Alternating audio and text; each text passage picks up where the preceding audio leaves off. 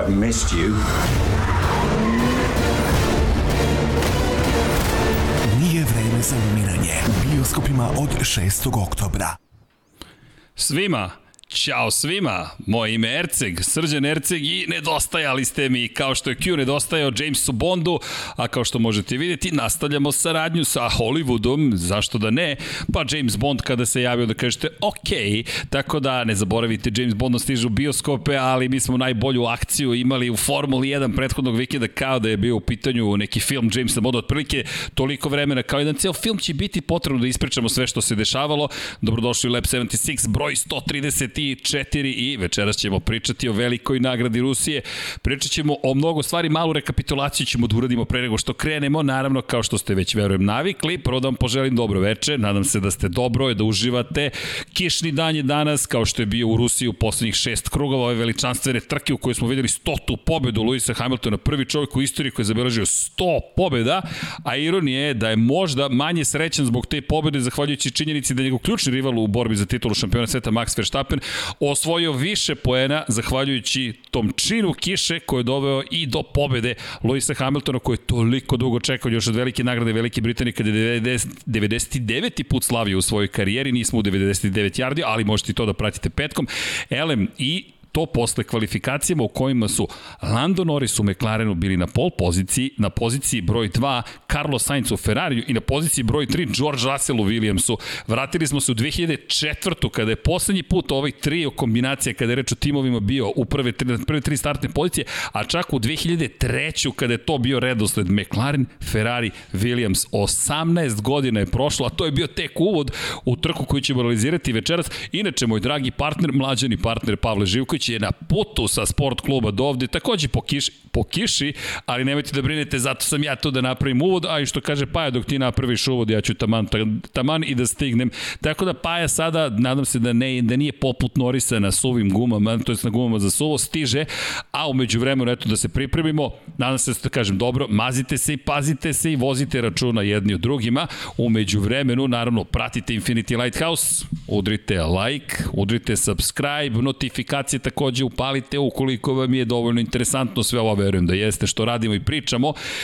Inače, ukoliko ste pravi ljubitelj Formule 1, čisto malo komercijalnog programa, pa izašla je knjiga, nemojte zaboraviti Djena Potkonjaka, crveno i crno. I za sve one koji su je već naručili, mogu vas obradovati, najzad je stigla u naše, u naše ruke, trebalo još pre dve nedelje da bude tu, ali sutra ujutro kreće, tako da znate ko je naručio, uhu, kreću knjige, a ko nije, infinitylighthouse.com kroz shop, pa eto, to je podrška i sretoh juče tomu BMX-a pre dva dana, kaže Ercik, nemoj da se stidiš kada se zahvaljuješ ljudima na Patreonu ili kada kažeš podržite nas. Zašto? Pa nikada dovoljno para u automoto sportu, a mi smo vala u automoto sportu i čuvena rečenica Edija Jordana, ukoliko želiš da postaneš milioner u automoto sportu, počni kao milijarder. Nismo milijarderi, ali vaša podrška nam i tekako znači i hoću da iskoristim priliku da se zahvalim svima na Patreonu.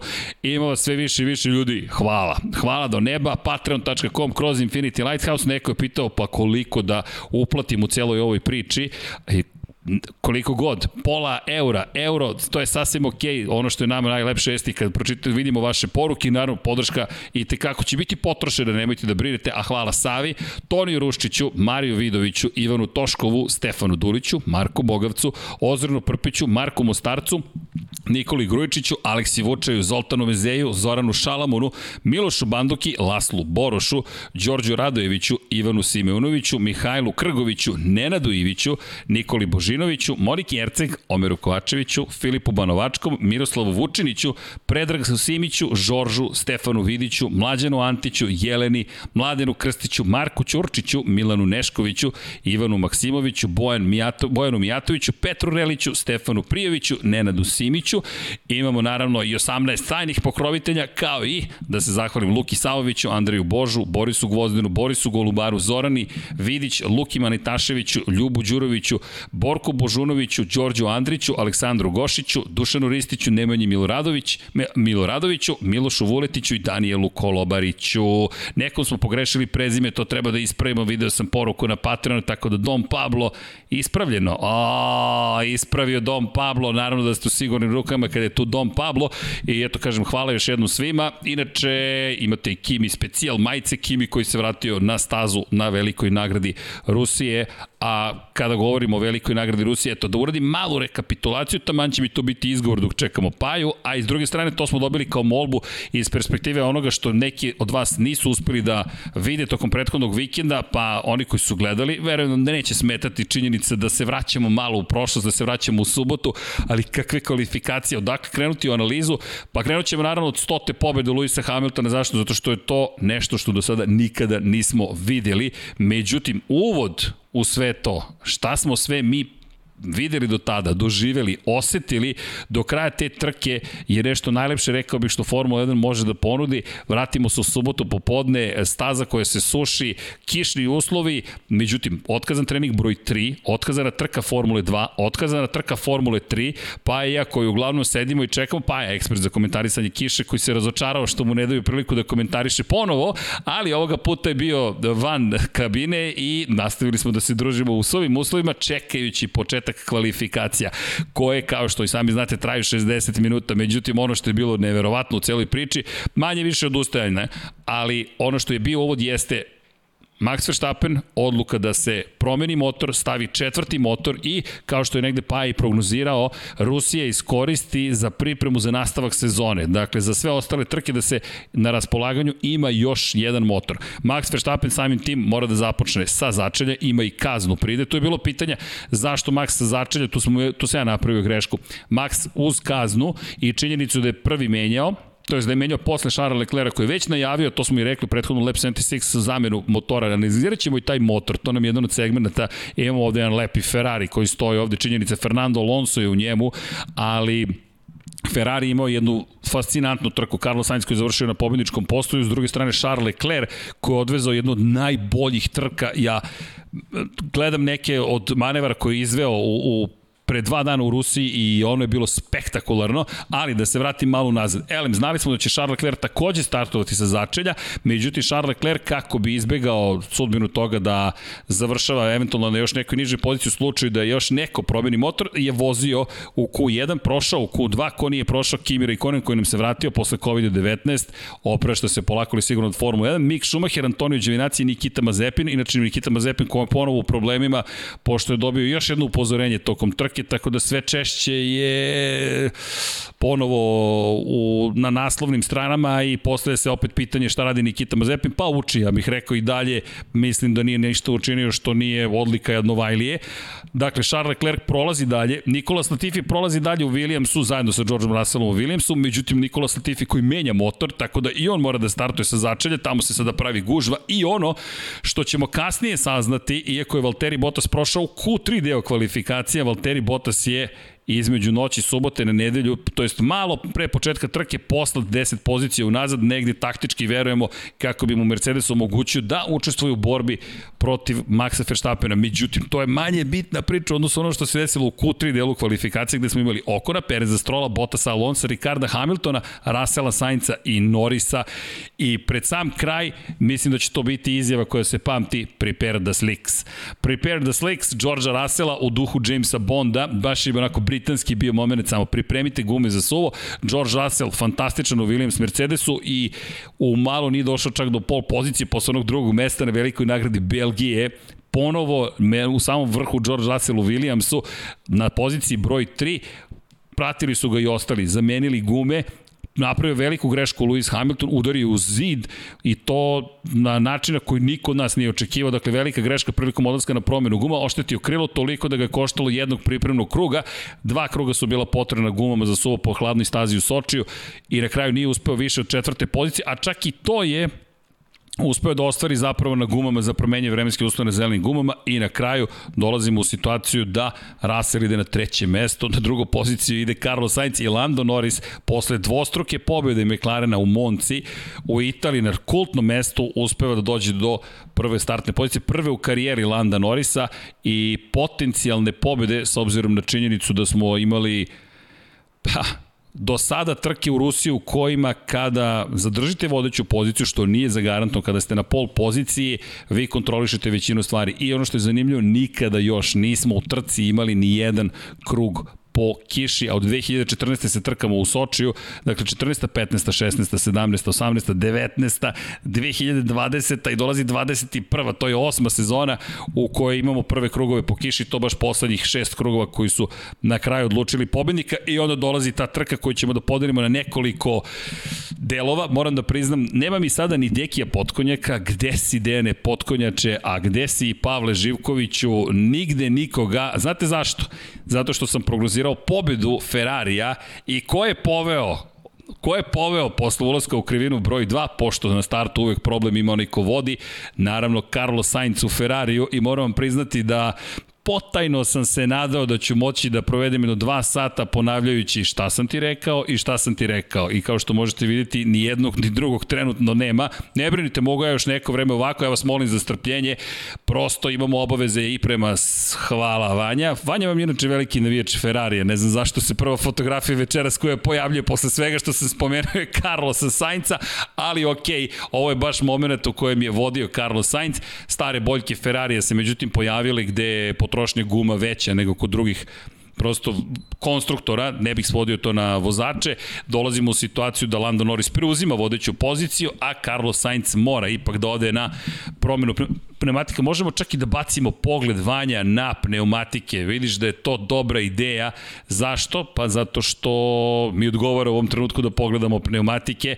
Pobratite pažnju Sainz u 14. krugu i u 14. krugu je promenio pneumatike mnogo, mnogo, mnogo pre ostalih. Ako pogledate gde se nalazi Lando Norris, u 28. krugu je Lando Norris promenio gume i to je jedno od velikih boljki Ferrarija. Čak ni na ovom mestu Ferrari nije mogao da, da parira, makar ne kada je reč o ovom starom motoru i generalno onome što mogu da pruže, ali generalno mislim da ni novi motor neće previše pomoći. Elem Sainz koji je tu izgubio vodeću poziciju, jedno se stvara jedan vrlo interesantan vozić u kojem Daniel Ricardo zapravo tamo kontroliše, neću reći baš kontroliše situaciju, ali s obzirom na činjenicu da je Hamilton loše startovao, imaju probleme svi koji prate Daniela Ricarda, inače to je super finta bila Mercedesa kasnije da izađe, prikaže svoje mehaničare, Mercedes povuče odluku, a Hamilton u poruče uradi suprotno onome što će uraditi zapravo Daniel Ricardo.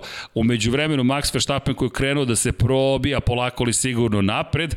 Charles Leclerc, ljudi, pogledajte, mi nemamo pravo da vam prikažemo njegov ulaz u krivinu broj 2 na startu trke. Ja ne pamtim da smo, pa možda od Alonsovog onog starta videli nešto bolje, pričemu ovo je po suvom, gde on uspeva da prođe pored zida tik i da uđe u krivinu broj 2.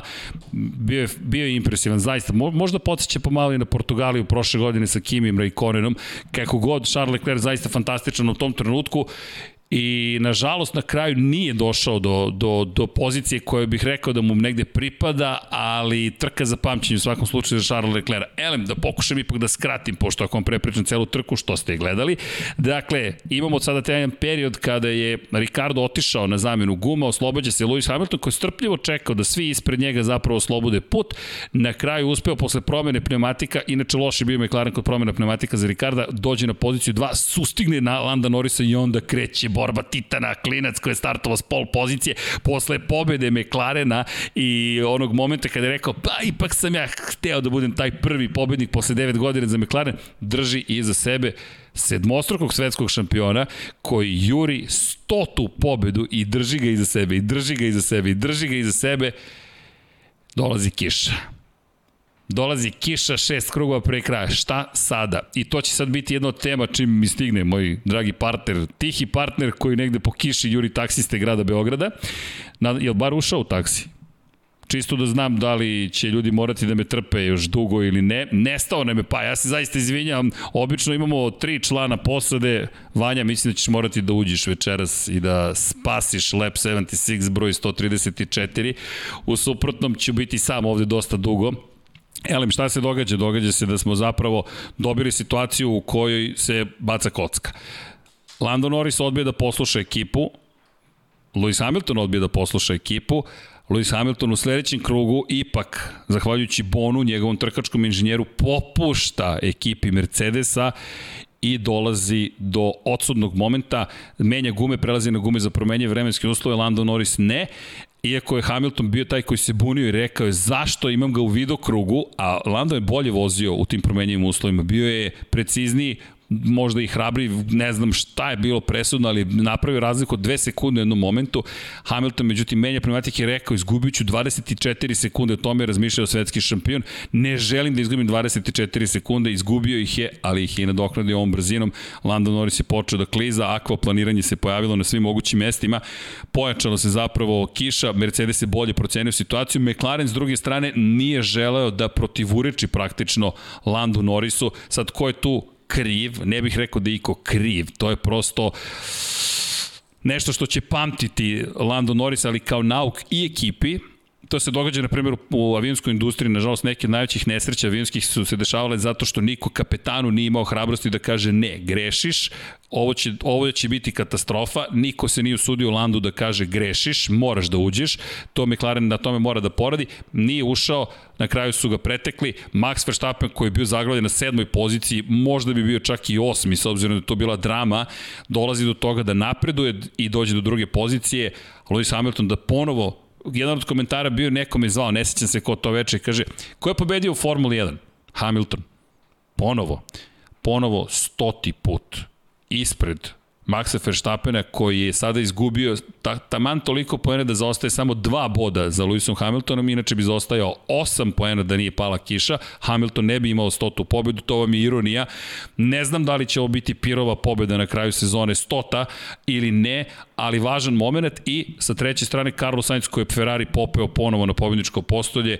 Vanja, daj da pogledamo ko je najviše napredovao, ko je najviše izgubio tokom trke. Ljudi, ovo su divni grafikoni. Hvala i pozdrav Momčilu Vukiću na ovome. Valtteri Bottas je napredovao 9 pozicija od momenta kada je kiša počela da pada. Kimi Raikkonen, koji inače osvojio poene, rekoh na početku, u Q1 je završio svoje kvalifikacije Kimi Raikkonen, međutim Kimi na kraju trke pozicija broj 8.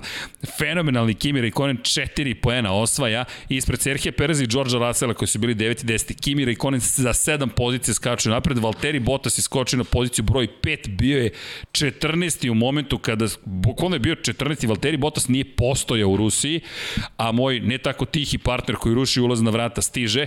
Zatim Max Verstappen koji je nadoknadio 4 mesta, Sainz 4, Daniel Ricardo 4, George Russell 3 i Lewis Hamilton nije ni mogao više od jedne pozicije kao Lance Stroll. Međutim, da bacimo pogled ko je izgubio najviše pozicija, Fernando Alonso 2, Sebastian Vettel 3, Sergio Perez 6 i Lando Norris 6. Sergio Perez koji je Na kraju bio deveti u tom momentu je mogao, da, mogao je čak i do pobjedničkog postoja u jednom trenutku. Lando Norris i Charles Leclerc, Charles Leclerc koji je trku završio na 15. poziciji.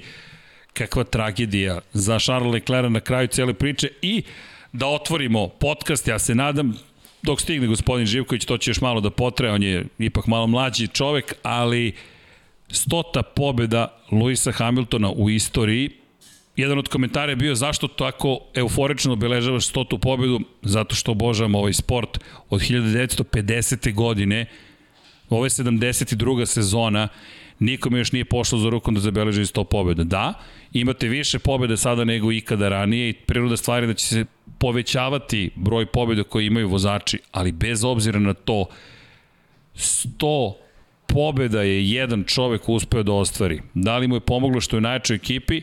Da. Da li mu je pomoglo što je bio irao pametno u momentu kada je mogao da bira? Da. Da li treba da se divimo ovome? Apsolutno. 100 pobjeda za jednog čoveka, a mi pričamo o Mi pričamo o tome kad imate jednu da ste postigli mnogo i to je ta veličanstvena bitka je bila između čoveka koji juri prvu pobedu i nekoga koji juri stotu pobedu i koliko znači jedna pobeda Landu Norrisu, sad samo pomislite neko je to uradio puta 100 i preko 33% uspešnosti zapravo ima u svojoj karijeri Lewis Hamilton. Pajo, jesi mi dobro za početak? E, čekaj malo. Paja pije iz šolje koju pojesti možda hoće, možda neće, zapravo te to važda će pasti, ali stigo si nam. Da li će živ, da preživi e, ovaj šoljah? Yes. Vidi, najduži uvod sam yes. napravio ikada. Ikada. 20 minuta. 20 minuta. Pa znam ali... Ako nije za medalju, Jeste. Ne znam šta je. Pa dobro, u zoni 4 sata komentarisanja kiše koje si imao. Rekao sam da si bio tužan što nisi mogao da komentarišeš kišu ovoga vikenda, što su nam ukinuli treningi ukinuli i trke. Ukinuli sam, znaš šta, ne daju mi da... Da blistaš? Da, u tandemu.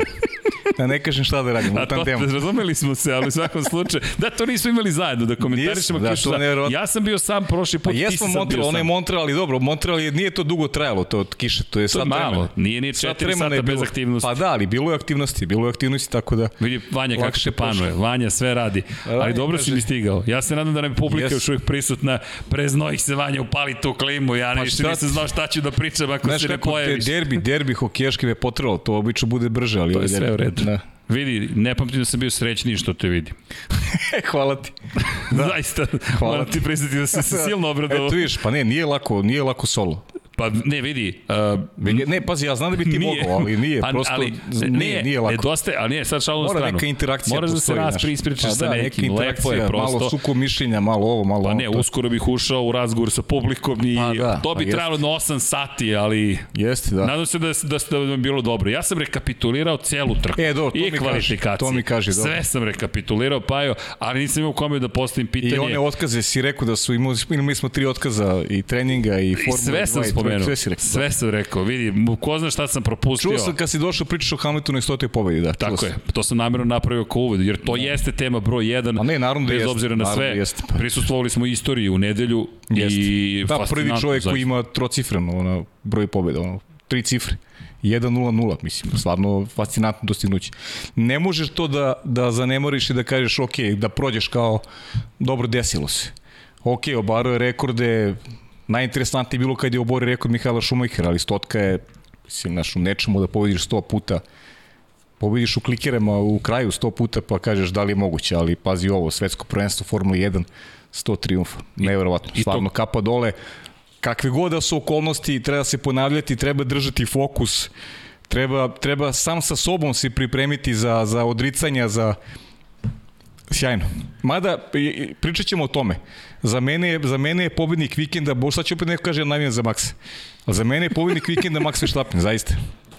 Čekaj, moraš da mu napraviš ja, vanja ja sam, potpis. Slušaj ovo, ja, ja, sam, ja sam teo ti kažem, uh, ja sam, ja sam u, pre ovog podcasta, pre ove nedelje, sam uh, čvrsto stavio za toga da je Luis najveći favorit. E, sada su mi 50-50 šanse. Potrošen treći agregat, uz promene, dva pojene razlike, ovo je super situacija i za Maxa, ali su mi sada šanse 50-50. Nije mi više Lewis Hamilton apsolutni favorit za titul. Ne znam da li si stigao da vidiš naslov za, za večerašnju emisiju. Stota pobjeda Hamiltona, Verstappen srećniji. Da, da, pa eto, mislim, slažem se s tobom, da. Pa to smo pričali i tokom prenosa. A da, Slažem se. ti dođeš u situaciju da imaš stotu pobedu, ali da možda ćeš na kraju reći "Uf, da nisam tu pobedio, Da, čv- čvrsto verujem da bi, da bi Luis više volao da je završio drugi, a da je Max na kraju bio sedmi. Čak možda i osmi, jer bi bio pod pritiskom Leclerca do kraja trke. Ali ne bi mogu se pomeriti sa 7 mesta. A Luis bi mogao u onim idealnim vremenskim plike da juri i dalje pobedu protiv Landa Norrisa. Pa i da bude drugi, tu praviš veću bodovnu razliku. Sad je mnogo važnije praviš bodovnu razliku nego da, Da beležiš pobedu. nego da beležiš pobede. Mnogo važnije, takav je moment sezone, da je, da je mnogo važno sa koliko poena prednosti si završio trku. A u ovim uslovima da je Red Bull menjao agregat, da je krenuo Max sa posljednje pozicije, mislim ne, ne da su smanjili štetu, nego su napravili jedan vrhunski rezultat. Pa najveći osmeh na licu imao Verstappen na kraju. Baš se pa, smeo, baš je bio jeste. radostan. Ti pogledaš čoveka koji je imao izraz olakšanja posle svega, ti startuješ poslednji, imaš dramu, imaš Bottasa na 17. poziciji, inače zanimljiva izjava se pojavila navodno, navodno, je Verstappen otišao da razgovara jedan na jedan sa Valterijem Bottasom i rekao mu nemoj da se mešaš u borbu za titulu. Navodno. To je negde u duhu Pa, Ayrtona mislim, Sene, koji je znao tako da. da. razgovara sa ljudima i kaže nemoj da mi se mešate u borbu protiv Alana Prosta ili nekog drugog. To je Valentino Rossi trebao kaže Marko Markezu svoje vremena. o, prešli smo na Moto Grand. Da. Nemoj Pajo, to je sad kao da si uzeo bure baruta, ubacio bukvalno da. Šibicu. E, molim vas, u sredu dojan Dijan Samo ti kažem, stići sa planinom. samo ti kažem, u ovoj situaciji Max nije u pravu. Ako je to uradio. Navodno je to uradio. Ne možeš da, da kažeš nekome ko, kome kandidat za titulu timski kolega. Pa naravno će se boriti, on se bori za svoj tim. To je njegovo legitimno pravo. Problem je da se meša neko treći koji iz neke treće ekipe pa se meša za šampionsku titulu. Mislim, tu možda da, da stavi da vidiš da svesno radi protiv nekog vozača, tu je problem. O, ja ne vidim od nikakav problem. Mislim, pa naravno će se meša. Pa kao i Pere što treba da se meša. Mora da se meša u korist da Maxa se Verstappena. Da, on, ne može. On ne može. On ne može da se meša. Ne, pa on ne može, zaista, on ne može da se meša. Ne on može da čak se i da meša, želi, da. ne može da se meša. Da, razumeo sam. Pa mislim, uprko svemu što, što smo pričali šta mora da postigne Sergio Perez, to nije postigao. Ne Ali- volim ovu priču jer, mislim, bizarna mi i morate priznati, malo mi je glupa. Naš, I ne liči mi na Maxa Verstappen Da, iz ove liči, godine. Da. da. da je to uradio, da je to izveštaj od pre pet godina, mogao bih da poverujem. Pa. Ove godine, ako je neko oličenje zrelosti i zrele komunikacije i zrelih priča, onda mi je to Max Verstappen.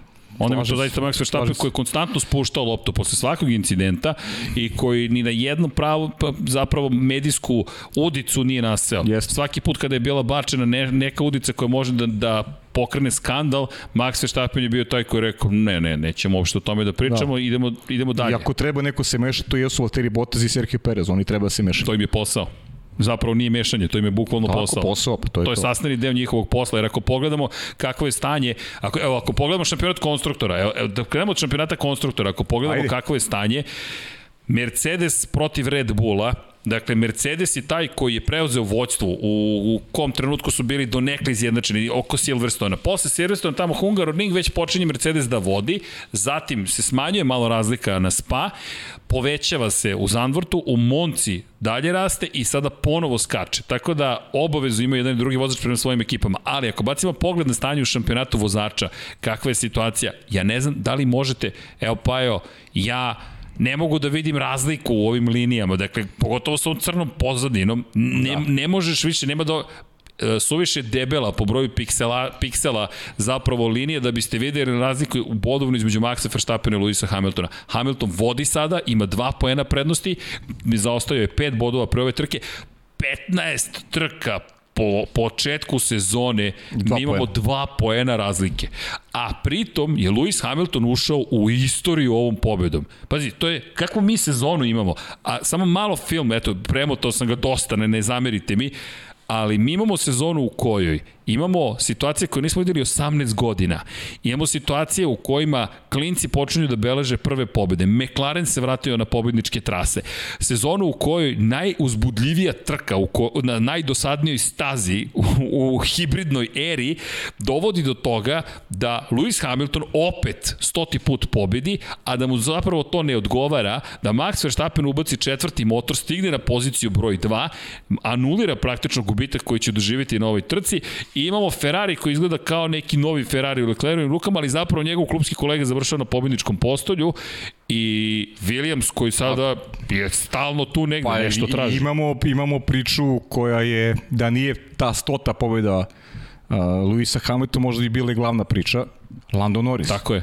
Lando Norris Tako je. koji je toliko žarko želeo tu pobedu da je uh, nije najbolje procenio situaciju na stazi. E, nije možda imao ni adekvatnu podršku tima, ali su se tim se u stvari prepustio odluci Landa Norisa koji je na stazi. U principu i vozač treba da bude taj koji će da proceni moment da li treba da menja pneumatik ili ne treba. On je na stazi, on najbolje zna kako se ponašaju, kako se boli ponaša. On je smatrao da može da ostane na stazi. Ali, šta je zaboravio? To je moje mišljenje. Dva, dva, dva ključna faktora. Zapravo treći možemo takođe da dodamo. Prva stvar, Soči ovoga vikenda je bio takav da svaki pljusak je manje više bio potop. Kada god bi voda stigla, oni su plivali u vodi. Jednostavno trenaža nije mogla da podnese inače pljuskove, a bili su žestoki. To je prva stvar. Druga stvar, asfalt je veoma gladak u Sočiju. Postoje razlike u asfaltu prosto i granularnost asfalta je takva u Sočiju da je opet nije idealan kada pada kiša. Drenaža je, ne mogu kažem loša, ali takva da moći će da se vozi, neće biti poplava, ali nećete moći da vozite na gumu za suvo. I treća stavka, ekipa koja, prosto, to sam malo pre spomenuo, nije imala dovoljno agre, nije, ajde neću kažem agresivnosti, Hamiltona su ubedili da uđe. Hamilton je odbio prvi poziv. Da, Da. Na, nije našla način da Landu kaže Lando, Lando, ali niko nema to iskustvo u McLarenu više. Te pobedničke godine su davno prošle da mu kaže znamo šta treba da učini, što je Mercedesova prednost, ko, on zna kako se Pa pobeđuje. dobro, tu je nedostatak komunikacije bio jer, jer oni stidljivo pokušavaju, a on neće. Znaš, i onda je tu, znaš, nema, nema onog, onog jasnog stava sa obe strane.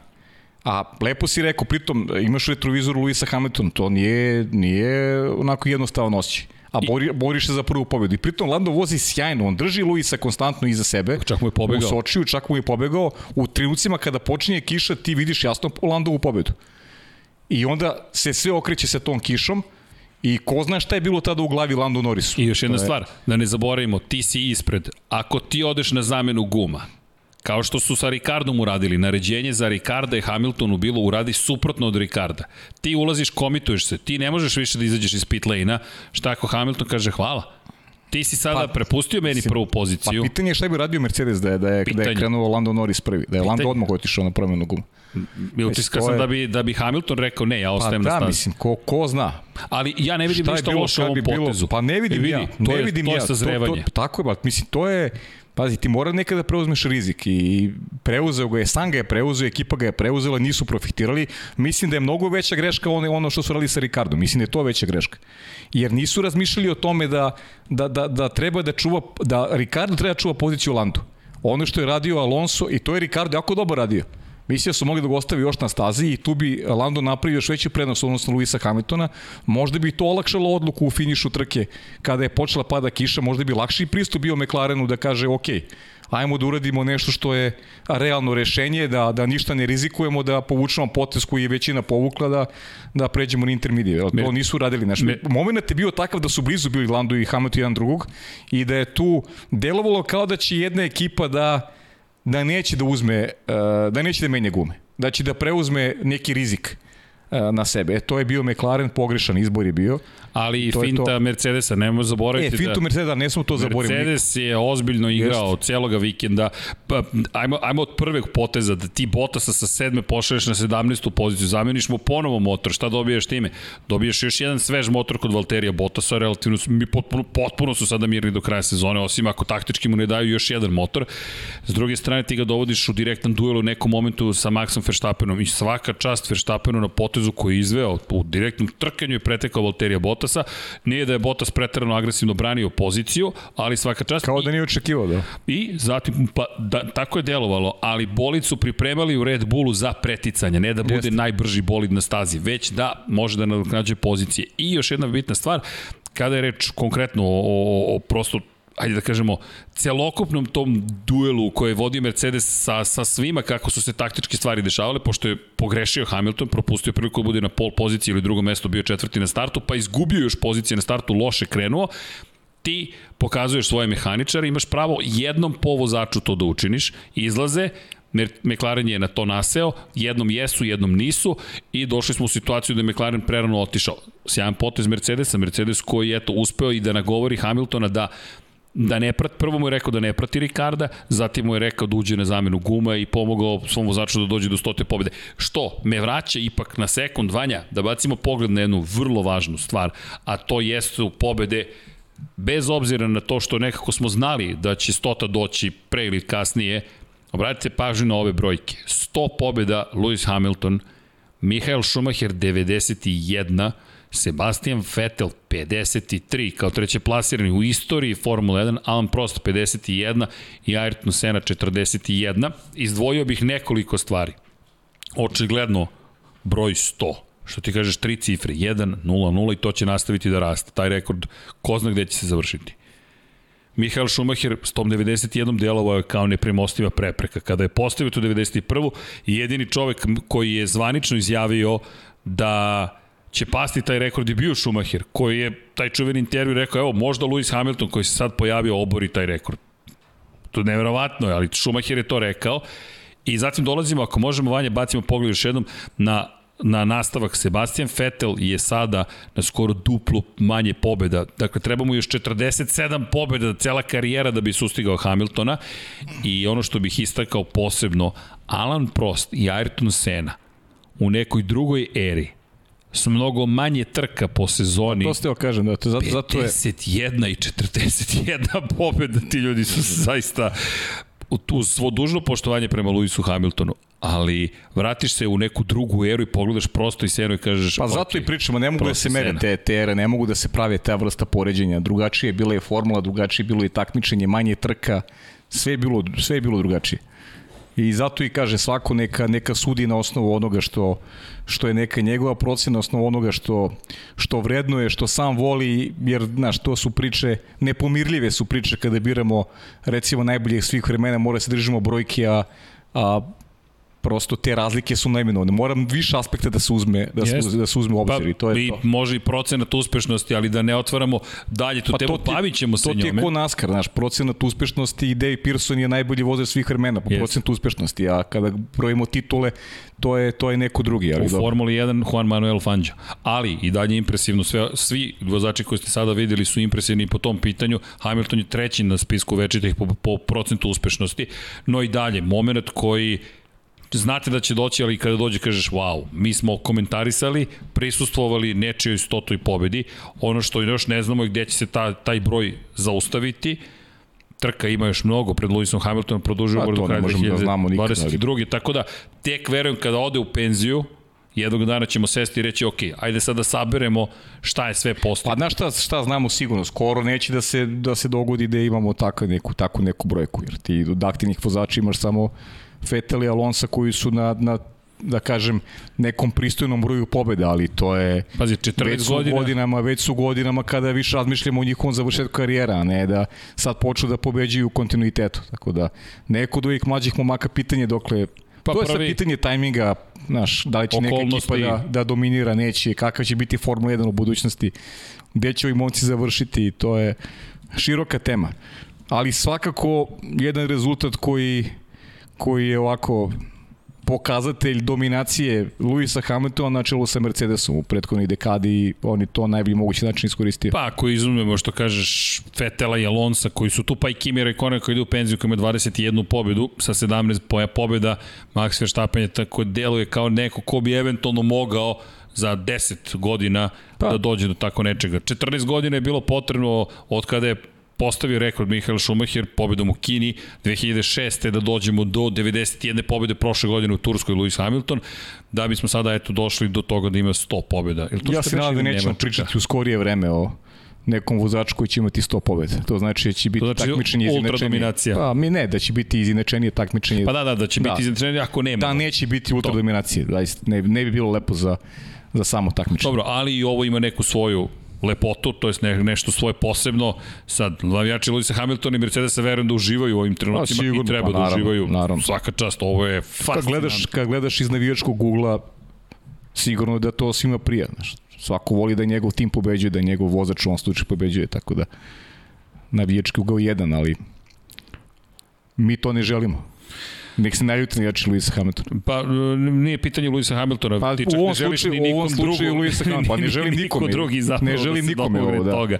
Ali da, ali da, ali da se vratimo na tu glavnu temu, stota pobjeda jeste, međutim ti na kraju dana možda ćeš i patiti zbog ovih poena koji su, koje su se zapravo na koji su na kraju nestali nekako iz, iz tvojih ruku.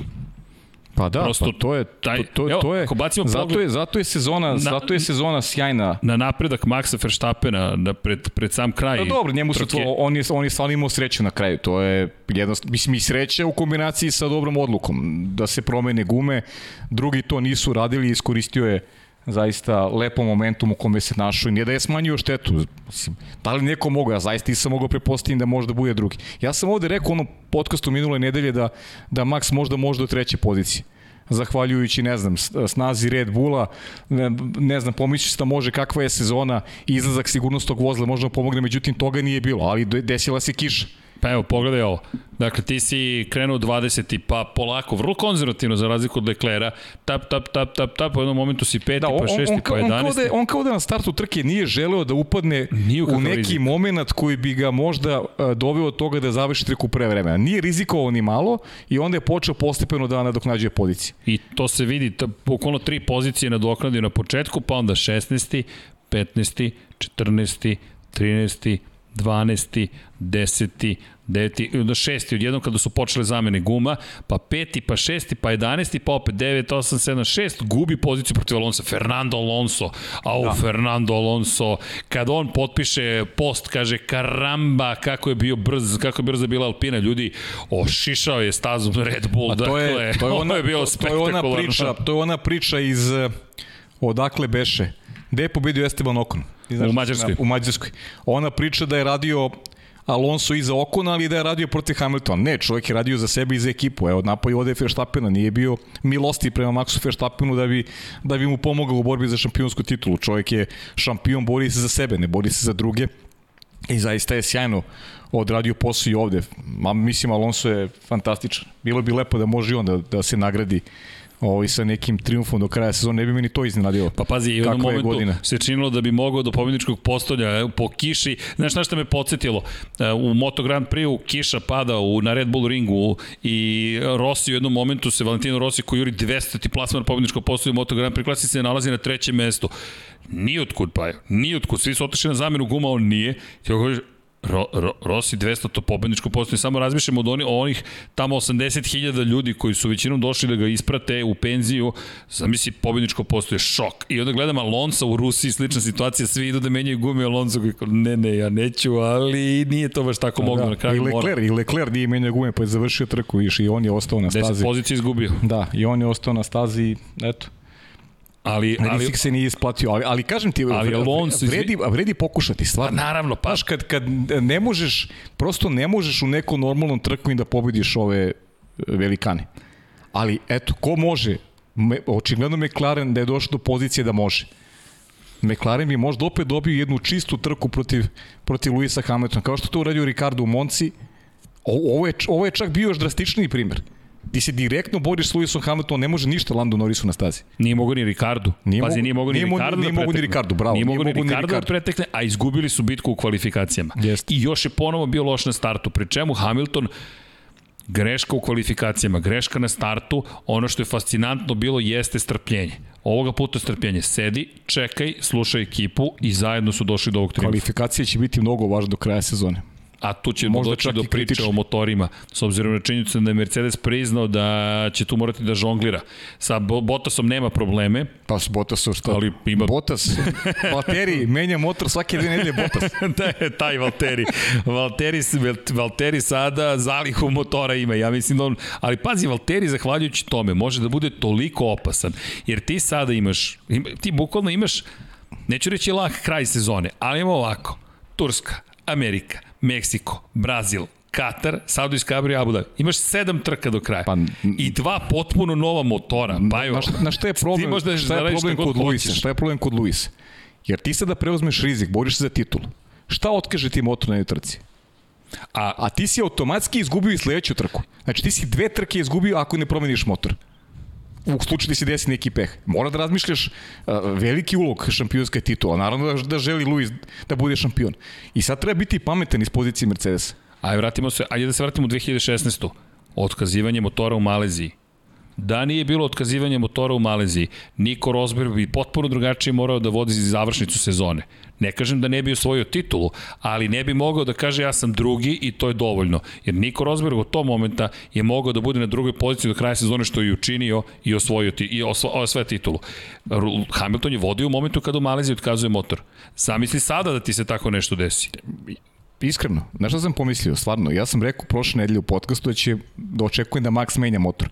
Ali kako se bližio trkački vikend, negde sam verovao da će to da uradi Mercedes sa Lewisom Hamiltonom. Ali su radili sa Bottasom. Uradili su sa Bottasom. A očekivao To da nam će nije uradi sa pamet. zato što bi Lewis svako imao prednost u odnosu na Maxa na početku trke. Lewis, Max imao i kaznu, tri pozicije pomeranja. Možda su mogli i Bottasa i Hamiltona. Mislim da je bilo mislim, ti mislim da je bilo mislim da je bilo da je bio idealan moment da to. Mercedes uradi. 14, četvrti si na startu, uzmeš kaznu 10 pozicija kao nazad, ti si 14. I imaš na 17. poziciji svog partnera, imaš čoveka koji će te štititi i možeš da napreduješ. U, mislim da ti Pa da šta? si baš na dobrom A, šta- tragu. a šta misliš šta je bilo da je krenuo 14. Pa mislim da bi pobedio. Ja mislim isto. Mislim da bi pobedio. Ja isto mislim, mislim da bi to bilo potpuno Isto, drugačija trka. isto mislim da je pobedio. I još bih krenuo verovatno na, na tvrdim gumama. Vanja, da, da, na kojim gumama je krenuo? Da bacimo pogled na promene Da, guma. Lewis na srednje tvrdim. je Na srednje tvrdim, da, da, na bi srednje tvrdim je krenuo, da. To je to. Dakle, Hamilton na srednje tvrdim do 26. kruga. I sad zamisli da je promeni da je na tvrdim krenuo. Sa Pobedio bi. 14. pozicije. Pobedio bi s 14. Bez pozicije, nema Max, pobedio bi sigurno. Mislim, A Dobro, Moja niko projekcija. nije savršen. Ono što je on, ono što smo videli, napravio grešku. Inače, Sergio Perez je napravio... Čekaj, kada spominjem Sergio Perez. Ja, Vanja, daj, onaj, daj, molim te, daj onu piticu što je pripremio Momčilo Vukić. Sa leve strane poeni Serhija Pereza, 16 u poslednjih šest trka. Sa desne strane poeni Georgea Russella, vozača Williams Mercedesa, ovogodišnjeg Williams Mercedesa sa desne strane. 16 poena za Pereza, 16 poena za Georgea Russella. Ja sad ne znam kako bih ovo prokomentarisao. Da, to je... Hoćeš ti, Pavle, možda? Pa, ja ću, znam, znam šta ću da kažem, ali ovo je neprihvatljivo. Pa naravno. Ovo je potpunosti Da, neprihvatljivo. dob, dobili te poruke su, ono, odmah ljudi reaguje, stvarno smešno čak. To se ne radi. ok, Vanja, to se ne radi. A ovo se zaista ne radi. Ne, ti kada pogledaš, ovo, zaista... ovo ne smemo da zaboravimo. ne. Šta nam je s Dekim? E, izgubio se negde na planini. Nemam Na planini, a? nestao je negde. Žalim se, šalim, Ili ima- Dom ili Pablo. ima kompas? Ili ima kompas da Izvini, mu uvek pošaljemo? ozbiljni Dom Pablo je se šokirao Jel ima kompas da mu pošaljemo? Ej, znaš da sam kupio kompas pre neki dan? Jesi? Zaista. Pa naravno. E, Nekako, A zašto zbog Dekija? Pa nije, mislim se zbog navigacije, generalno mi simpatično da stanem na ulicu da shvatim. Ej, daj, znaš da taj trik, kako da znaš na ulici gde je jug zapravo? E, Lak, lak štos. Pogledaš satelitske antene, uvek, uvek gledaju ka jugu, ka geostacionarnoj orbiti. Tanjir mora da gleda. šta Naravno, na naučiš od severnoj polu lopti, a na južnoj polu lopti će gledati ka severu. Eto viš, nisam znao za taj trik, Da, to ti je urbana navigacija. Ali eto, nabio sam po kompas, možda bi trebalo da, Dekiju da ga poklonim na kraju, ali okej. Okay. Mislim da je zaslužio. Negde nam se izgubio nas kod sletanja na Mars i, i nadam se da će nam se vratiti. Ne, Deki će biti tu sutra, nemojte ništa brinite, sve je okej. Deki imao neke takođe obaveze koje je dogovorio pre hiljadu godina. Verujem mi, žao mu je, s obzirom na činjenicu kakva je trka ovo bila, da, da, da znam da bi sad ovde sedeo izgoreo bi od želje Pa da. da. sedi ovde, ali okej. I za malo Lando da pobedi on. I za malo Lando, koliko puta smo ga Nedeljama već, spomenuli? nedeljama već tipuje na Landa. Ili, i sad, Pogodit će jednom. E, pa, pazi, pa Deki mora da časti za stoti podcast onda. Njegova je kafana. Slažem se. Ja mislim da to sasvim u redu. Uh, kažite, Vanja. Zašto je Bottas samo 10 pozicija izgubio, a Max otišao na kraj? Uh, zašto je... bo- I Lewis isto samo 10 pozicija. A, zato što zavisi od toga šta, Da, su- šta menjaš, šta da. su menjali. I zavisi od toga šta menjaš, koliko ti se sabere zapravo kazni. Uh, ok, to, to, to bismo mogli da, da, da, da na, nabavit ćemo, ajmo ovako, uh, imate spo- prosto tehnički pravilnik uh, koji postavljeno odlično pitanje. Evo, ako nam dozvolite, možemo to da stavimo samo da, da vam i da ti isečem taj, taj bukvalno deo, pa ćemo odmah da vam, da vam to i predočimo. U suštini zavisi od toga, samo A sekund. koje komponente? Mislim Tako menjaju tako i MGUK i MGUH, sve je menjao. Da, oni su menjali sve. Sve je menjao Red S obzirom Bull. činjenicu su praktično uveli novi motor u Jeste. celu priču. A kada pričamo o Valteriju Bottasu, to je sada izbor šta menjate. Dakle, engine, samo mi dajte sekund, molim vas, ali to je lepota podcasta, s obzirom na činjenicu da to možemo da relativno brzo Šta ste pričali pre toga, ajde, dok ti tražiš? Dok ja tra... E, znaš šta sam još spomenuo? Šta? E, čekaj, e, št, spomenuo, e, nešto mi sad pro- prošlo kroz glavu e, što sam spomenuo, a zaboravio. Molim? Perez, da, e, da, na E, Perezu da, smo Perez, da, na Perezu smo da, Perez i. Russell, da, Perez i Russell. Perez i Russell. Čekaj, to, Da. to je neprihvatljivo poređenje. Mi sad kako, poređimo? Perez i Russell. I šta će biti kada Russell ode u Mercedes? Kao drugi vozač. Stvarno, šta će... Pa ne, E, ja, ja ne bih se time bavio, stvarno. Ne, izvini, Ne, ali- ne znam šta će biti. Ali vidi, imam, imam jednu temu o kojoj sam razmišljao. Od Lando Norris, ajmo da zaključimo, počeli smo o Lando Norrisu. Lando Norris, ja mislim ljudi da, da je reč o, o šampionu budućnosti. Da li će imati sve okolnosti da osvoji titulu, ne znam, ali ja mislim da ovo sazrevanje jednog momka kog sam ja sumnjao, na početku godine sam bio skeptičan, on je Jesi, dečko položio pošteno. sa čistom desetkom sve. Ti si verovao u Landa Norisa, ja se izvinjam i Norrisu Odbre, i noveče je. i McLarenu, ali čovek je takav iskorak napravio posle pobede klubskog kolegije, ni kukao, nego odvezao bolje krugove, osvojio pol poziciju, štitio se, čuvao se od Luisa Hamiltona, hrabar bio precizan po kiši, dokle je mogao da funkcioniše taj bolid na tim gumama po kiši, na kraju osvojio poene, Pa tišina, To, to je jedno, to je jedno uh, timsko sazrevanje. McLarena i, i Landa Norrisa. I slažem se s tobom potpuno, on jeste šampionski kalibar. I ne mogu sad, eto sad, ne može niko to da tvrdi šta će se dešavati u budućnosti, ali da će Lando biti kandidat za titulu sa McLarenom, ovaj, to je sve očiglednije. Jer o, ove dve trke, o, ovo je nešto nestvarno.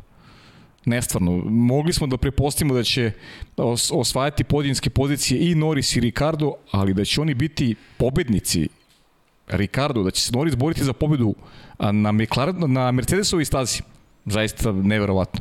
I stvarno me zanima, mislim, volio bih da, da smo mogli da, da isprtimo do kraja šta bi bilo u trci da, da nije pala kiša. Nećemo nikad saznati, ali Lando Norris sve što je pokazao u, u Rusiji je dokaz jednog sazrevanja, jednog kvaliteta koji ima i uzbudljiv period Formula 1 nas čeka i nakon što siđu sa scene ovi šampioni koje uživamo da gledamo, Kimi prvi odlazi, ali siće sa scene neminovno i Vettel i Alonso i Lewis Hamilton, ali i budućnost Formula 1 u, u dobrim rukama, zaista. Imamo momke koji će onako biti zaista veliki rivali na stazi. I to je nešto nas raduje. Fantastično. Pazi kako sezona nam, nam, nam se smeši 2022. Imaš Norisa koji ostaje u McLarenu, imaš Charles Leclerc koji ostaje u Ferrariju, imaš Georgea Russella koji stiže u Mercedes i imaš Maxa, Maxa Verstappen u Red Bullu. Da, četiri najbolje ekipe fantastično. Mi pričamo o klincima, 21, 2, 3 godine, yes. to su bukvalno klinci. A pored toga, pazi sad ovo, imaš Fernanda Alonso koji je u Alpini, koji, koji će nastaviti da vozi, ja se rada da će voziti još spektakularnije. Imaš Vetela, Imaš, tako je. Dolazi Marti Wittmar, sve bolja ekipa Aston Ček. Martina, oni se pripremaju za 2022. I, da li se pripremaš za pred, pred premijeru Jamesa Bonda? E, pa da, mislim, nadam se da će to biti, gledamo da bude izvodljivo. Mislim, znaš da, da, znaš da, znam, znaš da ne mogu da sad to da kažem. Znaš da ne mogu ali, sad ti kažem, ali... Čekaj, vidi, zajedno moramo na premijeru s obzirom pa, činjenicu. Vidi, sad smo zvanični medijski partneri Jamesu Bondu. Pazi, to nije mala stvar. Vidjet ćemo da Vanju ubacimo da glumi u nekom filmu, ovaj da se pojavi. Novi Daniel Craig. Ne mora bude Pazi, James Bond. Pazi, koliki su mu mišići, ne vala, ovaj moderni James Bond svakako može da bude. Ti ja smo više neki, ne znam, Sean Connery, malo stomake da sredimo. Može da igra nekog ono, Dlakave grudi i to. Da igra nekog to je tad bilo ne, popularno. Nekog muža od onih devojaka. Bo, onih Bondovih devojaka. ne, on je kriminalac. Ne, on ti antiheroj, šta ti je, vidi ga kako opasan. Vidi kako te pogleda, ja se ne bi šavio. A, mislim da, mislim da mu prijela ovo.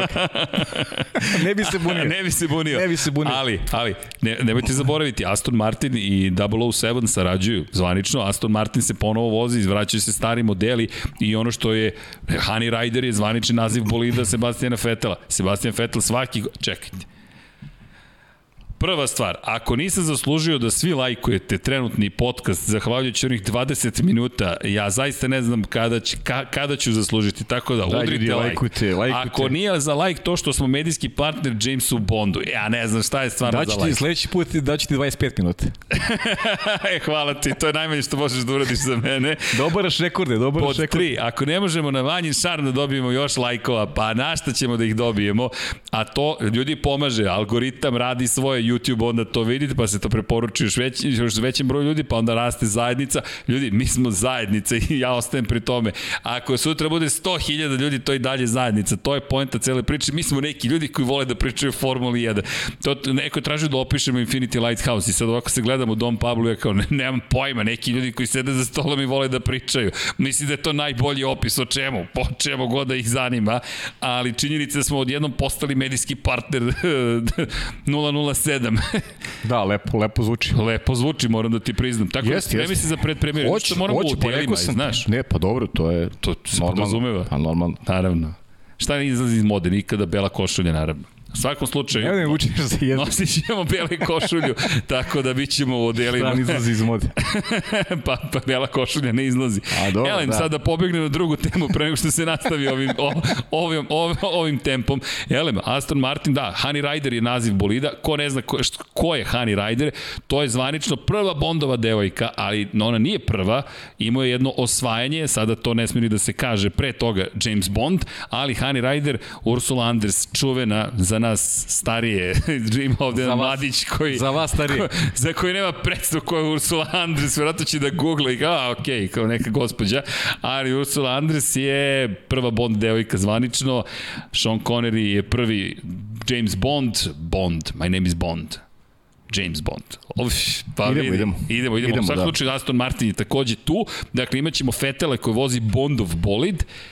To su veterani. Imamo Luisa Hamiltona koji više pripada toj grupi Pa nego... naravno, pa pripada, mislim. To je jednostavno Realno, veteran. To, to je stanje stvari, da. I onda imaš negde između koga? Imaš Ricarda, koji je ni na nebu ni na zemlji. Pa da. Negde između te cele priče. Sergio Perez je takođe predsednik te srednje generacije.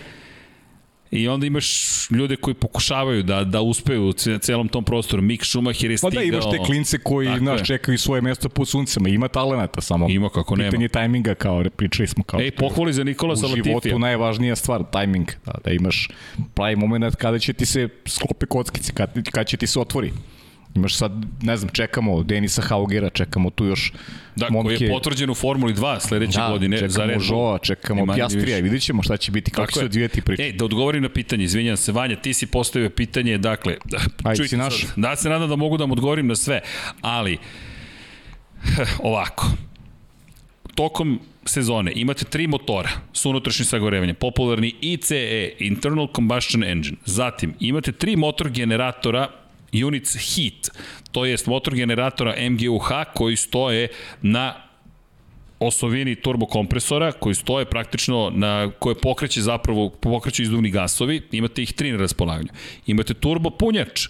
Dakle mi govorimo o tri tokom jedne sezone. Zatim imate dve baterije, Energy Stores takozvane, dve kontrolne elektronske jedinice i tri motor generatora MGUK, kinetički. I sve to kinetika, ali H je kao bolje obeleže, toplota navodno ga pokreće, nije nego topli izduvni gasovi, jer se dalje vrti zapravo turbina, pa kompresor, kompresor vazduh i tako dalje. Elem, imate osam setova izduvnih sistema. Dakle, izduvni, kompletan izduvni sistem je ograničen po broju toga šta možete da razvijete tokom sezone, pošto su toliko razvijeli izduvne sisteme od treninga do trke, od kvalifikacije do treninga, da su ih ograničili kako bi ograničili zapravo potrošnju budžeta. Bukvalno toliko je važan sistem dužine izduvnih cevi da su došli do toga da zapravo jedne koriste u kvalifikacijama, timovi drugi u trkama. Elem, osam ih je ograničenje. I sada, kada govorimo o tome koliko možete da ih koristite, ukoliko imate manje od 19 trka, onda se menja broj dozvoljenih, ali ajde da to sada, dakle MGUK se smanjuje na 2. Međutim, ukoliko koristite više od broja propisanih jedinica u prethodnom članu, inače član je 23.3a, U članu 33, e, oprostite, 23.3b se kaže sledeće. Ukoliko neko potrebi više od jednog elementa dobit će kaznu pomeranja unazad. Za prvi događaj tokom kojeg je taj element u upotrebi i prema sledećoj tabeli će se primenjivati kazne. Prvi put kada se određeni element menja, pomerate se 10 pozicija unazad. Sledeći put kada se menja dodatni element istog tipa, dobijate pomeranje od 5 pozicija unazad. Ukoliko vozač dođe do ukupnog zbira kazni od preko 15 pomeranja pozicija unazad, bit će neophodno da započne trku sa začelja. Dakle, čim dođete do toga da menjate više od jednog elementa, već ste na 20 došli. Čim ste došli na 20, to je to. E sada, u zavisnosti od toga, e, još jedna stvar, ukoliko imamo sledeću situaciju, samo da nađem gde je taj član, gde, gde, gde, gde je član, da, menjač, menjači, da ne zaboravimo, ukoliko koristite više od jednog menjača, u više od, e, zapravo šest uzastopnih trka morate da imate sa jednim menjačem. I ne smete da koristite više od jednog menjača u šest uzastopnih trka koje završite. Tako da, kada je reč o menjaču, postoji takođe dodatno pravilo. Elem, da se vrati sada na, samo na, da ne pobegne fokus sa Maxa Verstappena. Čim su promenili više od jednog elementa, to jest do dozvoljenih, oni su imali takav zbir kazni da su morali da se pomere. Kod Bottas je drugačija bila situacija, Mercedes je promenio samo ono što je bilo potrebno, to je samo motor sa unutrašnjim sagorevanjem i poslago 10 pozicija unazad. Tako da, Valtteri Bottas je morao da se pomeri samo 10 pozicija unazad, sačuva ostale elemente. Da li će u nekom trenutku imati još neke kazne? Možda, ali za sada motor sa unutrašnjim sagorevanjem koji je jel te, jedan od najizloženijih trošenju elemenata je promenjen, tako da Valtteri Bottas u dosta dobroj poziciji. Eto, nadam se da sam pojasnio. Ne zamerite, malo moramo da... Inače sam tražio na pogrešnom pravilniku, nije tehničkom, nego u sportskom pravilniku. Poko te, tehnički samo definiše kako će samo će biti napravljeni svi ti elementi i tako. Elem, Sergio Perez, jesmo bili na njemu, spomenuli smo ga, završili smo, Pa štitirali, pa, ali, ali, izvini, Pričali smo imam jednu temu. Imaš imam amandman, ajde, Imam amandman. Mnogo je bilo pitanja na to zašto kritikujemo toliko Valterija Bottasa, a na primjer ne kritikujemo Rubensa Brikela ili Felipe Amasu kao vozače broj 2 kroz istoriju. A opet, znači, mora se ponavljam. Da, da, da, ali sam, evo, ja mislim, ako mi da dozvoliš da sublimiram odgovor i još jedna situacija, a to je zapravo koju bih ja dodao, a to su dve teme koje nastaju iz ove teme, a to su ostali timovi. Vozač broj 2 kod Red Bulla i vozač broj 2 kod McLarena. Za početak da odgovorimo na prvo pitanje. Rubens Barrichello je doživeo sunovrat u svojoj reputaciji od čoveka koji je trebalo da bude naslednik Ayrtona Sene, ni manje ni više. Za one koji ne znaju, kada se Rubens Barrichello pojavio, on je bio nova generacija brazilskih vozača. Rubens je bio toliko brz i talentovan u nižim kategorijama da kada je stigao i vozio za Jordan i on je imao nažalost stravičan incident 1. maja, to je 30. aprila 1994. godine, Rubens Barrichello je trebalo da bude nova generacija brazilskih vozača. To je moment kada Ayrton Senna još uvek vozi, nažalost niko Nažalost, desilo se to što se desilo, izgubili smo ga 1. maja 1994. Međutim, Nelson Piquet je otišao u penziju, Ayrton Senna je promenio tim, činilo se da će vladati još neko vreme, međutim, tražila se nova generacija vozača. Rubens Barrichello je dakle od nekoga ko će biti sledeći veliki brazilski vozač došao do toga da ga danas pamtimo samo kao vozača broj 2. Kritikovan je takođe prilično glasno tokom svojih godina uspeha, isto kao što je Mihael Schumacher tokom tih godina osporavan, Pa dobro, ima sad, nismo, mi smo, nismo mi ni komentarisali u to vreme. Kad je Nismo, Rubens zato i kažem, ko zna kako bismo tada reagovali na Rubensa Barrichello. Što se tiče Felipe Masa, Mase gotovo ista situacija, ali s jednom, nažalost, tužnom situacijom, a to je da je Felipe Massa doživio takvu povredu da se zapravo postoje pitanje da li se ikada vratio na tu formu koja je Pa bila nije, gotovo nije, šampionska. Nije, nije se vratio. Prosto, Felipe Massa je izuzet iz te priče zahvaljujući tome. A, Bottas, toliko smo ga obožavali u nižim kategorijama, hteli smo više. I tu bih stao. E sad, ono što je meni zanimljivo, Red Bull, vozač broj 2, da li će ikada rešiti tu misteriju, pošto ovo sa Perezom sada postaje gotovo na nivou fijaska. Dobio je produženje ugovora, pa ćemo vidjeti sledeće sezone. Pokušali su s Pierom Gaslijem, nisu uspeli. Pokušali su s Aleksom Albonom, nisu uspeli. Pokušavaju sa Serhijom Perezom, donekle, makar jedna pobjeda, što me dovodi do pitanja, da li ti treba možda ipak vozač koji može da konkuriše Maxu Verstappenu ili ti ne treba i kažeš važnije je titula šampiona sveta u konkurenciji da, vozača. ali oni su hteli da sa Perezom dobiju nešto što nisu imali sa ostalim vozačima. ali nisu. Ali nisu. I sad dajde, da neću da, da sad budem neko ko, ko potencira na nekom uh, svom stavu, ali ruku na srce ja nisam ni očekivao da će on biti vozač koji će ugrožavati Maxa Verstappena, definitivno. Dogodila se jedna pobeda, iskoristio je momentum, ne vidim razliku, očekivao sam da će biti razlika, u odnosu na, za s obzirom da je iskusniji vozač, da bi trebao brže da ovlada tim Red Bullom, da, da bude e, konstantniji, da, da pravi više problema Valteriju Bottasu, konstantno pričamo o tome. Pravimo samo paralelu Ali sa Valterijem Bottasom. Ja ne da pravim paralelu suština. sa Luisom Hamiltonom i Maxom ali mislim da Verstappenom. je to suština. To, to ne, nema paralele da sa on njima ne treba dvojicom. da ugrozi Verstappena, već Bottasa. Bottasa, ja samo o tome pričam, znači samo. Bottas, ne, ne uspeva uopšte to da uradi. Drug, opet, druga strana priče je da Valtteri Bottas je godinama u Mercedesu i njegova situacija je opet po, potpuno drugačija. Poznaje sistem, ušao je u sistem sa oreolom e, vozača broj 2, on je prihvatio takvu ulogu, od starta igra tu ulogu, nije bilo dileme kako se Pa ponašati. i ovoga vikenda je rekao, ako mi traže da prepustim pobedu, čak, čak i ovog vikenda pobedu. on odlazi iz ekipe, on i dalje govori da će da radi za Luisa Hamiltona, što je po meni korektno. To ti je posao, To ti je uvek. posao, on obavlja svoj posao kako se dogovorio sa ekipom, on tako radi. Oni njegovi izleti, ono povremeno pokazine zadovoljstva, mislim da to više bila maska za javnost Kozmetika. nego ma, klasična kozmetika. A, a s druge strane, Sergio Perez, olakšica njemu je što je novi u sistemu, ali definitivno nije pronašao način da bude, ono što je rekao lepo Jenson Button, Max Verstappen jede e, svoje timske kolege i ogromna je razlika. Sigurno su podešavanje i drugačije, to to nema nema dileme, ali Max Verstappen je klasa iznad vozača sa kojima je vozio i ono što si rekao ti malo pre definitivno pitanje je šta hoće e, šta hoće Red, Red Bull hoće šampionsku titulu u konkurenciji konstruktora, ali ne može da parira u ovom trenutku Mercedesu. Mercedes je, Mercedes je prosto skladniji, bolji tim i ima vozača Valterija Bottasa koji e, Ej, može vidi. konstantno da pravi rezultat. A Bottas koja je njegova šampionski kalibar. Pazi, a pa to to, koja je vrednost On jeste Valtterija šampionski Bottasa? kalibar. Da si ti toliko brz, ali da si prihvatio otvorenu ulogu vozača. Ajmo iskreno, ajmo iskreno. Uh, da li misliš da bi Valtteri Bottas u podršku uh, Mercedesa mogao u periodu 3 godine da osvoji šampionsku titulu? Da. Ubiđen sam da bi mogao. Ja mislim da Da da. li misliš da bi Sergio Perez uz podršku Red Bulla mogao da osvoji šampionsku titulu? Ne. Ja nisam siguran. Ne, mislim da nije ta I klasa vozača. bliži sam tom, tom odgovoru ne, ali evo kažem nisam siguran. O, Ja, mi- ja sam vrlo, Eto. prilično siguran da je odgovor e, ne. To je, to je razlika Nije između... dovoljno konstantan. Pa to je razlika između Valtteri Bottas i Sergio Perez. Da, E, zato smo kritičniji prema čoveku koji ima Potencijal.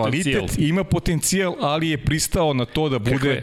Da ima ulogu vozača broj 2, pre prosti. Izvini, znaš, ne možeš da to kritikuješ, ironija? ne možeš da kritikuješ nešto za što znaš da nije Da je maksimum njegov. mislim znaš da, da ne može bolje od toga. Zapravo to je ironija, mi ga kritikujemo zato što mislimo da može više. Pa naravno. Da, to je, to je, to Naravno. je sve. A ispade da ga ne podnosimo, a zapravo ne, naprotiv. ne, Želimo naprotiv, više od naprotiv, Valterija Bottasa. naprotiv. Dobro, vidit ćemo ga Alfa Romeo, nadam se da će tamo uspeti. Ali znaš koje je moje Ovo pitanje? uspeće on sigurno, Da li je Daniel Ricardo da je ostao u Red Bullu? Da li bi to bilo rešenje za Red Bull? pa, ali Ali vidi, i da li bi onda mogao da osvojiš titulu u šampionatu vozača? mogu bi sigurno da osvojiš titulu.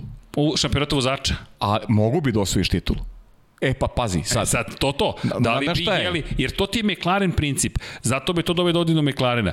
McLaren čak mislim i da se nije U bavio konkurenciji konstruktora bi mogli. Ali, ali izvini, uh, mislim da se nije bavio Norrisom sa Ricardom u ovoj trci, nego tipično McLarenovski. Bavimo se Ricardovom trkom a ne Norrisovom pobedom eventualno. Što isto, ok, to je McLarenov okej, princip. mislim, slažem se, nije spone. Ja, ja, sam, ja sam pričao iz perspektive Norrisove trke. Ipak je, Ricardo nije mogao se boriti za pobedu. Pa nekako mi je logično da ti posvetiš pažnju momku koji se bori za pobedu, da, da, njemu, da njemu pokušaš da namestiš po znacima navoda stvari u trci koje će mu odgovarati. Ali Ricardo bi, znaš, Ri- Ricardo bi pristao da bude vozač broj 2. To je, to je problem da mu kažeš nominalno si vozač broj 2. Ricardo bi želeo da se bori za, za pobede. Pa zato je došlo do razlaza između, između Ricarda i Red Bull. Ali Red Bull nije mogao pronaći vozača koji je konstantan, koji može u, u kontinuitetu da da bude, ne moći kaži na nivou Maxovih rezultata, da bude na nivou Bottasovih rezultata da možda pare Mercedesu, to ono što, što je potrebno Red Bullu. Potrebno im je adut više u, u, u borbi za šampionsku titulu, da oni budu ekipa koja će moći na tom nekom taktičkom nivou da nadigre Mercedes, jer će imati dvojicu vozača koji se nalazi u, u, poredku negde, ne znam, prva, treća pozicija, prva, četvrta pozicija. Perez u kvalifikacijama je, pa mis- mislim, to je nepodnošljivo šta se dešava sa Perezom u kvalifikaciji. On je konstantno nekom ogromnom zaostatku. Kreće trke sa 9. 10. 11. pozicije, to, to, to čak nije, nije to, to nije ni, ni, ni i Albon je imao bolji rezultat u kvalifikacijama od Serhije Pereza. Sad se vraćamo na Alex Albona. Da, pa zato ti kažem... A da ne pričamo o Pieru Gasliju, da ne pričamo o Pieru Gasliju, koji se već profilisao kao vozač koji, e, malo pre kad sam pričao o tim vozačima, o, o, o novoj eri vozača, o, o, o klincima koji se, imamo Gaslija. Evo Gasly koga nisam spomenuo. Gaslija koji može da da bude Ni jedan nebu, onako ni na ozbiljan faktor. A Da. ko zna šta može da učini? Mislim, zavisi od kakvu će podršku imati, gde će je voziti. Nema gde. Pazi, to je ironija, nema gde. Ali, okej, samo Pa i- taj priča o i- vozaču znaš- 2, i znaš gde ga ja velika vidim? priča. Je, znaš gde ja vidim Gaslije? Gde je možda prirodno stanište, gde on može najviše Pa, pokaže? Alpina bi trebalo da bude njegov. Alpina, da, ali, ali on su, na- znaš gde ga vidim, iskreno ti kažem, šta bi moglo da se dogodi? O, sad si me zbunio. Pa McLaren, recimo. O, McLaren. Kako Od- će se odvijati to? Pa, mislim, znaš, neko dogledno vreme, kako se odvija ta priča sa Ricardom. I Ricardo jeste ta srednja generacija. Čekaj, pa, Vanja, zapiši, Lab 76 broj 134, molim te, upiši Paja prognozirao Gasli u McLarenu, molim te to stavi u potencijalne dijamante Paja Živkovića, molim te, molim Da, okej, to je sad nešto, Ne, ne, ne, ja se ne šalim. Ne, ne, ne, ja se ne šalim. Pierre zato što- Gasly je stvarno ozbiljan vozač. Ti sad kad staviš onako kad... Koji je danas datum? Dan, 28. Daniel, Daniel. Ricardo je, je ozbiljan vozač i neko ko za sobom nosi svašta nešto nosi, znaš, sjajan vozač. Čekaj da ali pitam i publiku, neko odigrao loto na tvoje brojeve? To je Andrija igra. Jel neko Izgleda odigrao da nije loto? dobio, čim se Čekaj, nije javio. Da li je neko odigrao loto i ako jeste, da, da, da, da. Pa ne znam da li je bilo sedmice, ne, ne, ne, nisam moj u toku. Nije, a? Nije. O, neko mora da odigra ljudi. Ništa, ja ću pa je da odigram. Ja verujem u to. Ne znam te brojeve koje sam rekao, zaista, zapam, zaborio sam. Ima, Dom Pablo je zapisao. Si zapisao? Jesi. Nisi? Nije zapisao. Ni, Dom pa, pa zaista nema smisla. Čekaj, vidim da nisam propustio nešto večeras. Nisam, Ali, pazi, pričali smo o, o Perezu i da ne zaborim, uh, ok, Sergio Perez, kaže šta će biti sledeće godine kad bude vozio Russell. Opet se vraćamo na onu stavu priču. Ko garantuje da će Russell biti konstantan u Mercedesu? Ko garantuje da će Russell moći da parira rezultatima baterija Koliko plačemo za Bottas? Rosbergom? Mnogo. Koliko ćemo da plačemo A ja sam prvi, ja, ja, sam, ja sam najveći kritičar bio Nika Rosberg. Koliko ćemo da plačemo? Dom Pavla kaže nećemo plakati. Pa dobro, Bottas. mislim, ok, Polako, ko ajde, zna, vidjet ćemo. mislim, ko zna šta će se desiti. Ej, danas nema nijedan super chat. Šta je ovo danas, ljudi? Molim vas, rekao mi je Toma, ne pričao sam svašta, da, da se ne ponavljam. Pogledaj prvih 20 minuta. Hoću, obavezno. Bizarni su. Obavezno. Nadam se da nisu previ, o, previše bizarni, ali dobro. U svakom slučaju tema, meni mnogo zanimljiva tema i, i negde mi i uvod za temu za Ferrari, koji mislim da je napravio ogroman potez na ovoj trci. Mislim da, inače, režija u Rusiji, kolege su nam pa ću se suzdržati, ali nije A, ne bi bilo na visini otišao. zadatka. Da. Ono nije bilo na visini zadatka. Većinu stvari nismo videli, većinu stvari smo ti ja komentarisali na osnovu Pogled, vremena. Da, da, pogled na... na gledamo pozicije na, na, na, na ekranu u kontekstu ono što vi možete da vidite sa leve strane ekrana jesu pozicije koje prikazuju takozvani international feed, međunarodni zapravo signal, ali mi gledamo na računaru s druge strane, na mobilnom telefonu s treće strane, pokušamo da, da, da iskoristimo sve što, što, A, da, sve što nam se nudi. sve što nam se nudi ili što smo sami obezbedili praktično i iz te perspektive smo pratili trku, ali zaista mnogo loših poteza između ostalog propuštena kompletna trka Charles Leclerc koja je bila briljantna i mislim da je Ferrari napravio ogreman korak u napred koji nismo uopšte videli. Još uvek ono što ti kažeš moraju da se pozabave pneumaticima, pogotovo srednje tvrdim, mada ni ni, na, ni na, na A, da, tvrdim, tvr- ali, tvrđe, tvrđe gume ali su na problem. srednje tvrdim takođe nisu bili briljantni, mnogo rano su morali da menjaju gume, ali Ferrari, ljudi, rekao sam u uvodu, to moram ti ponovim, da koliko sam se nadao da će Sainz da pobedi, čisto da mogu da, da upirim u tebi u Dekija šta sam rekao, šta sam rekao. Ne, ne, pa okej, okay, jesi, ali- jesi za Sainca si pričao ali- početka, ja sam bio skeptik. Pa da, dobro, ove godine svako ima neki svoj skepticizam Pa, prema nekome. Ljudi, pokušamo da shvatimo na osnovu podataka koje imamo, ali ne samo to što je bio na pobedničkom postoju, to je na kraju i, i stvar srećnih okolnosti, već činjenica da je poveo, da se uopšte našao u tom društvu, to su neke lepe stvari, ali Leclerova trka, mislim da je to dragulj koji niko od nas neće na kraju ispratiti kako treba u kontekstu prenosa, ne možemo da vratimo vreme unazad još, ali činjenica je da je moje mišljenje da je Ferrari radio super posao i da će se tu postaviti sledeće godine pitanje ko je ovde prvi, ko je drugi. Sainz je pretekao upravo u šampionatu sveta Charles Leclerc. To je kao da je to nešto što može da sledeće godine bude problem. Ja i dalje mislim da, da, da je Leclerc ovaj, na jednom ozbiljnijem višem nivou. Zaista mislim. Meni on deluje kao čistokrvni trkač brži da je, a da, Da. je Sainz mnogo staloženiji. Pa dobro, bilo je, To je utisak. tu, jeste, mislim, da Sainz, Sainz, ono što je McLaren nudio prošlih, prošlih sezona, zaista konstantan vozač i on izlači iz, iz svake prilike najbolje što može, a Leclerc je imao kaznu i dobro je vozio, pa pazi, ta, uh, Leclerc je Leclerc je, na, na šta je najvažnije za Ferrari? Ovo je početak pripreme za 2022. godinu. I tu je Ferrari napravio, slaži se s tom, definitivno napravio iskorak. To nema dileme uopšte i a, možda bi drugačije priča bila u finišu trke da su prešli na, na, na gume za promenjene vremenske uslovi, nisu radili, malo su rizikovali, malo su se kockali. Leclerc je završio pored, pored trke, pored staze, pardon, ali sveukupan utisak delim ga sa tobom jer upravo ono što smo, a, pratili smo krugove Charles Leclerc. Oni su bili konstantni i mogli smo da ih poredimo sa ljudima iz vodeće grupe. Mogli smo konačno poredimo Ferrari sa vozačima koji su u vodećoj grupi. Znaš kada je napravio grešku Leclerc? Kad je izgubio poziciju od Maxa Verstappena. To je u stvari jedina njegova greška u trci.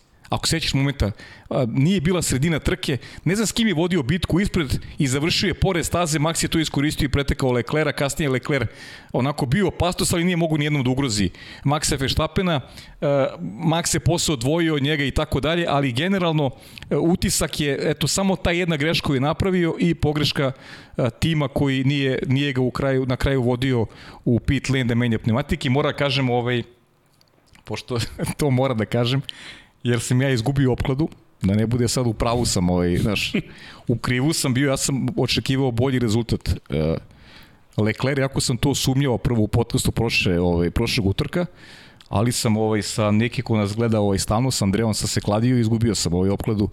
Ona je rekla da Lecler neće napraviti nikakav rezultat, ja sam rekao da hoće i eto, izgubio sam opkladu, tako da nisam bio pravo.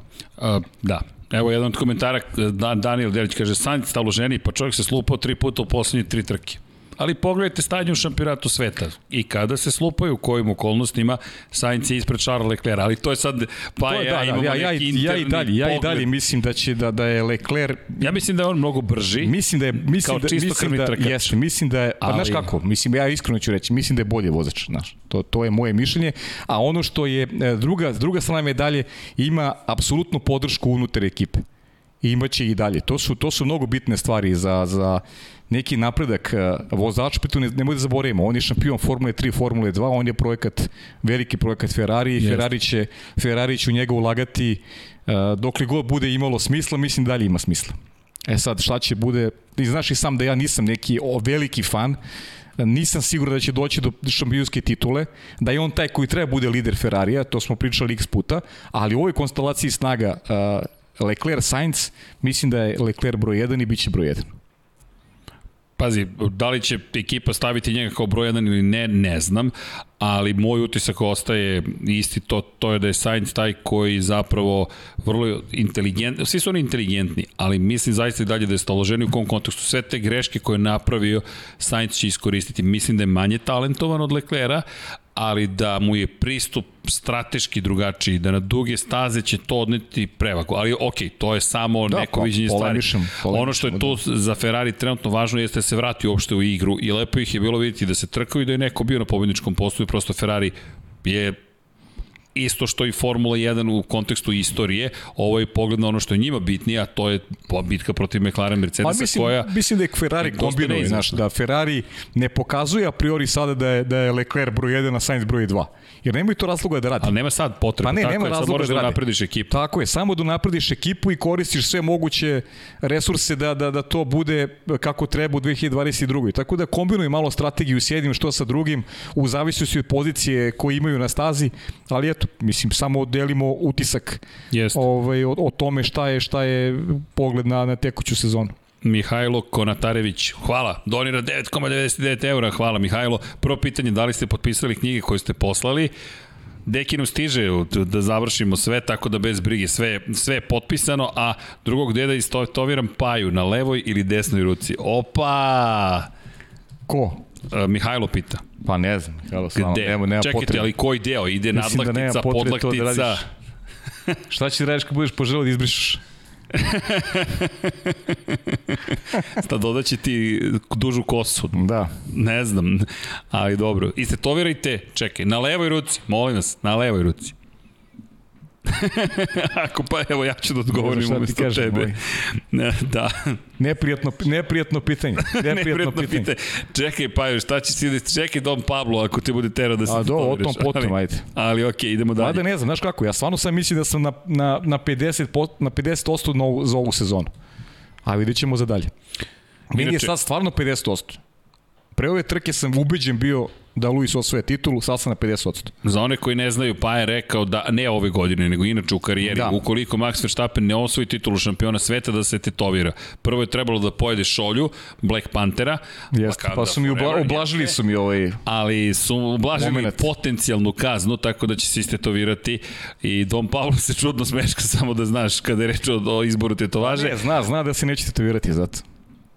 Pa, ha, o... Zna Pablo da se neće tetovirati. Dobro. Dovoljno dugo prati formulu da to zna. A inače, iskritiko, nismo iskritikovali. Daniel Ricardo smo malo spominjali, Ricardo na kraju bio četvrti kad, kad su ne, prošli kroz koga kritikuje? Ja, ja sam samo rekao za budućnost Pjera Gaslija šta može se desiti. Ko može da kritikuje Ricarda, sjajan vozač.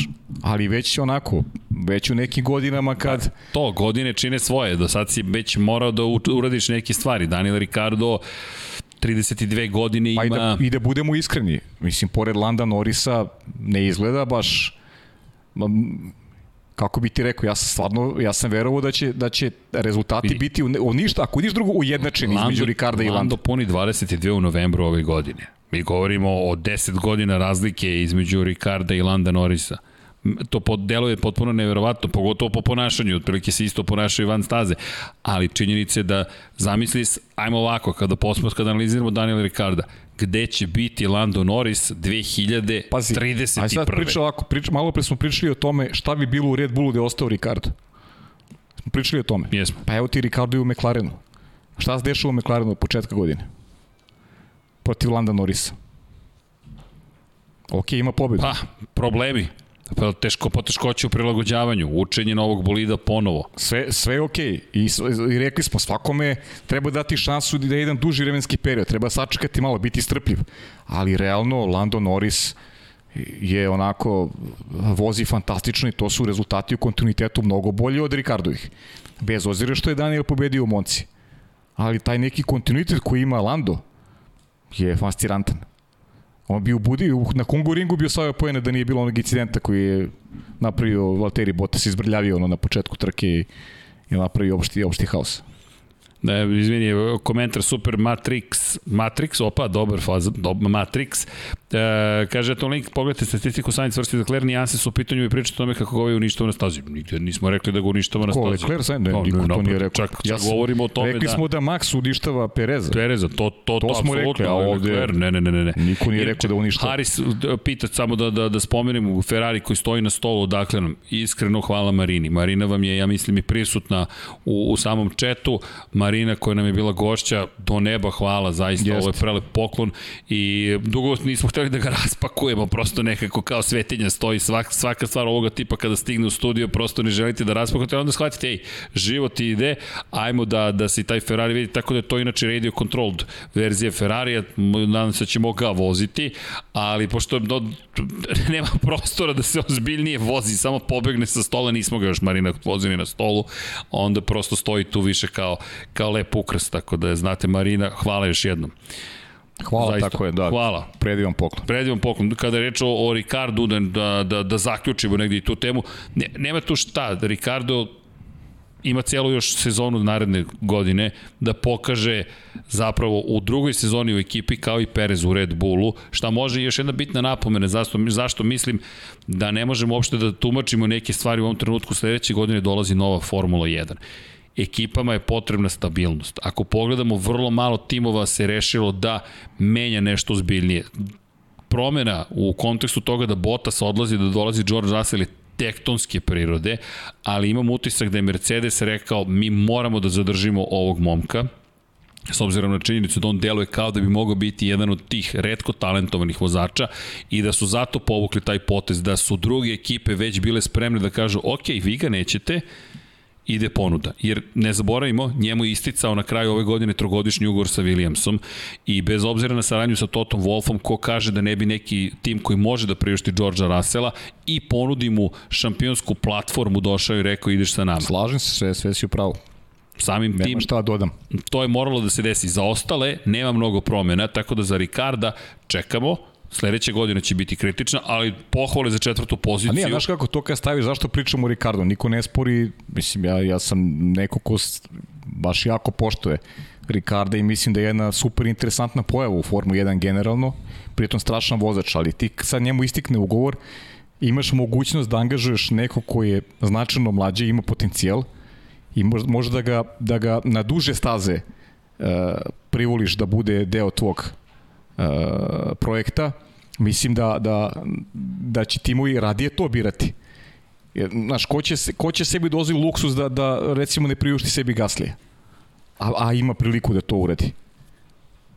Tako da će za te, za te vozače koji su onako došli do nekog zenita, biće ozbiljan problem da ostanu u Formu 1, pogotovo što vidimo, pratimo ove niže kategorije, vidimo da je tu onako jedna najezda ozbiljnih mladih vozača koji prete da vrlo brzo zakorače na najveću scenu. Znači, ja, mi smo nabili neka imena vozača koji se bore za titulu, a imamo tu još momke poput recimo Teja Puršera koji je nevjerovatan sa svojih 18 godina, ima već drugo mesto u Formuli 3, ove godine je u vrhu Formule 2, tako da i sigurno da i da, i da Francuska želi da njemu pronađe što brže mesto u, u, u Formuli 1. Ozbiljno nas period očekuje. Vidi, ja mislim da odavno nije Formula 1 bila toliko uzbudljiva iz perspektive Nije, što nije. budućnosti, što sadašnjosti. Mi sada, pazi, mi smo kojom brzinom prešli praktično preko trke koja je bila najuzbudljivija možda ove, ove sezone, a imali smo neke neverovatne trke. Pa, Ne, a ne možeš da staneš, prosto Znaš točak kako? čini svoje, samo idu, idu trke, samo se događaju stvari. toliko je zanimljivo da, da nemamo priliku da se, da se sećamo šta je bilo pre dve nedelje. Svaka nova trka nam je dramatična jer nam događaji su smenjuju i ne daju nam ovaj priliku da, da, da, da pamtimo ovaj, kratko pamtimo. I to je dobro. Jer je svaka nova trka biser, možemo tako i da nazovemo, jer se, jer se smenjuju zaista super interesantne stvari, eto čak, čak nam je to priredio i Soči, gde u, mi smo spavali prethodnih 7 godina u Soči. Jedva, ček, smo je- jedva čekaš da završi trkački Ja, vikend. jel Da. se sećaš kad smo rekli kao Mađarsku kada smo najavljivali i sad dođe Jest, Soči i kao bum, kakva trka. Pri čemu Italija je već zaboravljena, točak na glavi, Ma, ne, Max koji gotovo. odlazi, to, to, ko se time više bavi, imamo sad novu trku i gotovo. Ad acta su stvari stavljene, a Turska nam dolazi sledeće nedelje.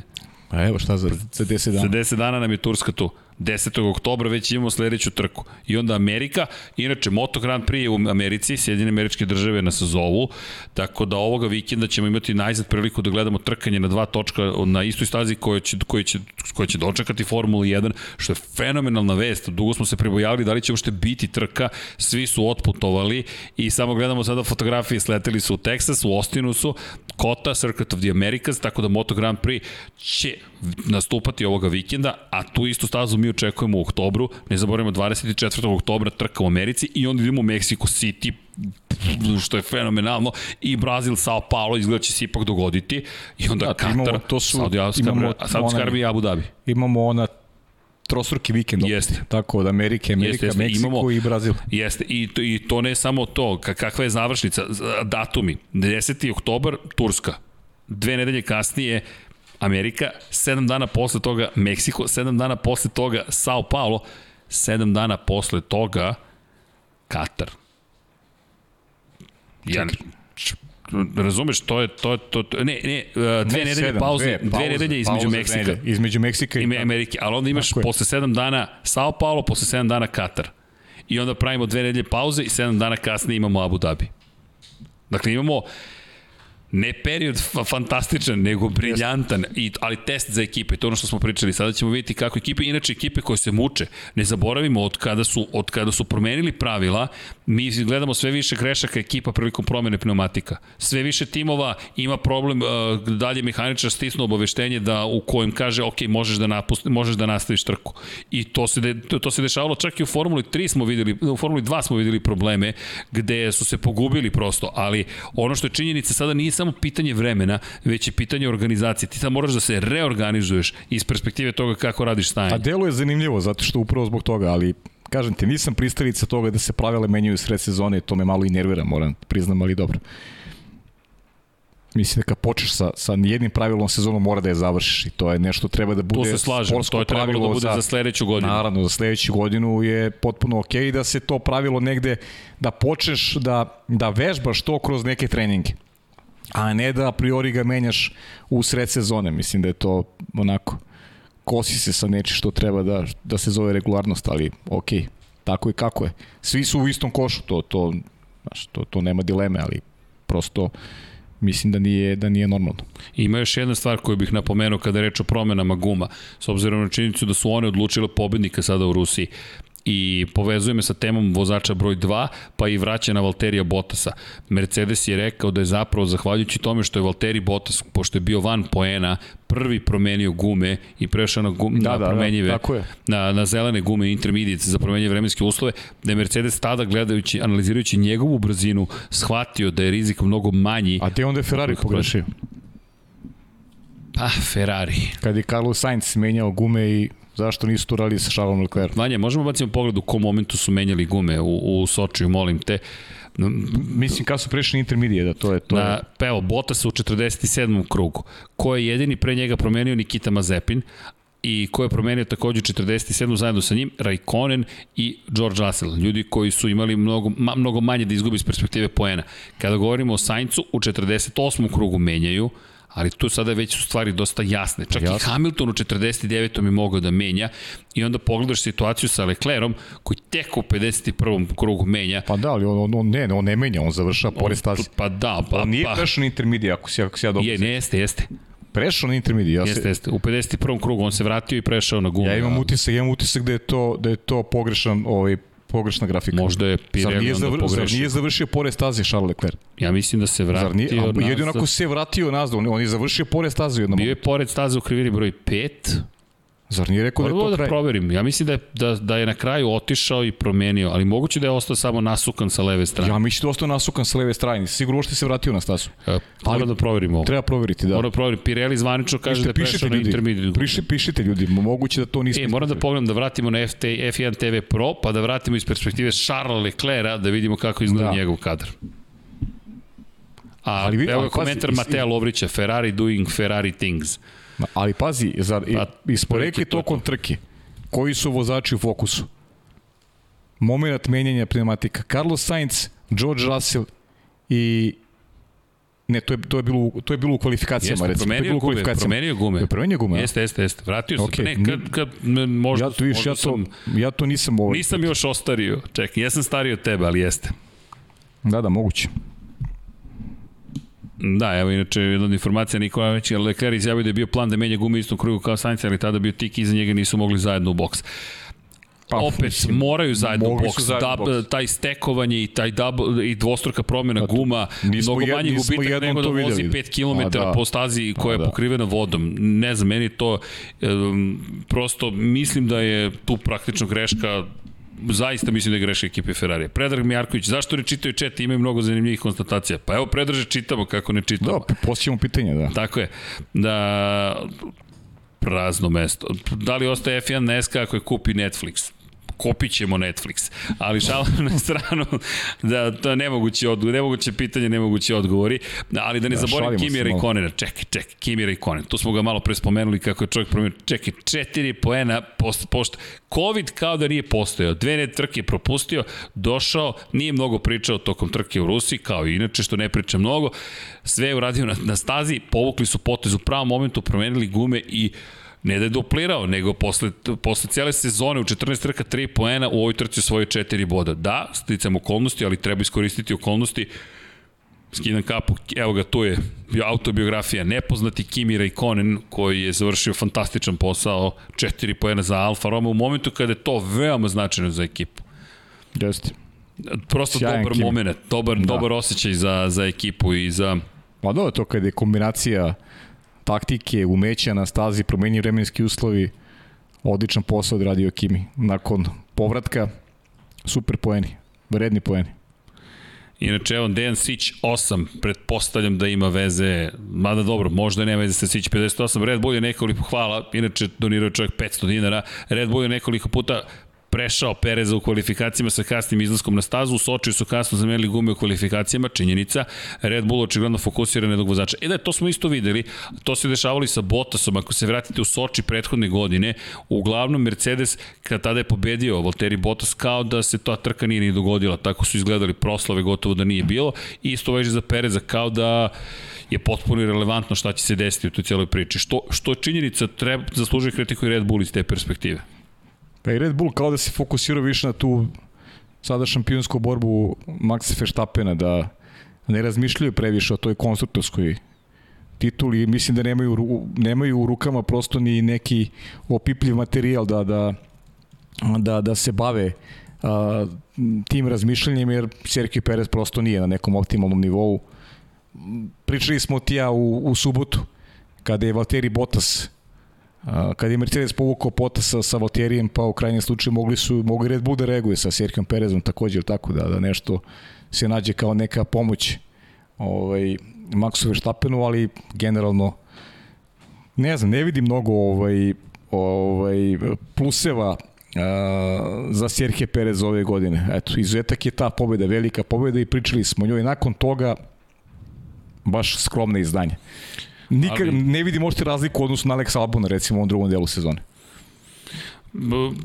Prosto moj utisak jeste da da izgube ponekad iz vida te vozače. Prosto kao da kao da kao da ne pričamo o Formuli 1, kao da ti padne moral u potpunosti kada tvoj vozač broj 1 ne ostvaruje ono što bi trebalo da ostvariš. Ali dalje mislim da Mercedes to obavlja i dalje bolji Pa posao. znam, ali kako ti padne moral kad je vozač broj 1 u borbi za šampionsku titulu? Ali kako, zar kako nemaš ne taj vidiš... kao da, da, da kada, kada je Perez u pitanju kao da to nije Ali ja mislim da je više do njega nego, nego, nego do ekipe.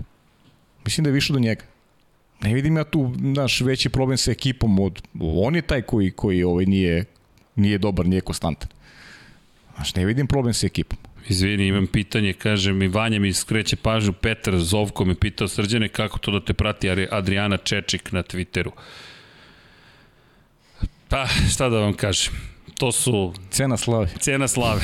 Teško je ponekada, ali, ali da, ne, šalu na stranu, ali to je iz neke druge, pers, prosto profesionalno, koliko god to čudno zvučalo, ali da, Upite, sad bolje nisi govorio ništa. Pa da, ali činjenica je da, da radim u drugoj firmi koja se bavi digitalnim marketingom i Adriana Čeček, inače srpskog porekla i bilo je potrebe pomoći oko digitalnog marketinga, pa je razmišljala da angažuje našu kompaniju, pa eto, smo vodili pregovore, što kažu, eto, to je To je sve inače pozdrav za, za, za gospođicu Čečik, koliko god to bizarno zvučalo, dame je zaista profesionalac, kontaktirala nas i mi smo poslali ponudu, nismo uspostavili saradnju i nadam se da će biti prilike, mada obećala je ako dođe u Beograd da će se javiti. Tako da, možda bude u studiju na kraju univerzuma, pa je pitamo da li prati NASCAR. I tako. U svakom slučaju idemo na neku drugu temu. Ajde, ali eto, ajde. to eto pitanje kaže kaže Vanja nije čovjek platio, ali je suviše važno pitanje. Okej. Eto, nadam se da sam odgovorio. Važno je pitanje, važan je odgovor. Važan je i odgovor, tako da da. Da, eto, čudan splet okolnosti. da. Pa da. E, e, eto, odgovorio sam. Dobro, Petar Peverez je dobar na trci, ali kvalifikaciju da, da, da, da, da, da promenim, da promenim temu. Pa dobro, mislim, sad će, ba, možda polemišemo sad oko Pereza Jeste. Koliko god, ali... Kaže Vladimir pocrvenio si, verovatno jesam, ali, ali stvarno je to istina koliko god bizarno zvučalo. Pod, dlanovi mu po crvene.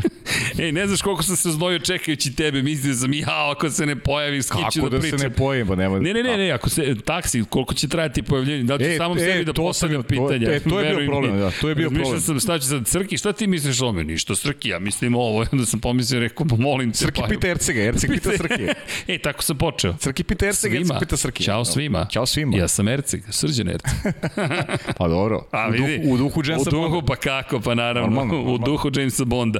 E, da, inače Perez osvojio dva poena, George Russell pohvala jedan poen, Aston Martin bez bodova, Pierre Gasly opet trka u kojoj Aston oh, Martin, bio incident. A, Aston Martin trkali su, imali su onaj incident. Jeste, Koji dva incidenta. Da, ko što ih je poena taj, taj zaboravimo. incident. Ali Pa, dobro, on je na i- stazi pogotovo, ono je baš... Da, kontakt između Fetela i Strola, ali Stroll je koštao i Gaslija, pa će dobiti i kaznu za to. Dakle, to je dobio je kaznu, Jeste. ali Gasli opet izvukao deblji kraj. Gasli ove godine, koliko god da je brz, stalno mu se nešto desi. Pa tako mu tako je otvorio sezon. Bukvalno, i svaki put se nešto dogodi Gasliju, mnogo Ali i, propuštenih i prilika. pored toga, eto, ima, ima vrhunskih rezultata ove godine, što je pokazati vrednosti. Jeste. Znaš, to je, to je suština cele priče, da on, I opet, pored ko zna. toga, on napravi nešto. I ko će biti do kraja godine? Ne bi mi znalo da napravi još jedan vrhunski rezultat. I završio ispred Esteban Ocon u Alpini.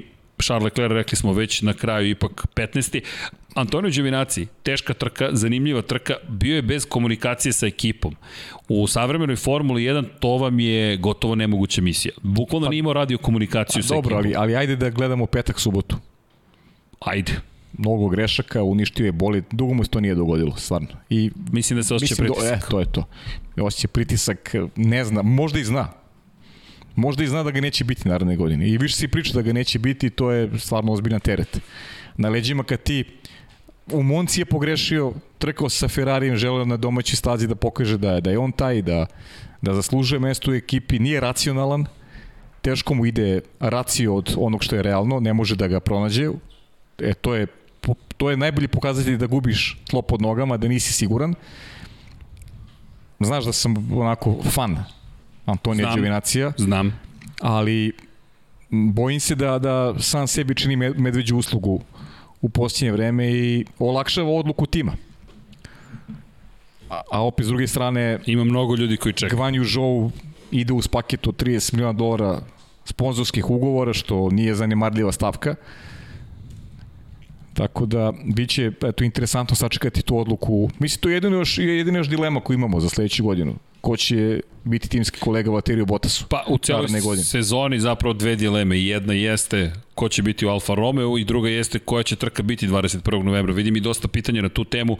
Katar još uvijek činjenica ne, nije, nije potvrđen. potvrđen. Tako je, da. Čekamo potvrdu i pitanje je da li Sakir može da se vrati na to mesto ukoliko ne bude Katar. Pa ni, verovatno da nije nemoguće, ali pa prosto, prosto u Evropi voziti 21. novembra je... Sigurno se neće dogoditi. Nema, nema šanse. Ne, pritom ne zaboravite uh, i vraćanje i, i ko zna kakve će biti restri, koliko će biti restriktivne mere i karantin kakav će biti primenjen, tako da jedino na Bliskom istoku, da s obzirom na činjenicu da samo iz jedne države Bliskog istoka u drugu će verovatno biti izvodljivo sve to organizovati, što opet otvara mogućnost, možda će Džeda biti, ne kažem da je to i korektno. Bravo, moguće će Džeda, se voziti na jednoj stazi dve trke, tako, to nije nemoguće. Džeda možda pomerena u napred na 21. a onda trka za trkom za redom kako bi se smanjili troškovi na kraju sezone u Abu Dhabiju ili dva puta Džeda. Ili dva puta Džeda, da. To je sada otvoreno pitanje. Džedu još nismo videli, dakle uživo ne znamo kakva će biti staza, očekujemo da bude super brza ulična staza, ali ne znamo. Da li Bahrein može da se vrati?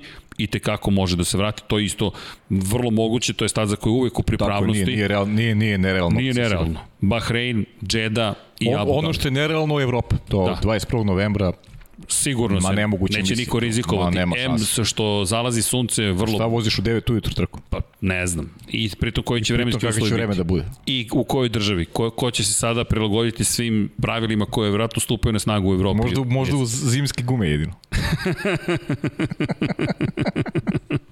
Pa dobro, još to nismo imali. još to nismo imali. imali kao reli. Da, malo teže, ali dobro. Ali da, to, to ostaje kao otvoreno pitanje. Tako da ne znamo, mi držimo palčeve da će zaista biti sve trke koje su planirane i organizovane, 22 trke bi trebalo da imamo. Zašto? Pa ogroman uticaj bi imalo otkazivanje jedne trke. Ogroman uticaj bi imalo otkazivanje jedne trke i ne bih volao da se to desi, s obzirom na činjenicu da ogroman uticaj, oprostite, da, da mi dolazimo u situaciju da jedan poen može da odlučuje. Pazi, mi smo sad došli do toga da sprint kvalifikacije mogu da odluče šampiona. Srčine, mi već imamo opciju koju je jedna trka otkazana. Da, smanjili znači, sa 23 na 22. na 22, to je već Ali opet nije u granicama onoga što, što su predviđali i timovi i kako se ponašali u pripremi i šta smo i mi očekivali, tako da je već onako skraćen kalendar. I 22 trke misle da će se održati sigurno. Mene mnogo zaista više brine brine me, ok, ako otkažemo tu trku, da dođemo do toga da će sprint kvalifikacije biti presudne. Jer mi smo sada na tom nivou. Ko je bio bolji u sprint kvalifikacijama? Ne u trkama, nego u sprint kvalifikacijama. Verstappen je tu bolje prošao za sada. A da, bolje prošao, Ali da, od Luisa, da. To, mi govorimo o tome da, da, da tih nekoliko pojena može da, biti kritično možda, na kraju Možda to bude kritično na kraju. Dobro, idemo, idemo dalje, polako ali sigurno. Inače, samo da, da potvrdimo Kada je reč o šampionu Formule 3, samo bih napomenuo, Denis Hauger je osvojio titulu, otkazane su bile trke broj 2 i u Formuli 2 i u Formuli 3, ali lepe vesti, spojili smo ponovo vikend Formule 2, Formule 3 i od naredne godine su ponovo zajedno, vraćamo se starom formatu, da. po dve trke po vikendu. Ovako će izgledati trkački vikend naredne godine. Da, ovako. Znači, samo čekamo 15. oktobra da se potvrdi kalendar za Formulu 2 i Formulu 3, tada će biti sve dogovoreno na tehničkom sastanku. Znaćemo i koliko će ekipa učestvovati, apliciralo je dosta ekipa za Formulu 3, više nego ove godine, tako da treba da se tu nađe rešenje u Formuli 3 po tri vozača za svaku ekipu i interesantnije je definitivno kad imamo ovake trkačke vikende, kad gledamo i dvojku i trojku. Baš, je, baš je bilo lepo. Imamo zbudio. sve na oku i tačno onako ispratiš kako treba, vidiš ko su ti momci. Ovako zaboraviš, evo, evo sad Formula 2 imamo najbolji primer. Sledeća trka je u Jedi. Yes. Za dva meseca, za više od dva meseca. Znači, izgubiš popuno iz vide šta si gledao. I u Jedi i u Abu Dhabi se rešava pitanje šampiona. Šta ovi radi momci sada dva meseca? 5. decembra i 12. decembra. Ti o, u novembru, ne, ne, oktobru i novembru ne voziš kalendara, Ne u Formuli 2. Kalendara. U Formuli 3 završen je šampionat. Možda ćemo vidjeti nekog vozača iz Formule 3 da dobije čak šansu ove godine u Formuli 2. Pa Teo Porcher pa je tako pa napredovao. Pa da, tako i Jack Hughes se pojavio s kraja prošle godine, pa evo i sad ove godine se pojavio posljednje dva trkaška vikenda, ali je bio u Formuli 2 ali vrlo moguće će neko iz trojke da voziti u posljednje dve. Pa možda Denis Hauger, možda već sad dobije šansu. Denis Hauger koji je briljantan bio ove sezone. I u toj šampionskoj trci je bio neverovatan, zaista sjajna ta trka broj 1, tu je već osvojio titulu, u trci broj 2 bitka za titulu šampionata timova, međutim prema tu nije uspela, Trident je osvojio titulu. I zanimljiv Jack Duan koji je odbio klubsko naređenje, ne bili zaštitili tu poziciju u šampionatu timova i rekao ja se trkam za sebe. Vrlo zanimljiv moment, zapamtili smo tu situaciju, da. prosto sin Mika Duana, inače, petostrukog svetskog šampiona u Moto Grand Prix, ali nekako je zapamćenje taj moment da kažeš, ok, ovaj klinac je rekao svima jasno i glasno, ne, ne pada mi na pamet uopšte da, da razmišljam pa o tome. To, to je ona priča koju smo, ono, pričali smo i o Bottasu, znaš, kako ovaj, sada da kažem, jednom jednoj konzervativnoj Formuli 1 kako se gleda recimo na takav istup Jacka Duana, znaš, da li, da li preferiraš to ili ili ovaj preferiraš poziciju vozača koji se trkao sa njim, koji je imao jedan onako dobar stav u smislu da je poštovao odluke tima i da se trudio da je ekipa, baš se trudio da je ekipa osvoji šampionsku titulu. E, znaš, šta, šta je u percepciji vozača, šta je, šta je bolji model ponašanja? Pa meni se sviđa stav Jacka Duana, ali koliko je taj stav dobar po njega samog? Pokazat će na vreme. Vreme, pa, ali ćemo... mislim da je to ono pitanje, da li, čuveno, da li, pravi, da li želiš da ti neko bude vozač broj 1 ili vozač broj 2? Od vozača broj 2 želiš da bude kao, kao Klemen Novalak koji je poslušao ekipu od početka do kraja, ali za prvog ta doza bezobrazluka mislim da je dalje potrebna. Sad dalje preterao, ne znam, ali lepo si rekao, vidjet ćemo, ali pamtimo Dobro, ali sad ti kažem nešto, sad, sad ima i drugi pogled. Da li ti vidiš tu Jacka Duona ispred Klemen Novalaka? Da li misliš da Klemen Novalak ne može da bude vozač broj 1? Ne, ne, ne. Ja mislim da može. Može, pa gotovo sigurno, ali ja mislim da može, si. Znaš, to, to je sad, znaš, jer ti, uh, ovo je bila trka gde je tim prvi put traži nešto za sebe.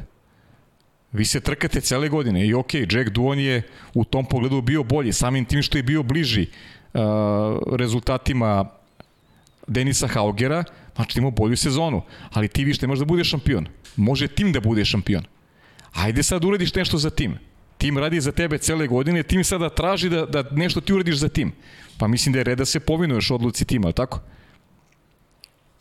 Vidi, meni to zvuči logično. Klemen Ovalak, Klemen Ovalak da je bio spreman. Da sam ja u toj situaciji, ja bih rekao, ok ljudi, sve ste uradili za mene ove godine što smo se dogovorili, niste ništa tražili do sada, prvi put mi nešto tražite, ok, ajmo.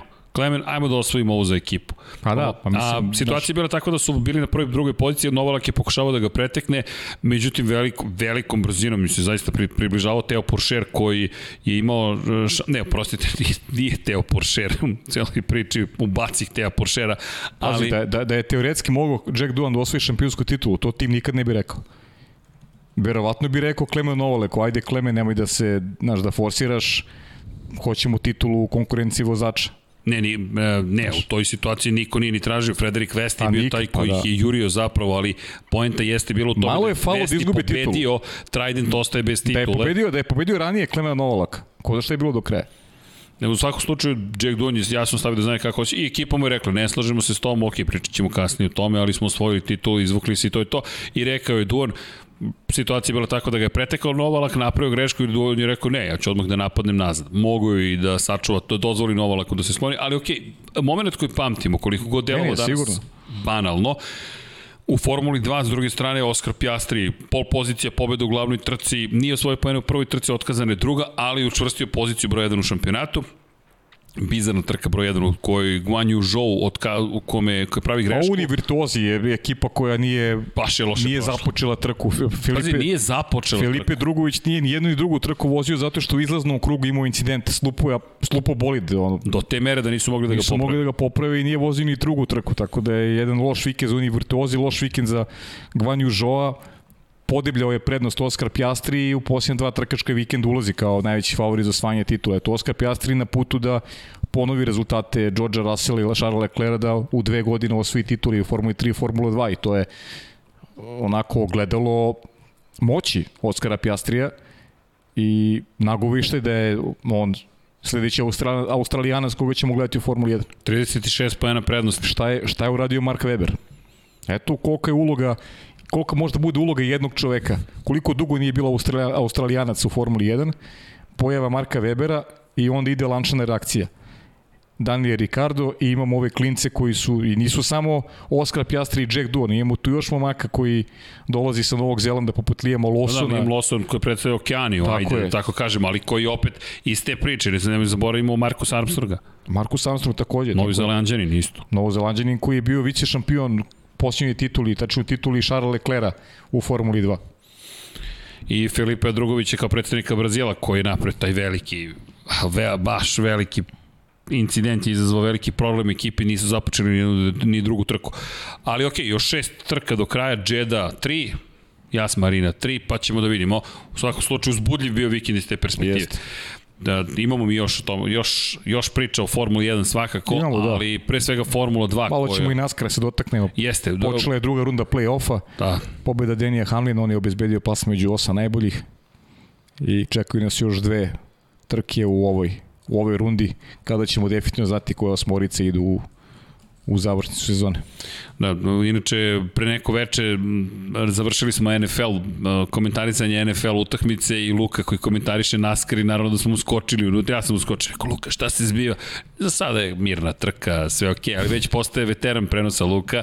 Pa cijela, da cijela sezona sam, sve, cijela, sve radio sve, sam, sve, sve trke radio sam. Svaka čast ali treba da spomenemo, eto, tako da znate, e, Luka u svakom slučaju neko ko polako li sigurno do, dosiže nivo ozbiljne ekspertize kada je reč o, o, o NASCAR-u. Inače, kada pričamo o Las Vegasu, samo da konstatujemo, dakle, posle ove pobede, Taladega, Taladega, Taladega. Drugi put ove godine, da. Da, Taladega, staza. uvek lepa i naravno idemo u Charlotte kao treću trku u ovom ciklusu i posle toga tan, ta, Texas, Kansas i Martinsville. Martinsville. A Martinsville, Phoenix, poznat već po tome da nakon Martinsville dobijamo četvorku koja se bori za titulu. Ja, znaš na što bih obratio pažnju? Kevin Harvick, koliko je ljut i nezadovoljan ponašanjem, ponašanjem Chase Elliota konstantno no. spominje Chase Elliota i konstantno priča o tome Odavno da... Odavno nije bio... O tako ljut. Tako ljut, da. Da, ne seća se da je nekoga toliko eksplicitno spominjao i rekao može da budeš popularan. Pričam, Kevin Harvick je govorio o tome